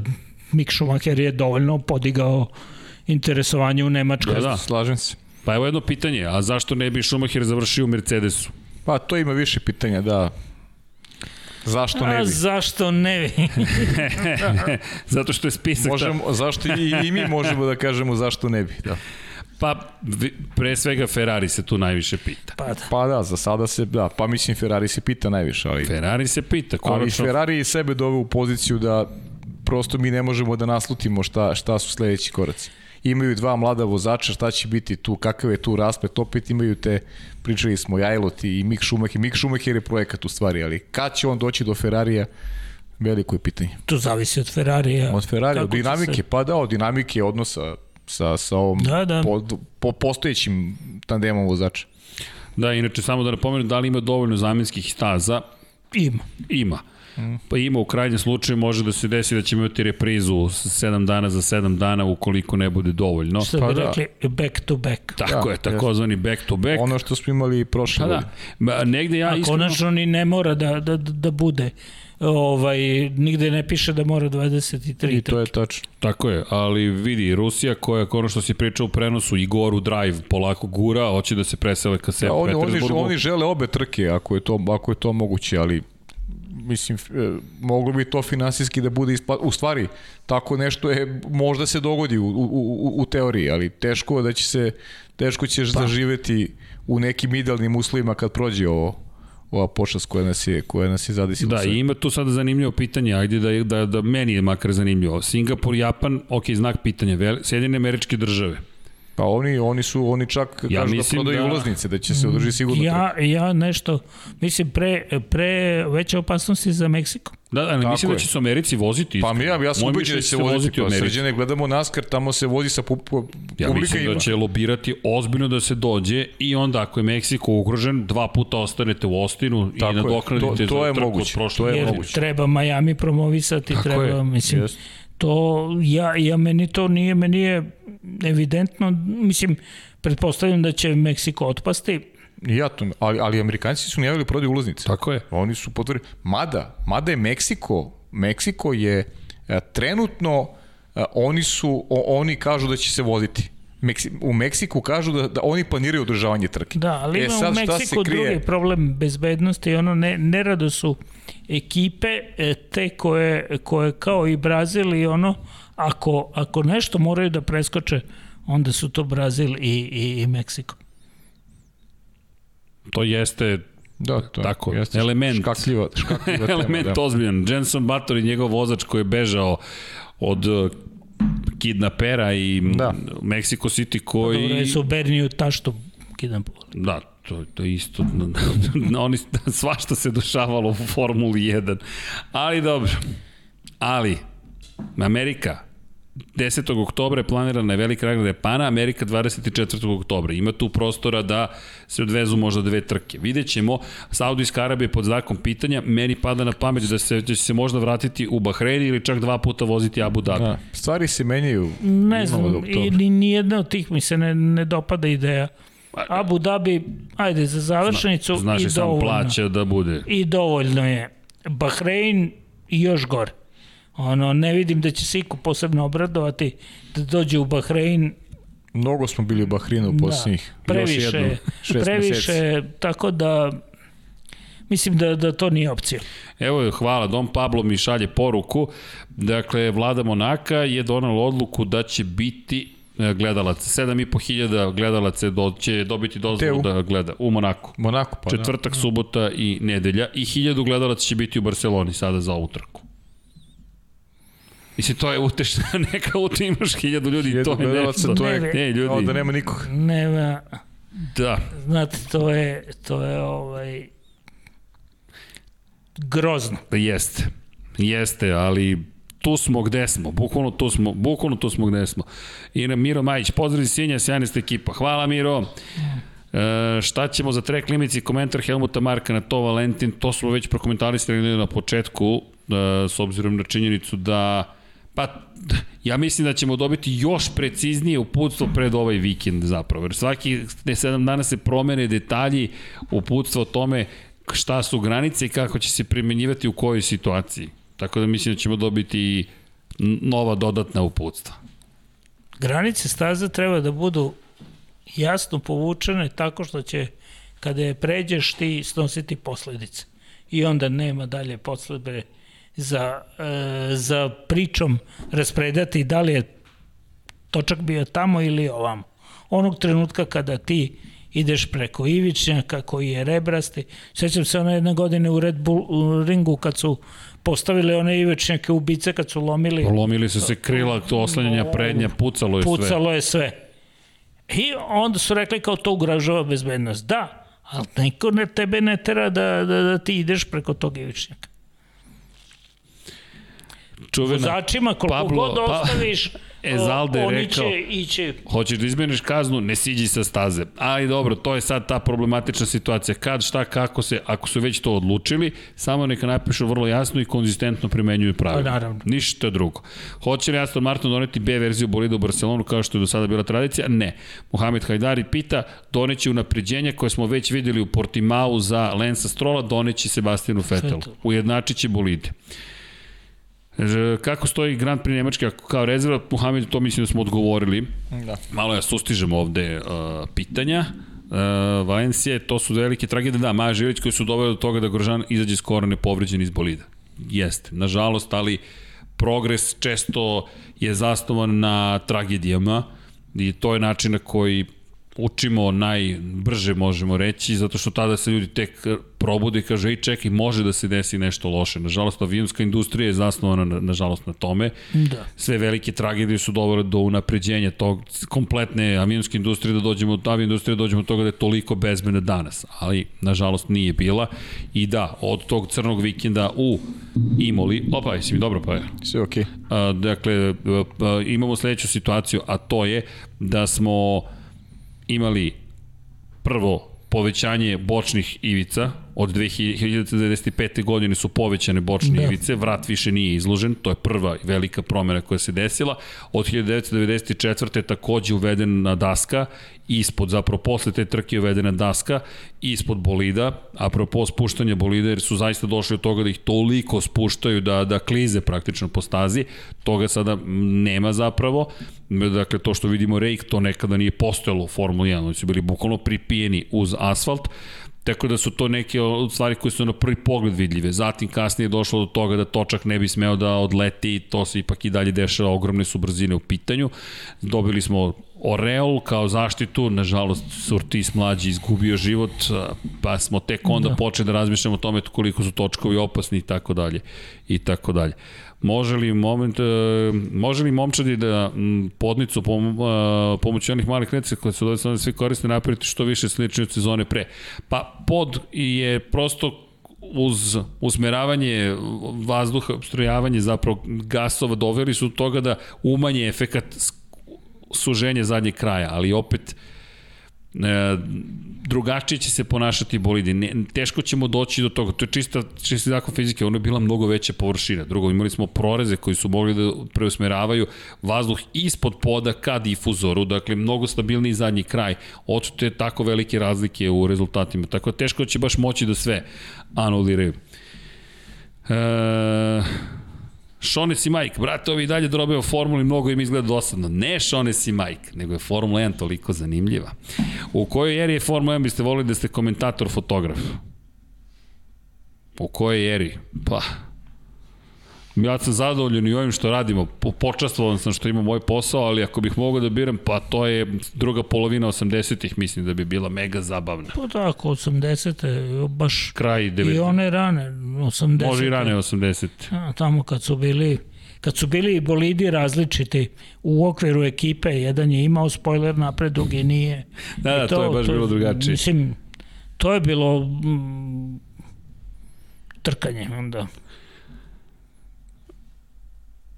Helmut Prix, ok, ovde se ima komentar na Formulu E, pa je Formula E u Monaku, da li jedva čekaš, pita Amir. Znam, čuo sam da je otkazano u Meksiku Formule. to, to si čuo, ali, ovaj, ali drugačija je Da, staza ima- Formule E u Monte Carlo. Bolje se spava. Da. Nisam, nisam, okay. za, nisam Nisu zainteresovan- ovde ljubitelji nisam Formule E. za Formule. Ali da kažemo da se ne, to vozi trka. Ja, ja verujte, ne ja, nego velika većina i, i ovih ljudi ne vidi ne vidi tu neke neke posle, iako se tu na sve strane trudi da se prikaže kao da su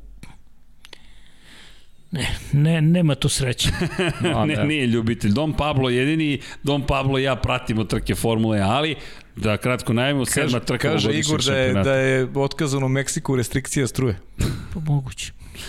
Ali ok, Monaco, Nick De Vries, inače vodeći u šampionatu sveta, Stoffel Van Dorn i Sam Bird su tu 48 pojena, 40 Robin Frins takođe, bez obzira na sve, ja volim trkanje ljudi, pa da vidimo kako će... Inače, Jake Dennis je imao zanimljiv vikend, dakle, to je ono što bi Pa trebalo dobro, spomenuti. uh, hajde da kažemo, treba da postoje takve trke.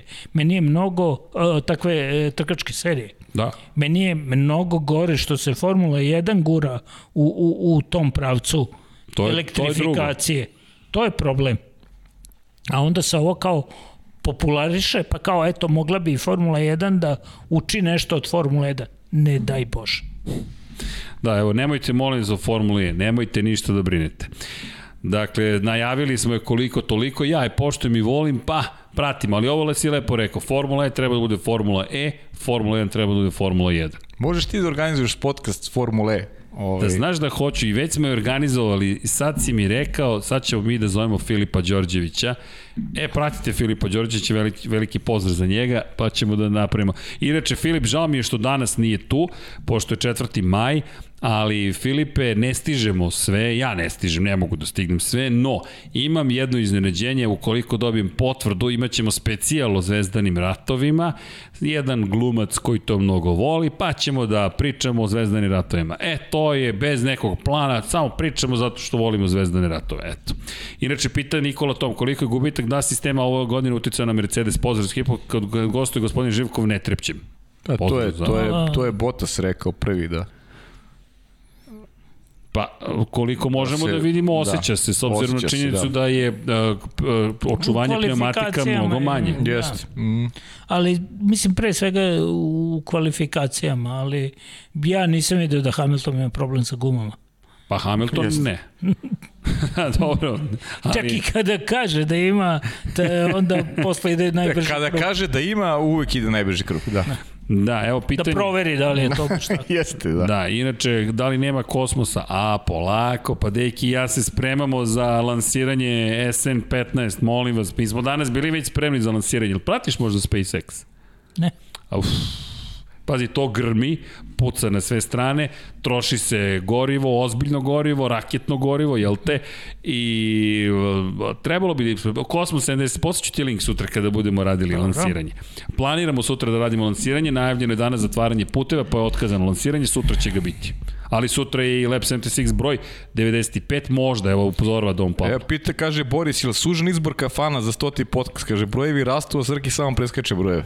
Ne, ne, ne, nemojte ništa da brinete. Ta kafana, to mora da se organizuje. Ali moramo da vidimo, pa, znate šta, da li zakon Kako, dozvoljava. kako smo krenuli stoti podcast će da biti za dve godine.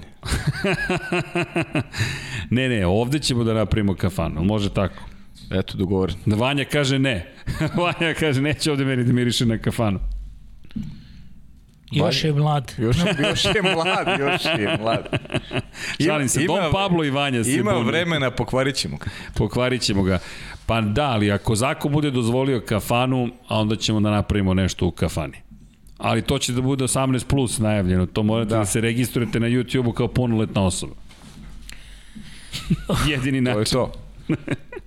Zorane, očekujemo te za stoto izdanje. Dobro.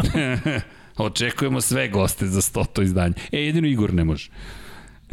Čuo si gore. Šalim se, Nemaš. naravno. Ali šalu na stranu, evo da završimo s time. Da. Ljudi, mislim da je vreme. Uh, Ja 0027. Jeste. Jeste. Tri i po sata ponovo. Da. Gle čuda. Da, gled, gled čuda. A, ne. Hvala Pajo za ovo. A, nismo ne rekli na početku, a trebalo bi da kažemo na, pet, na početku, a to je naravno da vodite računa jednim od drugim, jednim od drugima da se mazite i pazite i da eto pratite Lab 76, Cosmos 76, ne znam kako će se zvati, možda će Cosmos 76 imati specijal zvani Zvezdani ratovi kako je došlo do stvaranja jedne imperije u studiju na kraju univerzuma, ali vreme je da se polako odjavljamo, pola jedan je ujutru, neki se javljaju koji ujutru rade. Nisam ispratio gde nam je Boži Tatarević nestao u svemu ovome. Boži, mi se čujemo Možda svakako. popravlja neki auto. Priprema se za, ne, za next gen automobile. To ti kažem. To sam Izminja se, to je jedino što sam, što sam, što sam primetio. Ali, ljudi, zaista, vodite računa jedni u drugima.